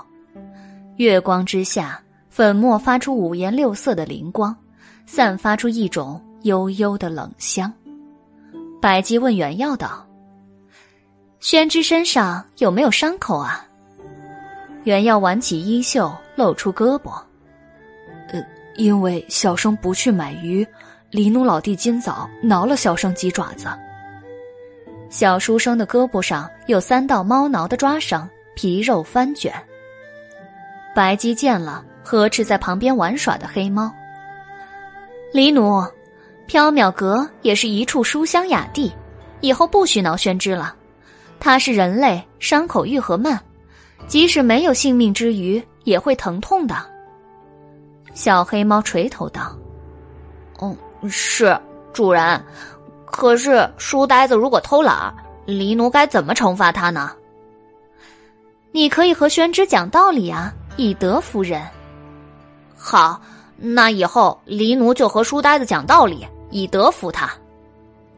原耀苦着脸道：“哎，黎奴老弟，你还是挠小生算了。”白姬将灵芝粉末撒了一丁点儿在原耀手臂的伤口上，伤口奇迹般的渐渐愈合了。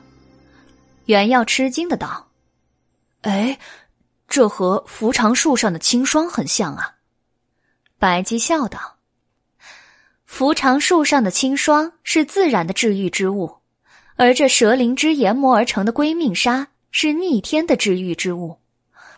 从功效上来看嘛，归命砂比扶长霜更有效。只要涂上它，即使断筋折骨、剖腹断肠，也能愈合如初，不伤性命的。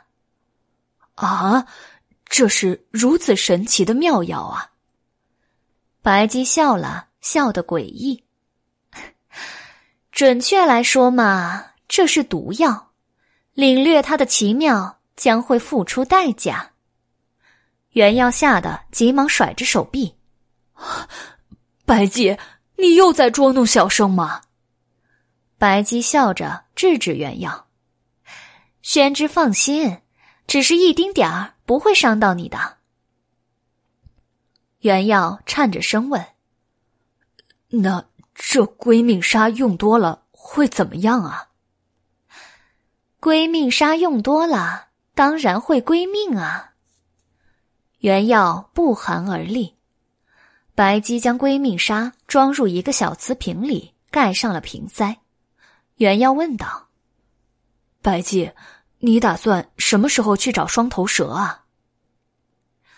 我用龟甲占卜，发现果的成熟还需要三个月，但是天后催促的紧，我只能想办法催熟这次的果了。我请求天后派了一个人协助我，我们明天去见他。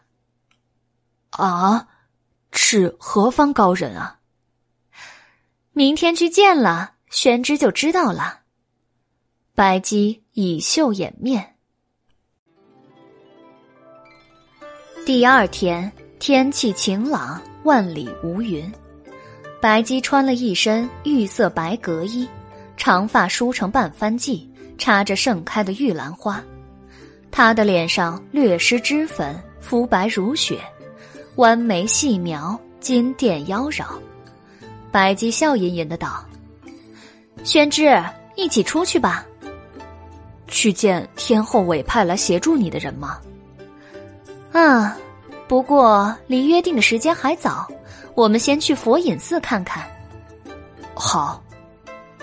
白姬、原耀来到佛隐寺，经过一夜大火，烧尽了荒烟蔓草，只剩下一片焦黑的废墟了。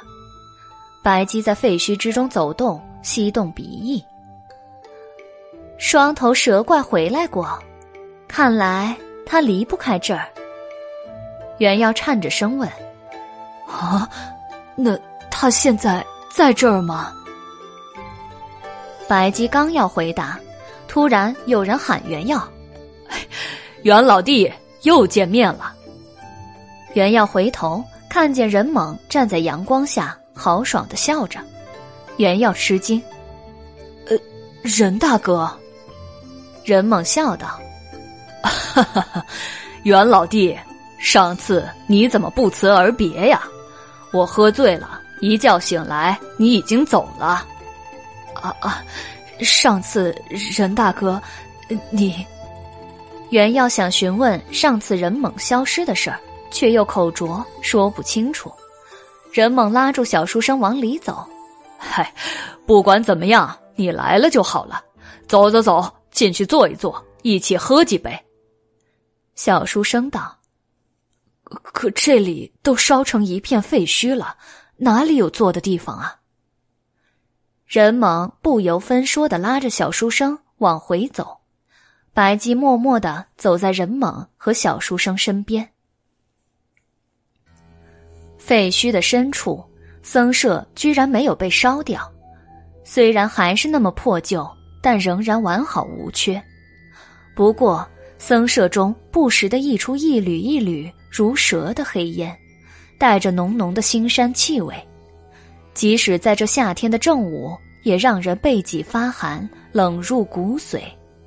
任猛笑道：“袁老弟，进去吧。”袁耀抬头望向白姬，白姬摇头，小声的说道：“离开。”呃为什么要离开啊？袁耀忍不住问道。任猛奇道：“袁老弟，你在和谁说话呢？”任猛左右四望，仿佛看不见白姬。哦，和白。袁耀正要回答，白姬伸指压住了他的嘴唇。嘘，他看不见我。如果你说出我的名字，他就能看见我了。袁耀张大了嘴巴，却无法说话。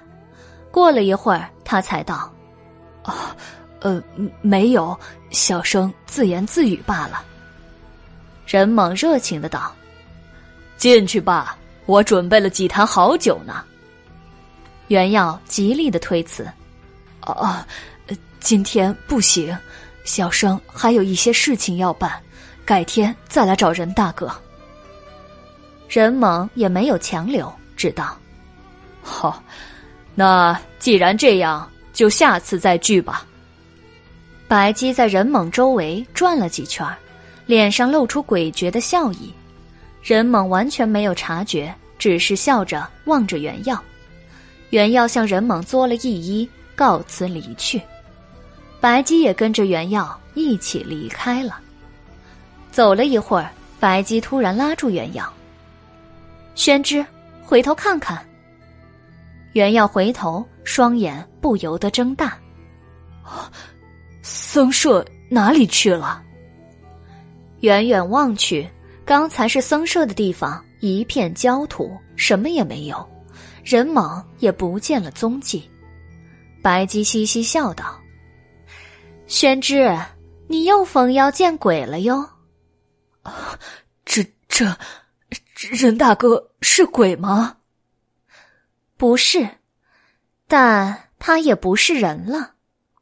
啊，这到底是怎么一回事儿啊？宣之，你不能太依赖我告诉你答案呀。有时候要靠自己的眼力和智慧去发现真相。袁耀不由得在心中腹诽。小生如果有那份眼力和智慧，也不会待在缥缈阁被使唤了呀。白姬、袁耀离开长安坊，去往布政坊。据白姬说，他们要去拜访的人住在布政坊，他们要去他的家里拜会。走到西市时，时间已接近正午，白姬和袁耀都有些饿了，因为约好的时间是下午，他们打算吃了午饭再去。虽然离缥缈阁不远，但白姬和袁耀都不打算回去吃黎奴最见爱煮的乱炖鱼肉，他们打算在酒楼里吃。可是今天出来时，两人都忘了带银子。人来人往的大街上，白姬和袁耀站在石桥边发愁。宣之，你回去取银子。嗯，不要。袁耀苦着脸道。黎奴如果知道白姬原药不愿意吃他煮的乱炖鱼肉，而宁愿在外面吃，一定会恼小书生的。白姬笑着提议：“那我们先去大吃一顿，然后开溜。”原药吼道：“不行，这等不耻行径，有违圣人的教诲啊！”白姬摇扇：“唉，那该怎么办呢？”袁耀盯住了白姬手中的花团扇，问道：“白姬，这团扇是从哪儿来的？之前没看见你拿在手上啊？”“啊，天气太热了，刚才走过来的时候，随手从卖扇子的小摊子上取了一把。宣志，这蝶戏芙蓉的图案很好看吧？”小书生生气：“不问而取，是为道也。”你这样做有违圣人的教诲，必须还给人家。不等白姬辩解，原要一把夺过花团扇，看准卖扇子的小摊儿，奔去还扇子了。白姬站在原地，以袖扇风，撇嘴道：“哼，宣之真迂腐，我又没有白拿。作为交换，我拿扇子扇走了蹲在卖扇子女子肩上的痨病之鬼呢。”白姬站在石桥上，一边等原药，一边思考午饭怎么解决。突然，身后传来一声猥琐的笑声。白姬吓了一跳，回头一看，只见一名穿着葱绿色锦袍、簪着红玉簪子的青年公子向他走来。青年公子身后还跟着几名满脸横肉的恶奴，正是恶鬼来。恶鬼来带着恶奴走过来的时候，大街上的行人纷纷避开，怕被他和他的恶奴们寻晦气。恶鬼来看见白姬，眼神发直，喃喃自语道：“哎呦，好美貌的小娘子啊！”白姬望着恶鬼来，微微一愣，这人身上散发着令人欲呕的恶意。吸引了很多魑魅魍魉缠绕着他，他们以他的恶意为食，并转化为更大的恶意。恶鬼来见白姬望着他，心惊荡漾，凑近了调戏道：“哟，这是谁家的美貌娇娘，独自站在石桥上啊？”白姬见恶鬼来靠近，秀眉微蹙，他退后几步，避开了他。恶鬼来摇着红色折扇，色眯眯的望着白姬，故作风雅，继续调笑：“ 娘子独立石桥，如花似玉，令人堪怜啊！想必你家夫君已经另结新欢了，不如和本公子去做神仙鸳鸯吧。”恶鬼来怪腔怪调的声音，配上他猥琐的笑容。让人起了一身的鸡皮疙瘩。白姬眼珠一转，以袖掩面道：“却不知公子贵姓啊？”见美人回话了，恶鬼来很高兴，笑道：“ 本公子姓来，当朝侍御史来俊臣是本公子的伯父。”白姬眼中闪过一抹幽森的寒光。笑道：“哎呀，原来是大名鼎鼎的来公子啊！哈哈，你也听说过本公子？看来本公子在长安很有名气嘛。恶鬼来大笑，他凑近白姬，想一亲芳泽。白姬游鱼一般躲开，倚在石桥边，笑吟吟的说道：“当然知道啦，长安城之中，谁不知道来公子啊？”见美人没有生气，且似乎有意于他，恶鬼来心花怒放。娘子，不要躲嘛！难道本公子很可怕吗？白姬笑道：“为了避嫌，不得不躲呀。”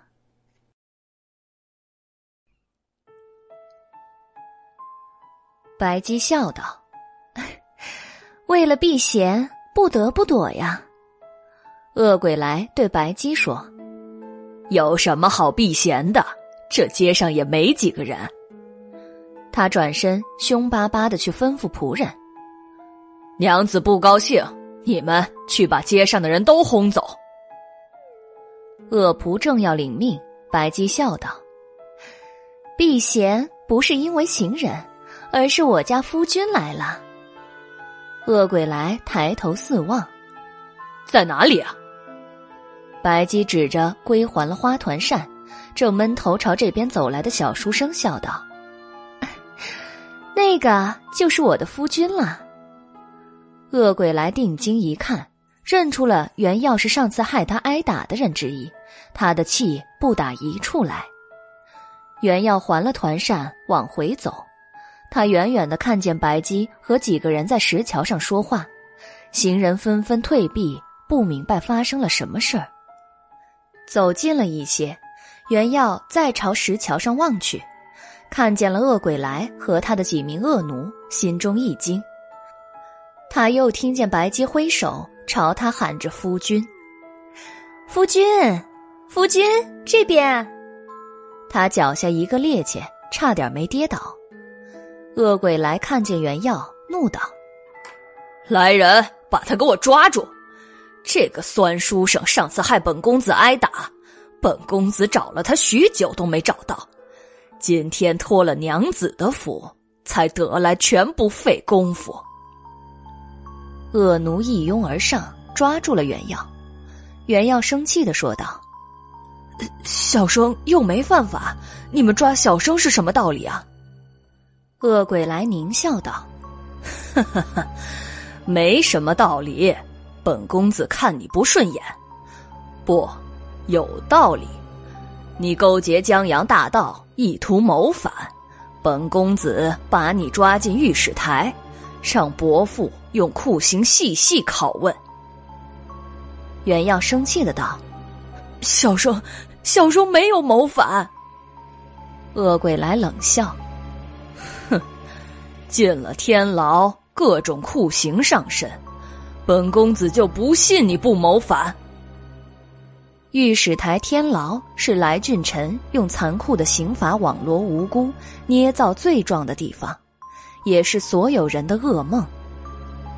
进去的人有去无回，九死一生；即使是无辜的人，也会在各种血腥残酷的刑罚之下供认罪状，求得死亡来解脱。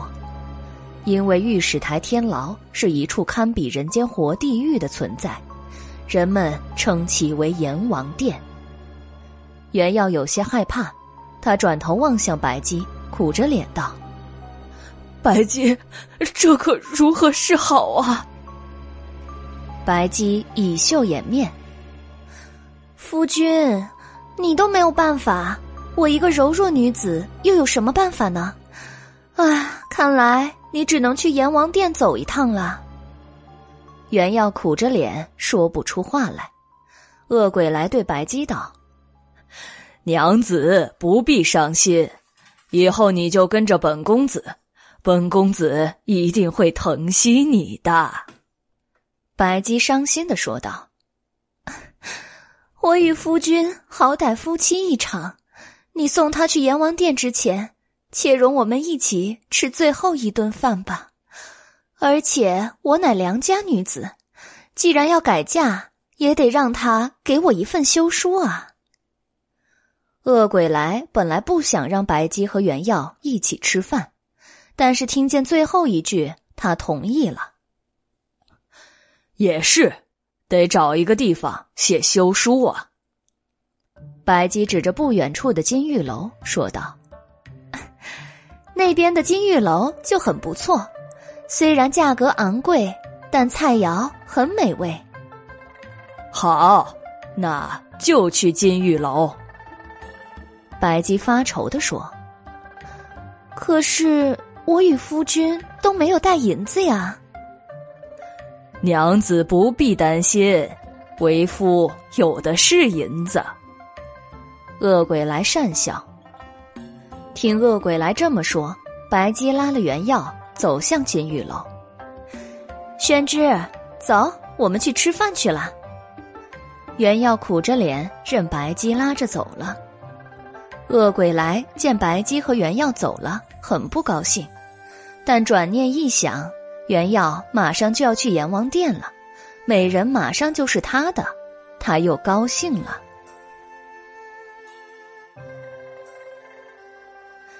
长安城中最负盛名的两座酒楼，一是西市金玉楼，一是东市万珍楼。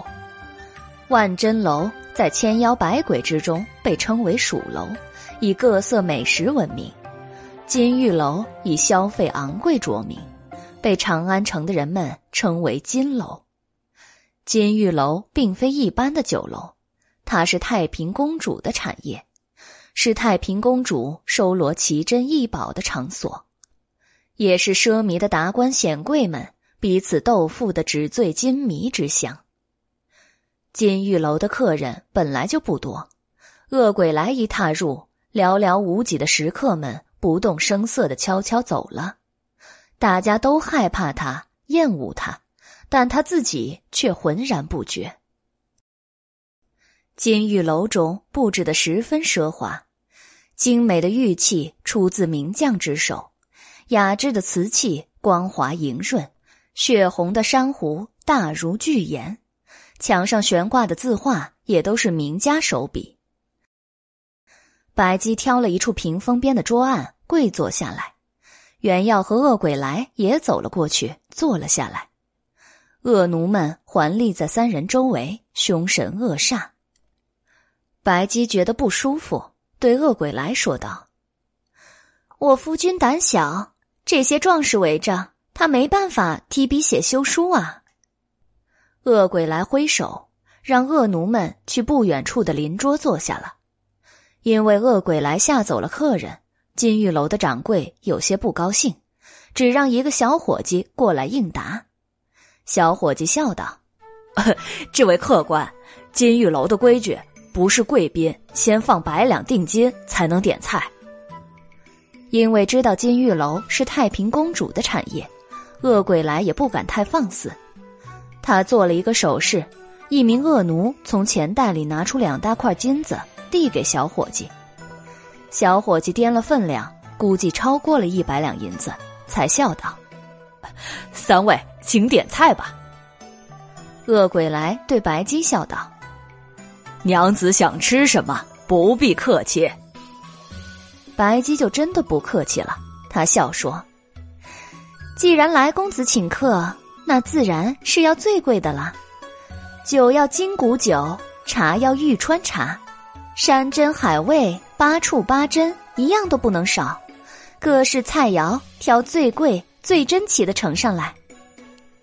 恶鬼来的嘴角微微抽搐了一下，原要冷汗，小伙计高兴的退下了。啊，是您稍等啊，菜肴马上就好。白姬笑着对恶鬼来说道。来公子不必担心银子不够，金玉楼可以赊账，不够的银子可以改日再送来。恶鬼来木然的点点头。不一会儿，茶酒菜肴陆续呈上来了，珍馐佳肴陈列在案，满目琳琅。白姬胃口很好，吃得很欢快。原耀虽然肚子饿了，但看见对面坐着的恶鬼来，就无法下咽。美人相伴，美食在岸，本来是十分享受的事情，但恶鬼来看着对面的原药，也吃不下去。白姬对原药说道：“夫君，你不吃一些，下午会没有精神的。”原药苦着脸说：“小生都要去阎王殿了，还有什么心情吃东西啊？”白姬为原药加了一片烤驼峰，笑道：“人生没有比吃更重要的事情了，即使是去阎王殿，也得先吃饱啊。”原药想了想，也是这个道理，就把烦心事抛开，大吃了起来。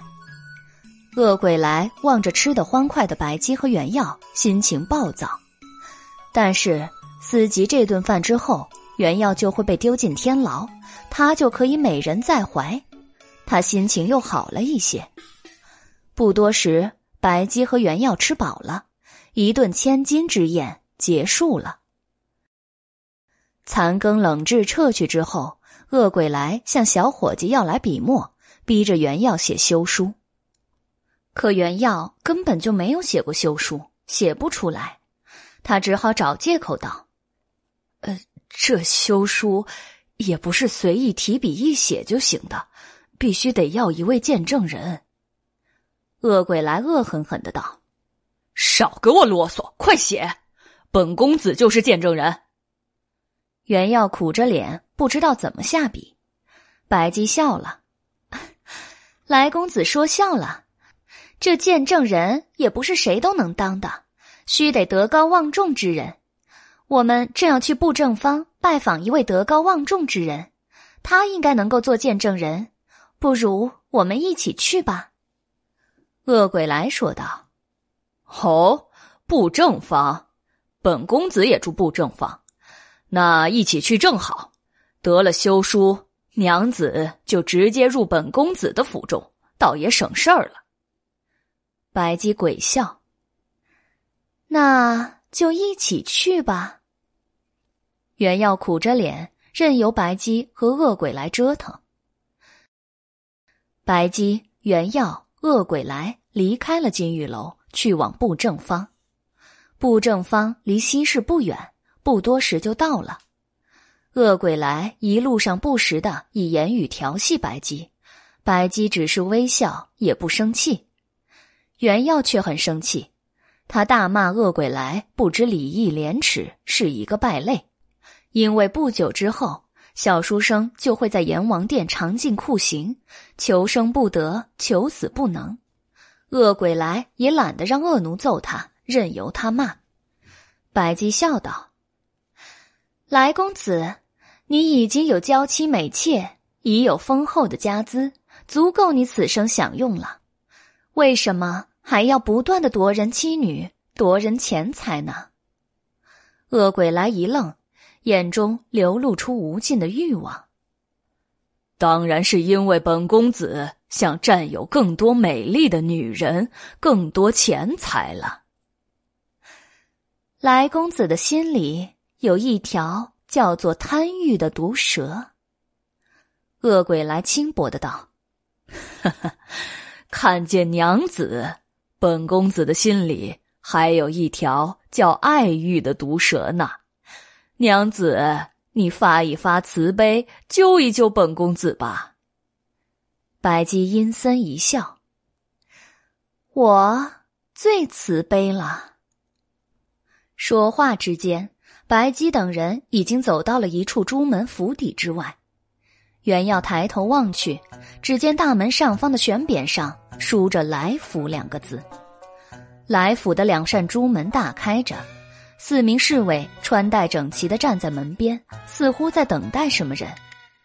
恶鬼来祈道：“哟，娘子，你来我家做什么？”白姬神秘一笑，没有回答恶鬼来的疑问。他走过去，从衣袖中拿出一面刻着五字的金牌，递给侍卫。四名侍卫急忙垂手，一名侍卫拿着金牌飞跑入内。去向主人禀报，其余三名侍卫恭敬的垂首道：“来大人，以恭候多时。”恶鬼来咽了一口唾沫，颤着声问白姬：“呃，你你认识我伯父？”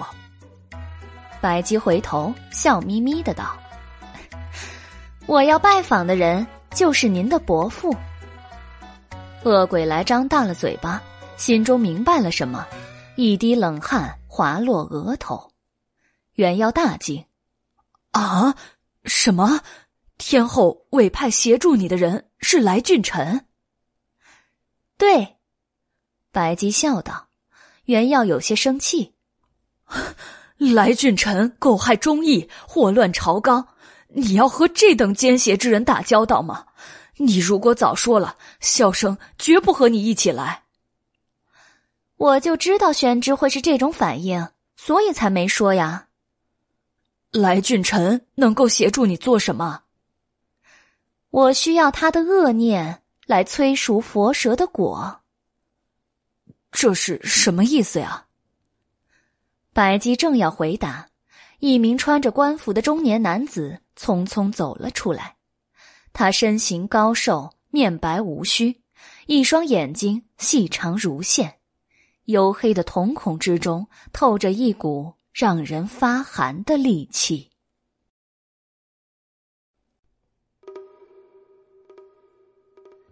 来俊臣看见白姬、袁耀，急走几步，说道：“不知道两位天使如何称呼啊？”袁耀不屑于回答。白姬笑道：“我叫白姬，他是宣之。请白姬、宣之兄进去用茶，再仔细详谈。”来俊臣讪笑道：“他看了一眼在旁边呆若木鸡的恶鬼来，不明白侄儿怎么会和天后的使者在一起。”恶鬼来冷汗如雨，说不出话来。白姬笑道。来公子是来找大人做休书证人的，他打算把我夫君丢进阎王殿，用酷刑问成谋逆之罪，逼我改嫁给他。来俊臣一愣，接着抬手一个耳光扇向恶鬼来，骂道：“你这个畜生！”恶鬼来被打得一个踉跄，险些站立不稳。来俊臣呵斥道。还不快给天使赔礼道歉！恶鬼来捂着红肿的腮帮子，正要给白姬、原药赔礼，白姬却咧齿一笑，道：“赔礼道歉，如果有用的话，那阎王殿里的酷刑就形同虚设了。”恶鬼来闻言，睁大眼睛，双腿站立：“啊，不不不，我错了。”不要把我送进阎王殿里。来俊臣也道：“舍侄年纪小，只是一时糊涂，请天使网开一面，饶了他这一次，老夫必有重礼厚谢呀。”白姬笑道：“糊涂不能作为无罪的借口，用上酷刑，他就不糊涂了。”来大人在阎王殿里明察秋毫，一丝不苟，在来公子这件事上，怎么就糊涂了？来大人，你忘了天后对你说了什么吗？来俊臣向着大明宫的方向垂首。天后有命，天使说什么，老夫就做什么，不可违逆半句。很好。我说：“把您侄儿丢进阎王殿，他的眼神让我讨厌，先弯掉眼睛；他的话语让我讨厌，在剁烂他的舌头。他说要让宣之尝遍所有的酷刑，我就要让他尝遍所有的酷刑。我很慈悲，不忍心伤他性命，用刑的时候让狱卒注意一些，千万别让他死了。”恶鬼来大哭道：“伯父，千万不要啊！侄儿去了阎王殿，就生不如死了。”来俊臣没有子嗣，对着唯一的一个侄儿，一向像儿子一般骄纵疼爱，他有些犹豫了。白姬说道：“来大人曾说，为了效忠天后，虽至亲亦忍绝，纵为恶。”亦不让，现在就是你对天后表示忠心的时候了。来俊臣对武后的忠心胜过一切，他吩咐侍卫道：“来人，把这个不成才的东西丢进天牢，上重刑。”恶鬼来脸色煞白，跪在地上大哭求情，但来俊臣不为所动，白姬也只是笑眯眯的望着他。恶鬼来灵机一动，抓着小书生的袍子。一把鼻涕一把泪的磕头，求饶道：“叔台，我知道错了，请你饶了我吧。”袁耀有些不忍心了，恶鬼来作恶多端，不学无术，给他一些惩罚是应该的，但丢进阎王殿用重刑，确实太残忍了。袁耀正想开口替恶鬼来求情，白姬却已经笑道。宣之不必多言，我自有理会。袁耀也就不开口了。恶鬼来哀嚎着被侍卫们拖走了。来俊臣将白姬、袁耀迎入来府，奉上好茶。他笑着问道：“老夫一不会降妖，二不会除魔，没有什么才能，不知道能做什么。”白姬掩唇鬼笑：“来大人谦虚了，你的才能是做坏人。放眼东都西京，没有比你更坏的人了。”来俊臣居然不生气，反而细眸一亮，笑了：“ 承蒙天使夸赞，但不知老夫这个坏人能做什么？我要让双头蛇。”撕裂你，生啖你，以你的恶意为食。为了天后，你愿意忍受这份痛苦吗？来俊臣一愣，呆在了原地。白姬又道：“如果你不愿意忍受这份痛苦，可以让你的侄儿代替你四蛇，他的身上也有恶意。”来俊臣的细眸中发出狂热的光芒，他咧嘴一笑。为了天后，老夫愿意四舍；为了天后，任何痛苦，老夫都愿意承受。袁耀不寒而栗，他觉得来俊臣对武后的忠诚仿如飞蛾扑火，近乎癫狂。袁耀忍不住说：“让双头蛇怪撕裂生蛋，会死的。”来俊臣并不在乎生死，只要是天后的命令，来俊臣死而无憾。白姬咧嘴一笑：“天后并不希望来大人死，让我务必留你一命。来大人，我不会让你死的。”来俊臣虔诚的向大明宫的方向垂首：“天后仁慈，来俊臣。”敏感于心，袁耀忍不住问道：“白姬，被双头蛇生蛋，怎么可能不死啊？”白姬没有回答袁耀的疑问，只是笑而不语。白姬问来俊臣道：“来大人，我让你找的卷宗，你找到了吗？”“找到了。”来俊臣吩咐侍卫呈上一堆卷轴，亲自捧给白姬。这只是存入库的相关资料，还有一部分地方资料尚未收录入库。百姬随手拿起一个卷轴翻了翻，嘴角勾起一抹鬼笑。来俊臣站在大厅之中，他的周围汇聚了很多魑魅魍魉，四周的空气非常的浑浊。来俊臣和侍卫们都看不见，袁耀却看得很清楚。他看着那些蠕动的鬼魅，心中发悚。白姬也不喜欢这浑浊的空气，不由笑道：“来大人，你先退下吧，我和宣之在这看看卷宗。”是，天使如有吩咐，请直接传唤，老夫立刻就来。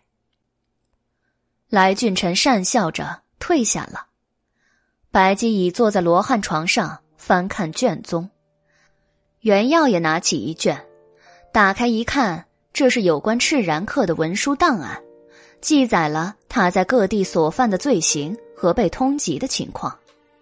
袁耀微微吃惊，细细翻看起来。赤然客身上血债累累，在各地都做下了不少的案子。这些卷宗的时间跨度有三十多年。前十年，赤然客所杀之人都是犯下大恶的奸邪之辈，而后来渐渐的，一些罪不至死的人也成了赤然客的猎物，甚至于一些无辜的人也成了牺牲。捧着这些用鲜血和人命写出的卷宗，袁耀心情十分复杂。白季，赤然客为什么要杀这么多人啊？为了他心中的侠义，行侠仗义不是为了救人吗？为什么会有这么多人死去？杀生为护生，为了护生也一定要杀生。简单来说，这就是侠义。不管怎么样，小生觉得杀人不是一件好事，即使是坏人，他死了之后。他的亲人和朋友也一定会伤心的。对，判决生死不是人类能够去做的事儿。无论出于什么目的，无论出发点有多么神圣，杀人都会让心迷失，堕入魔道，万劫不复。对了，拜祭，任大哥和赤然客是一个人吗？白姬点头。任大哥堕入魔道了吗？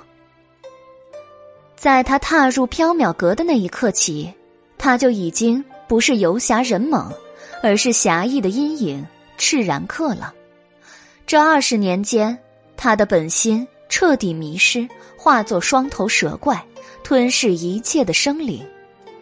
他本想除恶，可自己却成了最大的恶。袁耀心中十分的震惊、难过。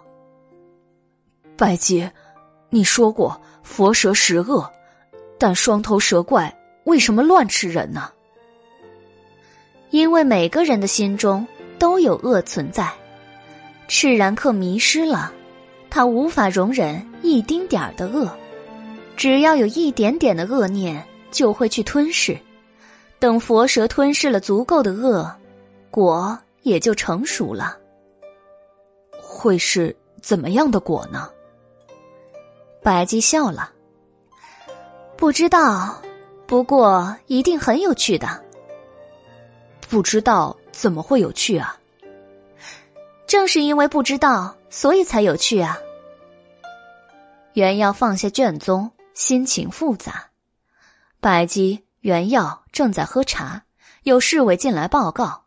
说恶鬼来在大牢中熬不住酷刑，眼看要死了。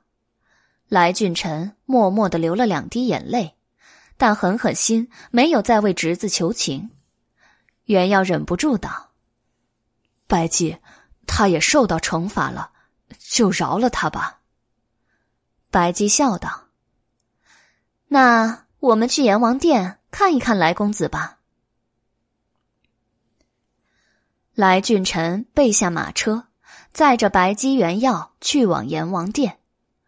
不多时，白姬、原耀、来俊臣来到了御史台天牢。天牢外的旷地上竖着十几根木桩，木桩上绑着鲜血淋漓的犯人。他们睁着死鱼般空洞的眼睛，安静的望着天空。相对的，天牢中却传来凄厉。而绝望的哀嚎和哭喊，袁耀心中十分不舒服。白姬道：“进去看看来公子吧。”来俊臣垂首：“是。”来俊臣带着白姬、袁耀走进天牢。虽然是白天，但阳光却照不进天牢。天牢的甬道中潮湿而阴暗，空气中弥散着血腥味。甬道两边是一间又一间的囚室，里面关押着正在受刑的人。囚徒们痛苦的哀嚎着，求饶着，森寒的刑具映照着他们恐惧的脸。有的人被枷锁套着，不停的在原地转圈一旦停下来，骨骼就会错位。有的人正在被狱卒审讯，狱卒们一刀割下他们的耳朵、嘴唇，让人头皮发麻。袁耀心中十分难受，不能再往里走了。所幸这时也到了关押恶鬼来的囚室。囚室之中，恶鬼来奄奄一息的趴在地上，绿色衣服被鲜血染成了斑斑红褐色，他的头发散乱如草。恶鬼来的脸上血肉模糊，他的眼睛被剜掉，舌头也被割烂了，嘴中鲜血长流。他气息奄奄的趴着，痛苦的浑身抽搐，低声呻吟。他的身边群集了很多魑魅魍魉，分食着他的恶意和恐惧。狱卒打开牢门，白姬、袁耀、来俊臣走进去。恶鬼来听见声响，十分的害怕，他勉强挣扎着往后爬，喉咙里发出呜呜的声音。来俊臣看着侄子的惨状，流下了两滴眼泪。袁耀心情复杂，觉得恶鬼来有些可怜。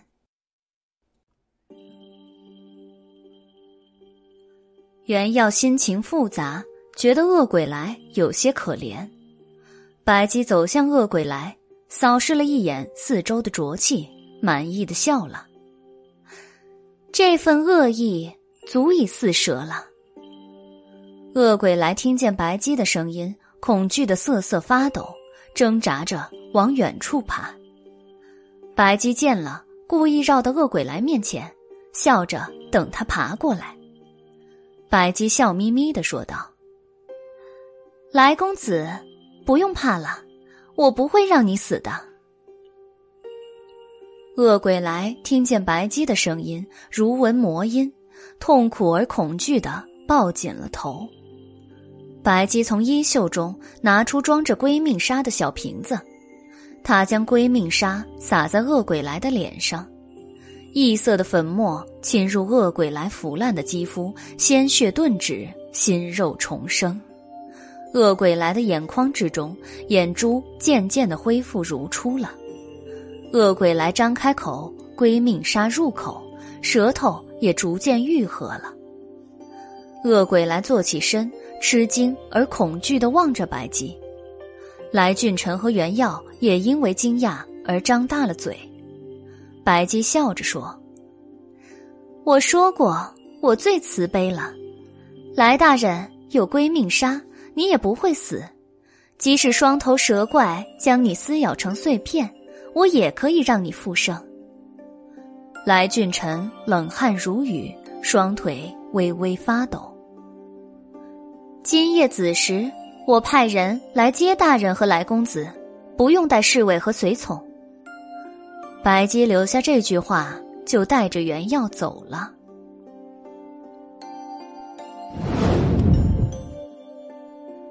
月上柳梢，夏虫微鸣。白姬用纸剪了两辆马车，他吹了一口气，两辆马车变成了真车。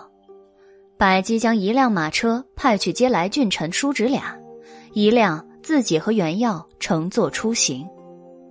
月圆如镜，去尽无人的大街上，没有马夫的车笔直的行走着，偶尔转一个弯去往目的地。白姬、原耀坐在马车之中，原耀十分紧张，还有一丝恐惧。白姬摆弄着黑色佛塔，不知道在想什么。小书生不安的问道：“白姬，我们要去哪儿啊？”“我们去佛隐寺。”马车踏着月光驶向长安坊，在经过长寿坊的时候，从延福方和崇贤方之间的街上，突然缓缓行出一道黑影。那黑影尚未出来，但从地上投下的影子来看，是一条巨大的蛇形动物。袁耀吓了一跳，惊呼道：“白白姬，双头蛇怪出现了！”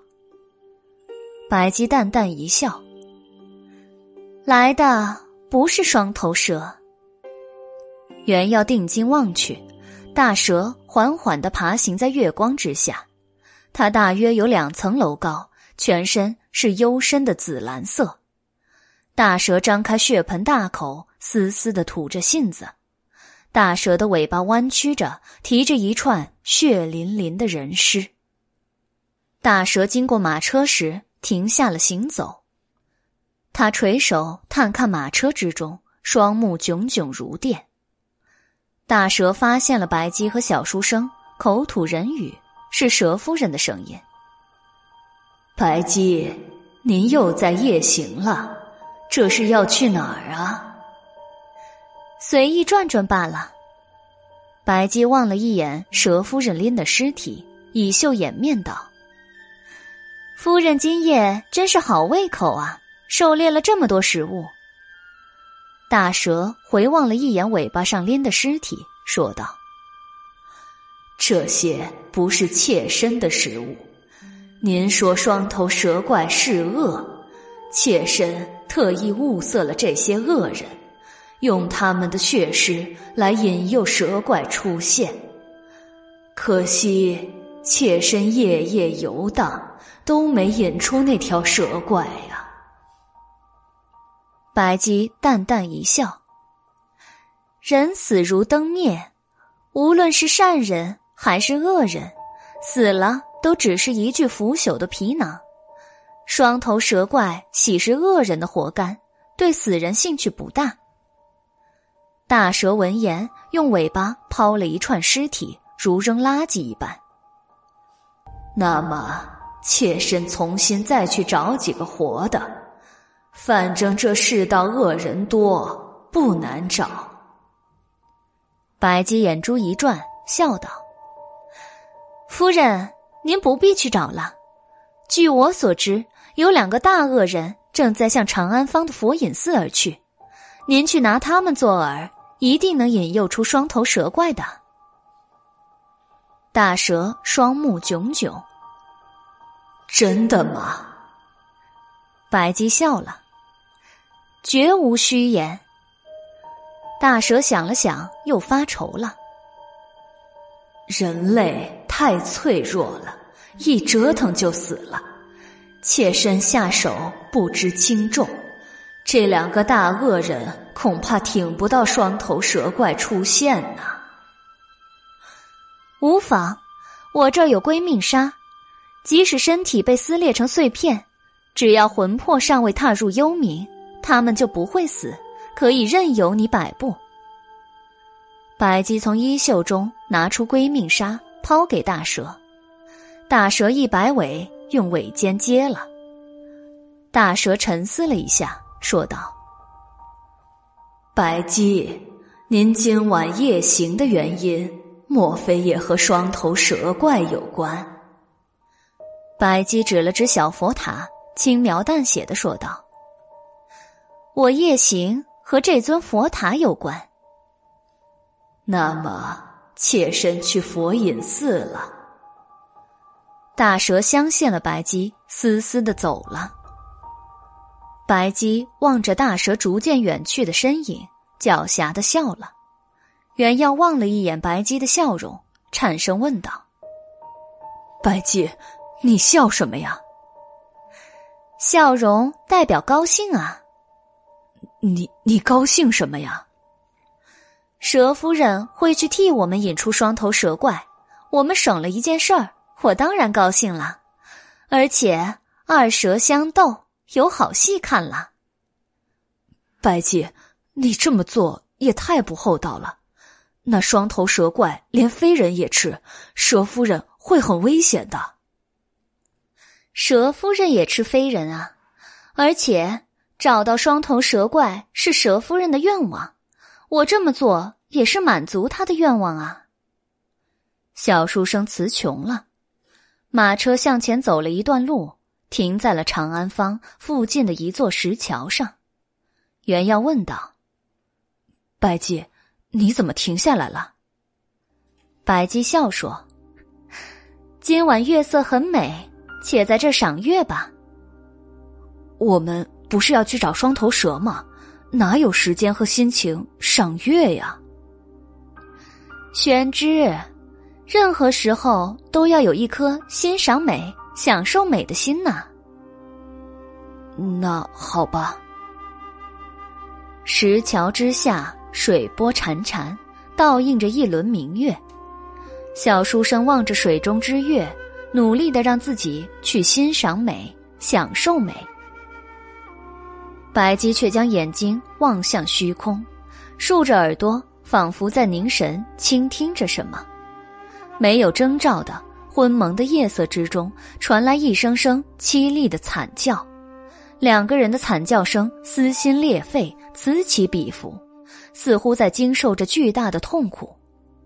袁耀一惊：“白姬，刚才是不是有谁在惨叫啊？”白姬不以为意。那是夜莺的歌声。不对，那就是惨叫。小书生紧张的说道。白姬笑了。玄之听错了，那就是夜莺的歌声啊。原要忍耐心中的惊恐，竖着耳朵仔细听去。夜风之中，一声声凄厉的哀嚎声和求救声越来越明显。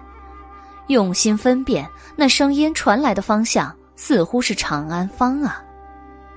袁耀的脸色黑了，说道：“白姬，没有夜莺唱歌会发出救命啊，实在受不了啊这样的声音吧。”白姬眼珠一转，笑了：“也许这是夜莺们在唱新的曲子呢。”你别胡说了，一定是有人在求救。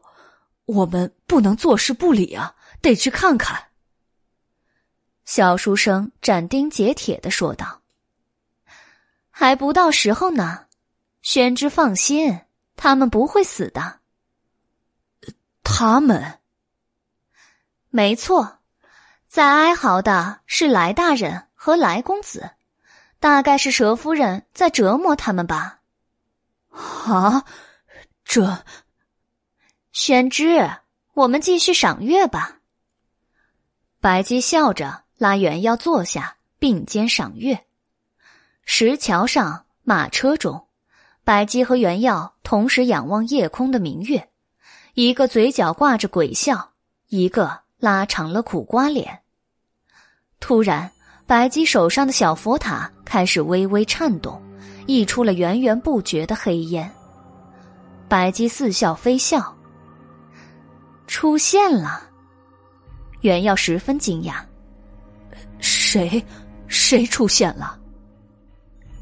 白姬转头望向长安方，笑而不语。袁耀也转头望向长安方，不知道是不是错觉，长安方的黑暗比别处更加浓厚，黑暗仿佛凝结成了固体，让人产生喘不过气的压抑之感。黑暗的长安坊中，似乎有什么可怕的东西苏醒过来，蠢蠢欲动。